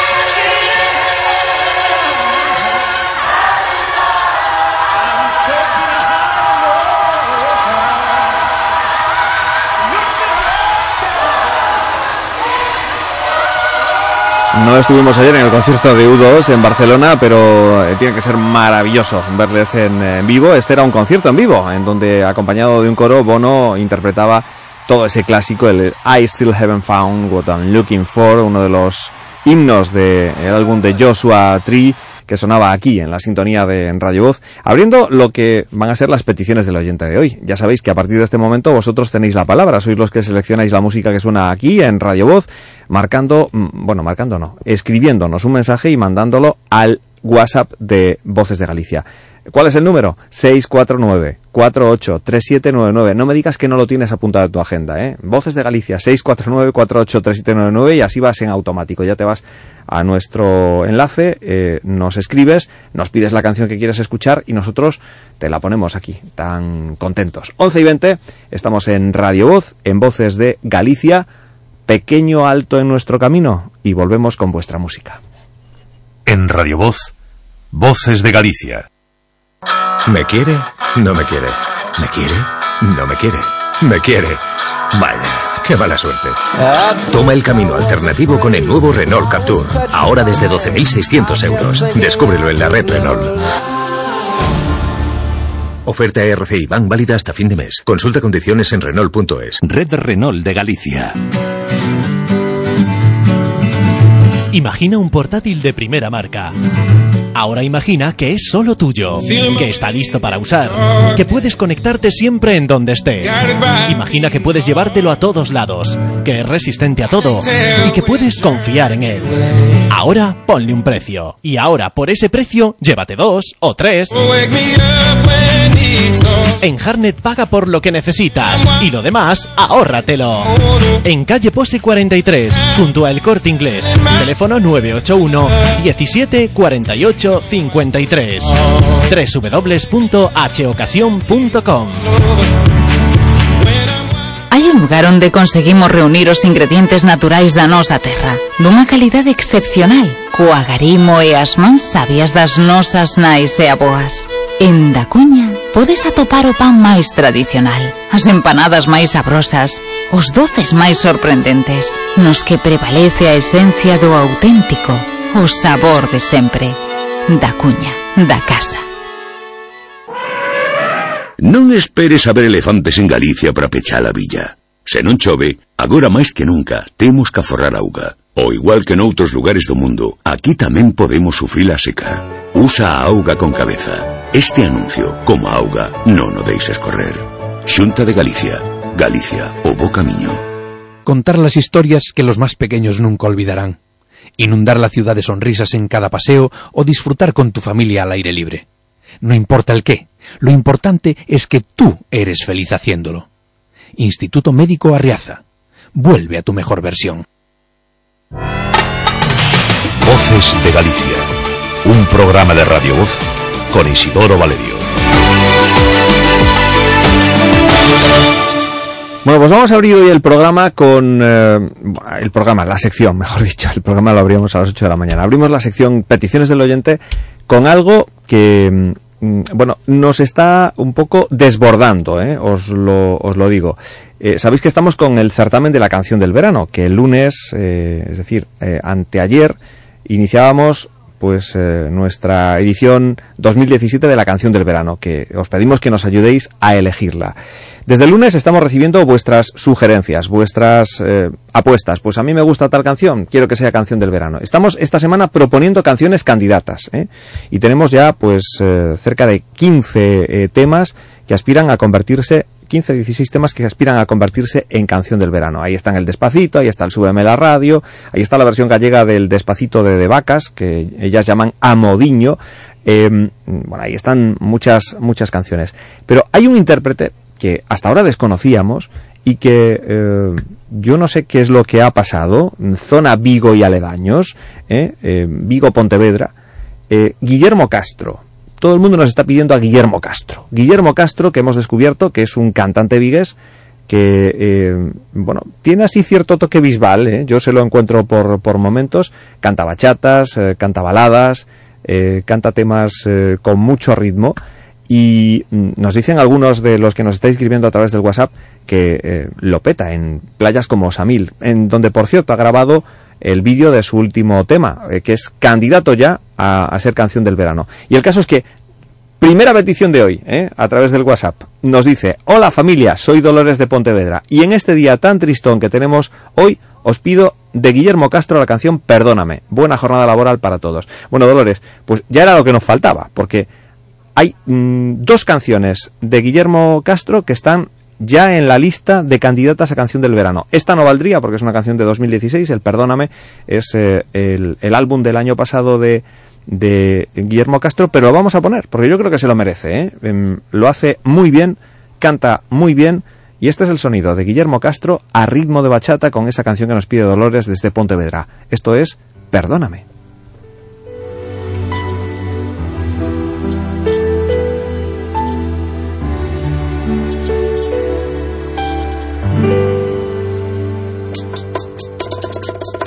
Hubiera preferido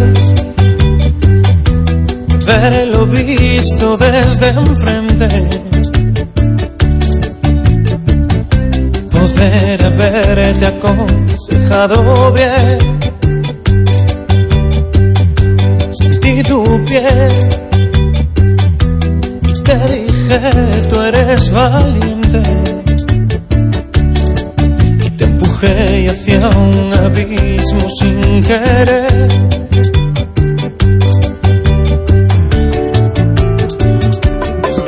entre tus brazos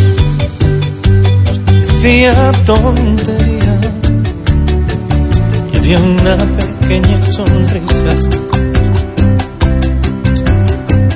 Estabas mirando, yo estaba pensando y al mismo tiempo, ¿cómo podría hacer para retenerte aquí? para que no te alejaras de mí, no te fueras de mi lado, que olvidaras el pasado. Perdóname no haber sabido amarte, por no entender que hacia ti a ninguna parte. Perdóname por no haber sabido amarte por no entender ir hacia ti a ninguna parte. hubiera preferido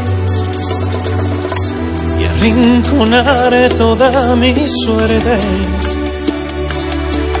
y cambiar esos momentos por tu piel. Sentir que soy y afortunado por tenerte, devolverte todo lo que te robé.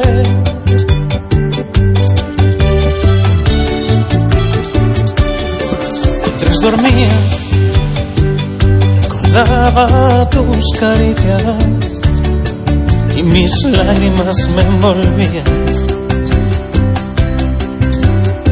Yo estaba soñando, yo estaba pensando y al mismo tiempo, ¿cómo podía hacer para retenerte aquí? Para que no te alejaras de mí no te fueras de mi lado, que olvidaras el pasado. Perdóname por no haber sabido amarte, por no entender que hacia ti o a ninguna parte. Y perdóname, perdóname, y perdóname perdóname.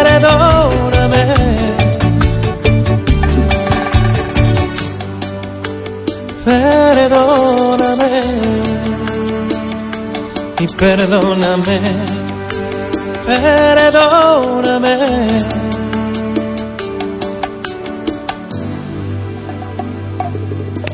Así sonaba ese Perdóname de eh, Guillermo Castro, ¿eh? uno de los eh, mm, cantantes por el que estáis apostando muy mucho eh, de cara a convertirle en el líder de la canción del, del verano. Ya sabéis que las votaciones comienzan el próximo lunes, que solo se podrá votar por teléfono eh, marcando el 981 13 44 33, nuestro teléfono el de Radio Voz, entre la una y la una y media, el lunes, el miércoles y el jueves. Solo habrá tres días para votar eh, a todos los integrantes de la lista que confeccionamos juntos a lo largo de esta semana.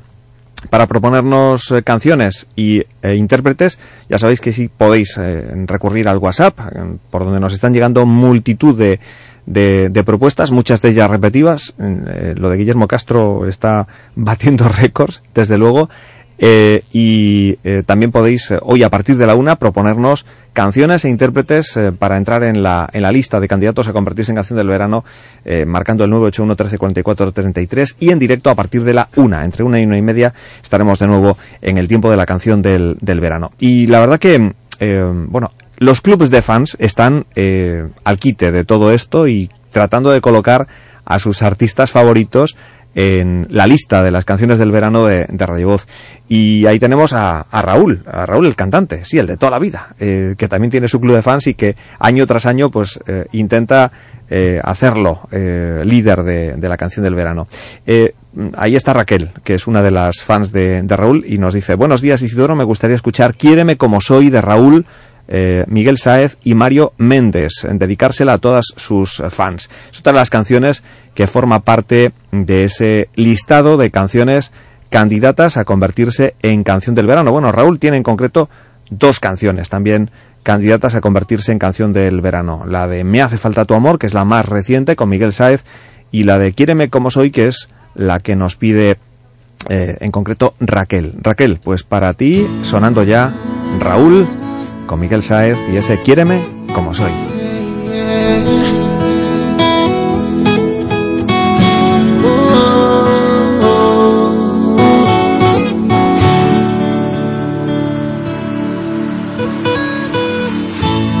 Errar es de humanos también el perdón. Todos somos víctimas de la pasión. Si te he fallado, disculpa mi amor. Sé que soy un tonto, que a veces me porto como un niño, pero soy adicto a tu cariño.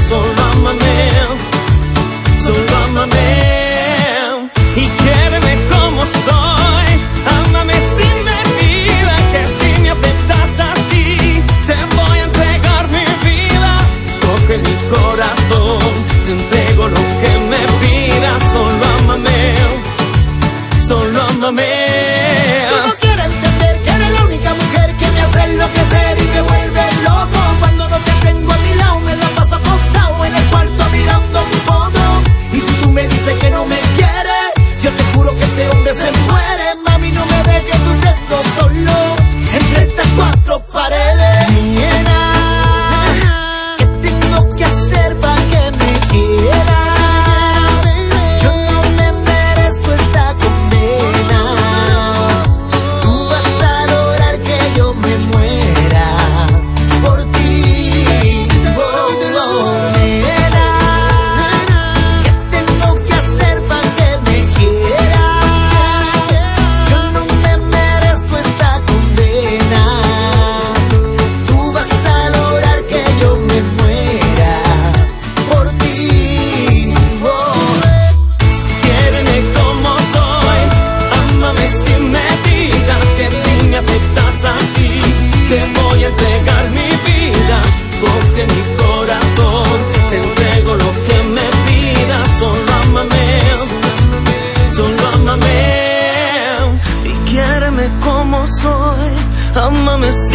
Que si me aceptas así, te voy a entregar mi vida. Coge mi corazón, te entrego lo que me pidas, solo ámame, solo ámame. De noche te siento, yo extraño tus besos, yo busco tu cuerpo a cada momento. Chula, esta distancia me está enloqueciendo, tú no te imaginas lo que estoy sufriendo. Yo quisiera devolver el tiempo y vivir contigo esos momentos donde no existía el sufrimiento y hacer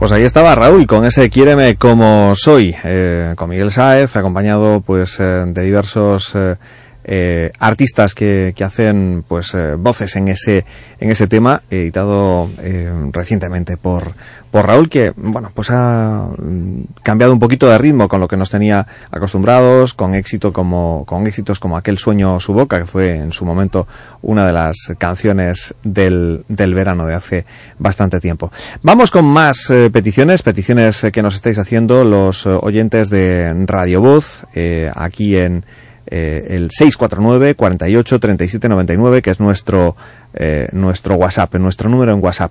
Eh, mm, nos pide mm, Rosa, nos dice, hola, a mí me gustaría apostar por una canción de J Balvin titulada Heima. Bueno, para mm, apostar tienes que o bien llamar entre la una y la una y media al 981 13 44 33, solo de ese modo podremos incluir en la lista, o bueno, pues enviarnos otro WhatsApp diciendo quiero nominar la canción, eh, la que nos pides, el Heima de J Balvin como canción del, del verano, ¿eh? porque una cosa son las peticiones del oyente y otra cosa es luego lo de la canción del, del verano.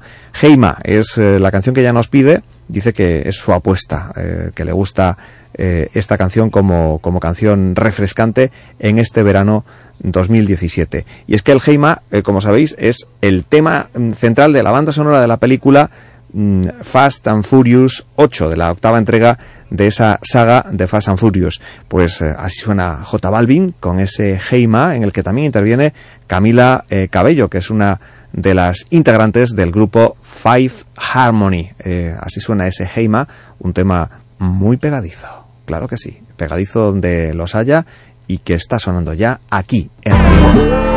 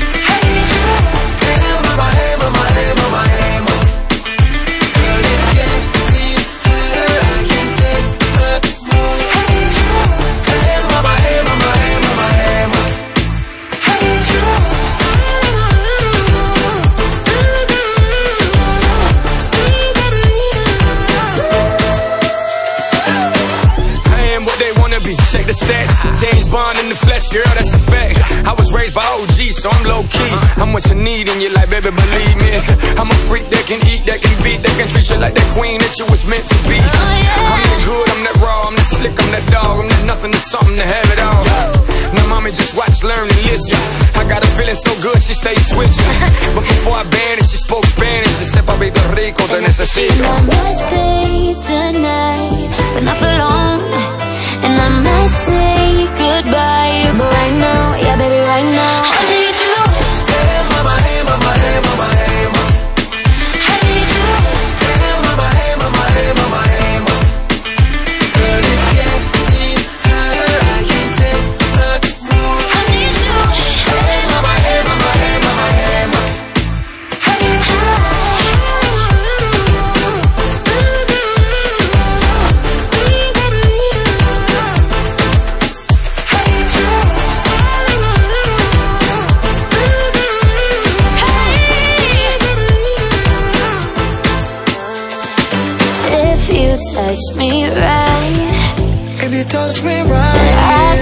I might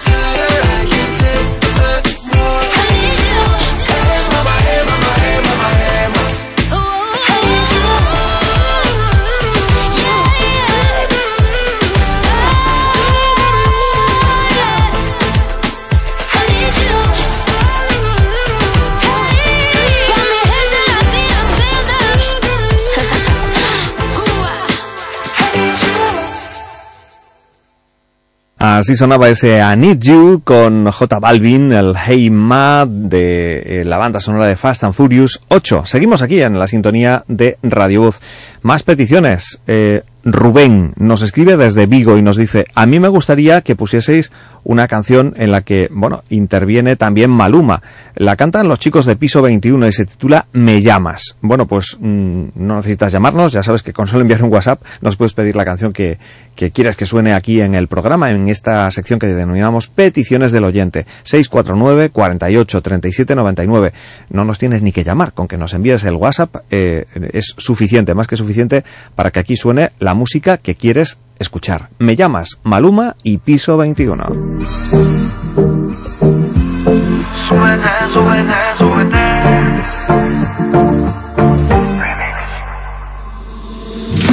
Dime si algún día sentiré tu cuerpo otra vez. Algo me dice que quieres volverme a ver.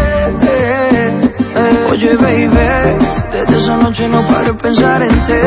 Tú bien sabes que yo soy tu porque no te hace sentir. Él nunca supo amarte como yo lo sé. Él no conoce cada espacio de tu piel. Sé que no soy perfecto, pero te diré. Él no sabe cómo tratar a una mujer. Cuando tú quieras me llamas.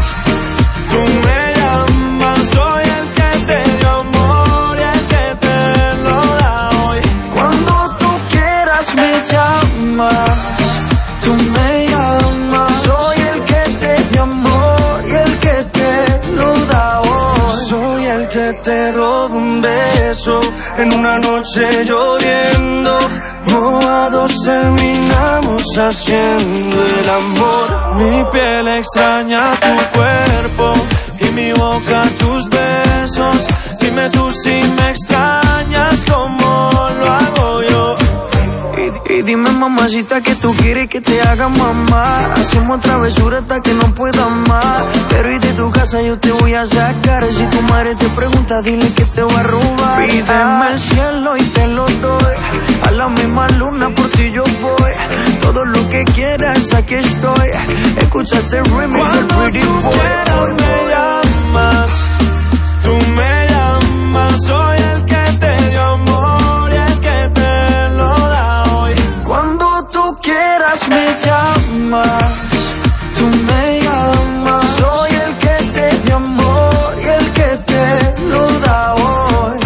por sacarte de esta soledad y darte de esos besos que ya no te da. Tú llama cuando quieras que aquí voy a estar y si te hizo un daño lo voy a arreglar. Yo sé que estás para mí y yo soy para ti. No dejemos morir lo que tenemos aquí. Él nunca supo amarte como yo lo sé.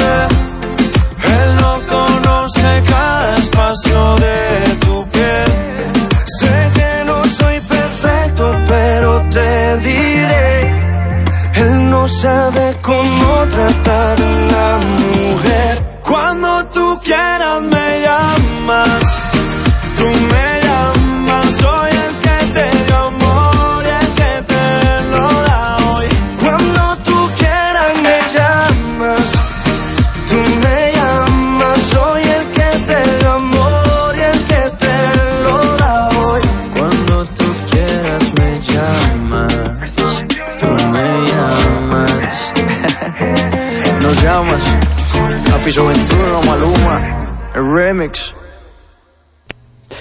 Pues ahí estaba, piso 21 con Maluma en ese eh, tema titulado Me llamas. Eh, nos lo pedíais a través del WhatsApp 649 48 37 99. Eh, a través de esa línea del WhatsApp nos llega el mensaje de Lucía. Nos dice Lucía, hola, me gustaría que me pusieseis una canción que ya tiene pues algún tiempo, pero en una versión diferente. La canción es La quiero morir y el intérprete eh, al que me gustaría escuchar, Sergio Dalma. Pues sí, Sergio Dalma hizo una versión de ese clásico de Francis Cabrel, el cantante francés que inmortalizó aquel Je l'aime mourir, que luego cantó en español, eh, La quiero a morir, tituló la canción, y Sergio Dalma, bueno, y otros intérpretes, porque también hay la versión de, de Shakira y la de Jarabe de Palo con Alejandro Sanz, pero nos pide Lucía la de Sergio Dalma, Sergio Dalma que grabó esa canción y el resultado fue este.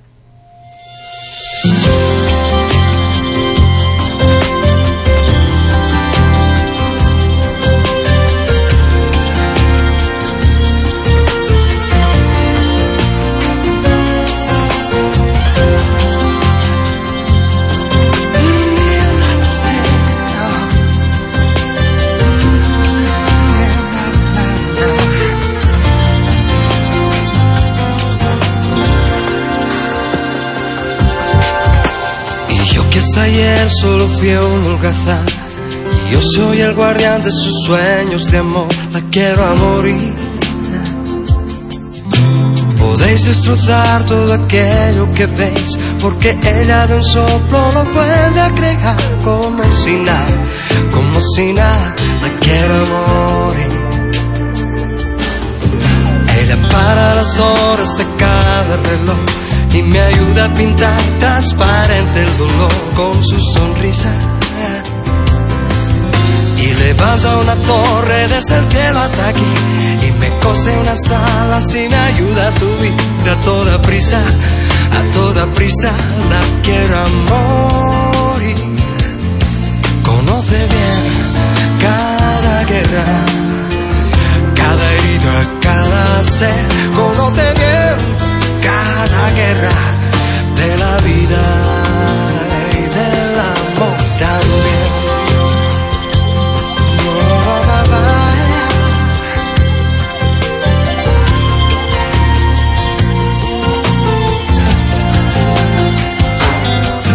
Me dibuja un paisaje y me lo hace vivir en un bosque de y se apodera de mí. La quiero a morir. Atrapa en un lazo que no aprieta jamás, como un hilo de seda que no puedo soltar. No quiero soltar, no quiero soltar, la quiero morir. Cuando trepo a sus ojos y me enfrento al mar, dos espejos de agua enterrada en cristal, la quiero a morir. Puedo sentarme, solo puedo charlar, solo puedo enredarme, solo puedo aceptar ser solo suyo, solo suyo. La quiero morir. Conoce bien cada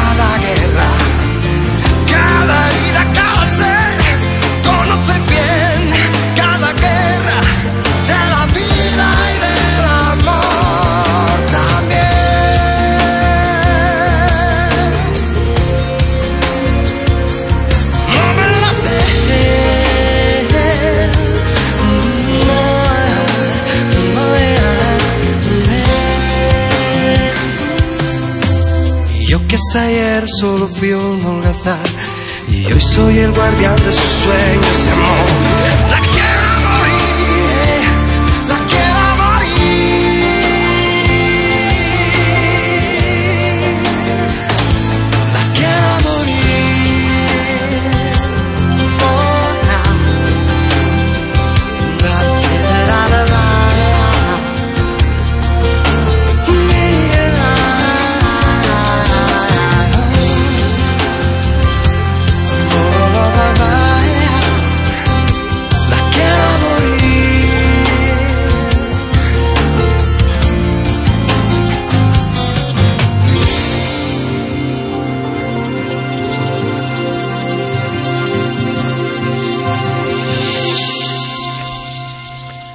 Ahí estaba ese La quiero a morir, canción que sonaba con eh, ni más ni menos eh, que Sergio Dalma. Y más peticiones que se agolpan en el 649 48 37 99. ¿Qué es lo que nos pide Patricia? Pues una canción que es una pedazo canción. Hacía mucho tiempo que no nos pedíais canciones de, del intérprete que va a sonar. No lo quiero desvelar. Nos dice Patricia, hola, ¿podríais ponerme una canción de Pablo Alborán con la que me derrito? Se titula Solamente tú. Pues, pues claro, que, que te derritas es normal, si es que es una canción para derretirse. Solamente tú, eh, uno de los grandes éxitos sin duda de Pablo Alborán.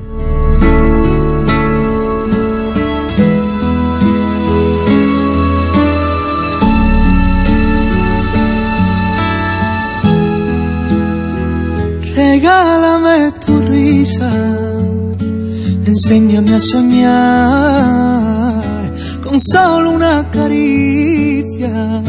Me pierdo en este mar. Regálame tu estrella, la que ilumina esta noche, llena de paz y de armonía, y te entregaré mi vida. Haces que mi cielo vuelva a tener ese azul, pintas de colores mi mañana solo tú. Navego entre las olas de tu voz y tú y tú y tú y solamente tú. Haces que mi alma se despierte con tu luz. Tú y tú y tú. Enseña tus heridas así las curarás. Que sepa el mundo entero que tu voz guarda un secreto. No menciones tu nombre que en el firmamento se mueren de celo. Tus ojos son destellos, tu garganta es un misterio. Haces que mi cielo vuelva a tener ese azul. Pintas de colores mis mañanas solo tú. Navego entre las olas de tu voz y tú y tú y tú y solamente tú. Haces que mi alma se despierte con tu luz. Tú y tú y tú y tú y tú y tú y solamente tú haces que mi alma se despierte con tu luz.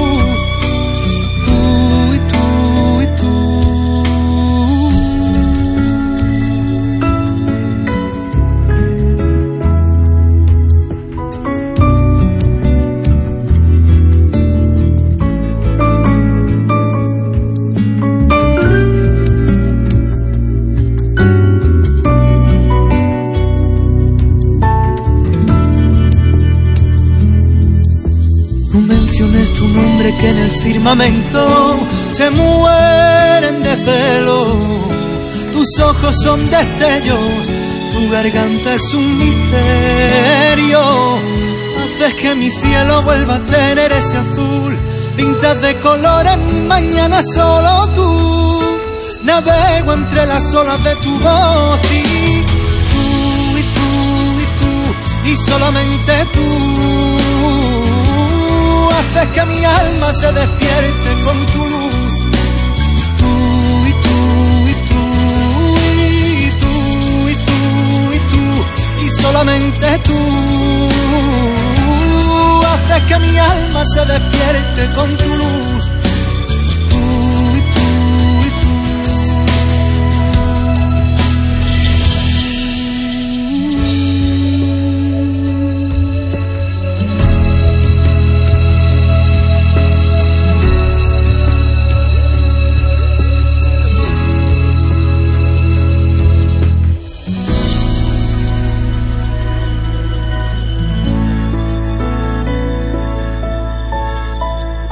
A mí no me extraña que diga este oyente que esta canción se derrite con ella. Es que para derretirse, solamente tú. eh, le cantan a, a cualquiera esa canción y, se derrite, eh, vamos, eh, enseguida.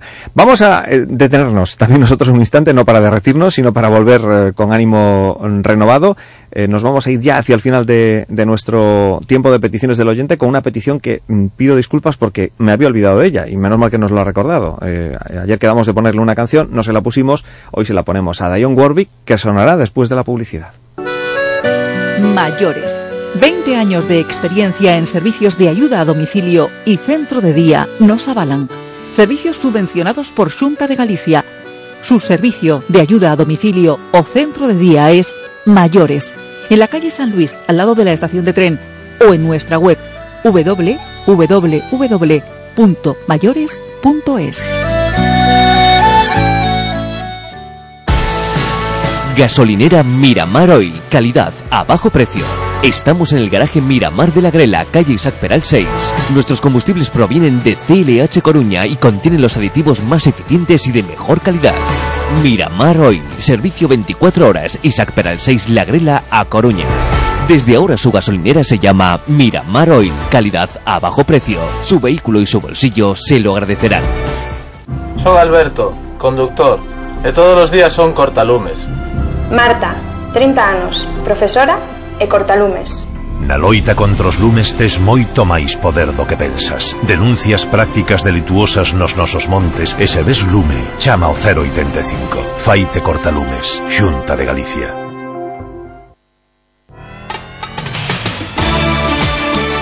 De lunes a viernes, Voces de Galicia, en Radio Voz. Aprovecho los tres minutillos que dura la canción con la que hoy despedimos peticiones del oyente mm, para saludar a Mer, eh, decirle que disculpas, que casi nos olvidamos de ponerle su canción, el I'll Never Fall in Love Again de Dionne Warwick, en esa versión de Dionne Warwick. eh, nos vemos en tres minutos, que volvemos con la segunda parte de Voces de Galicia.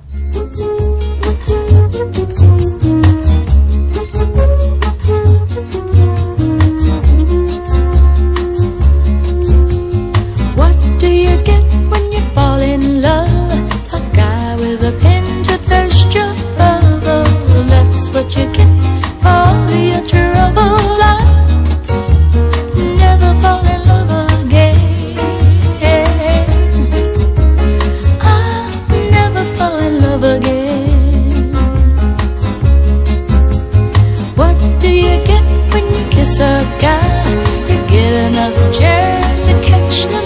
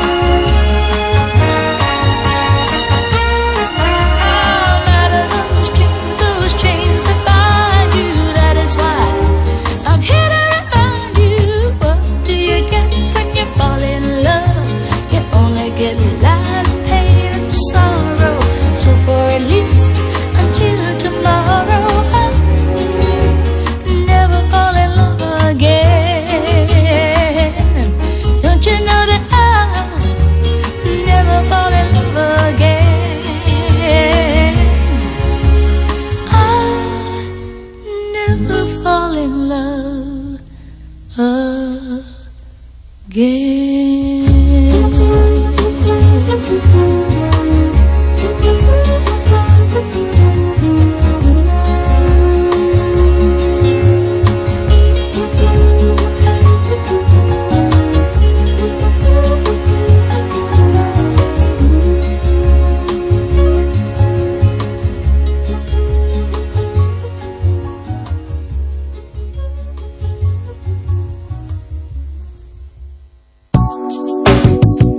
Radio Voz. La radio de aquí.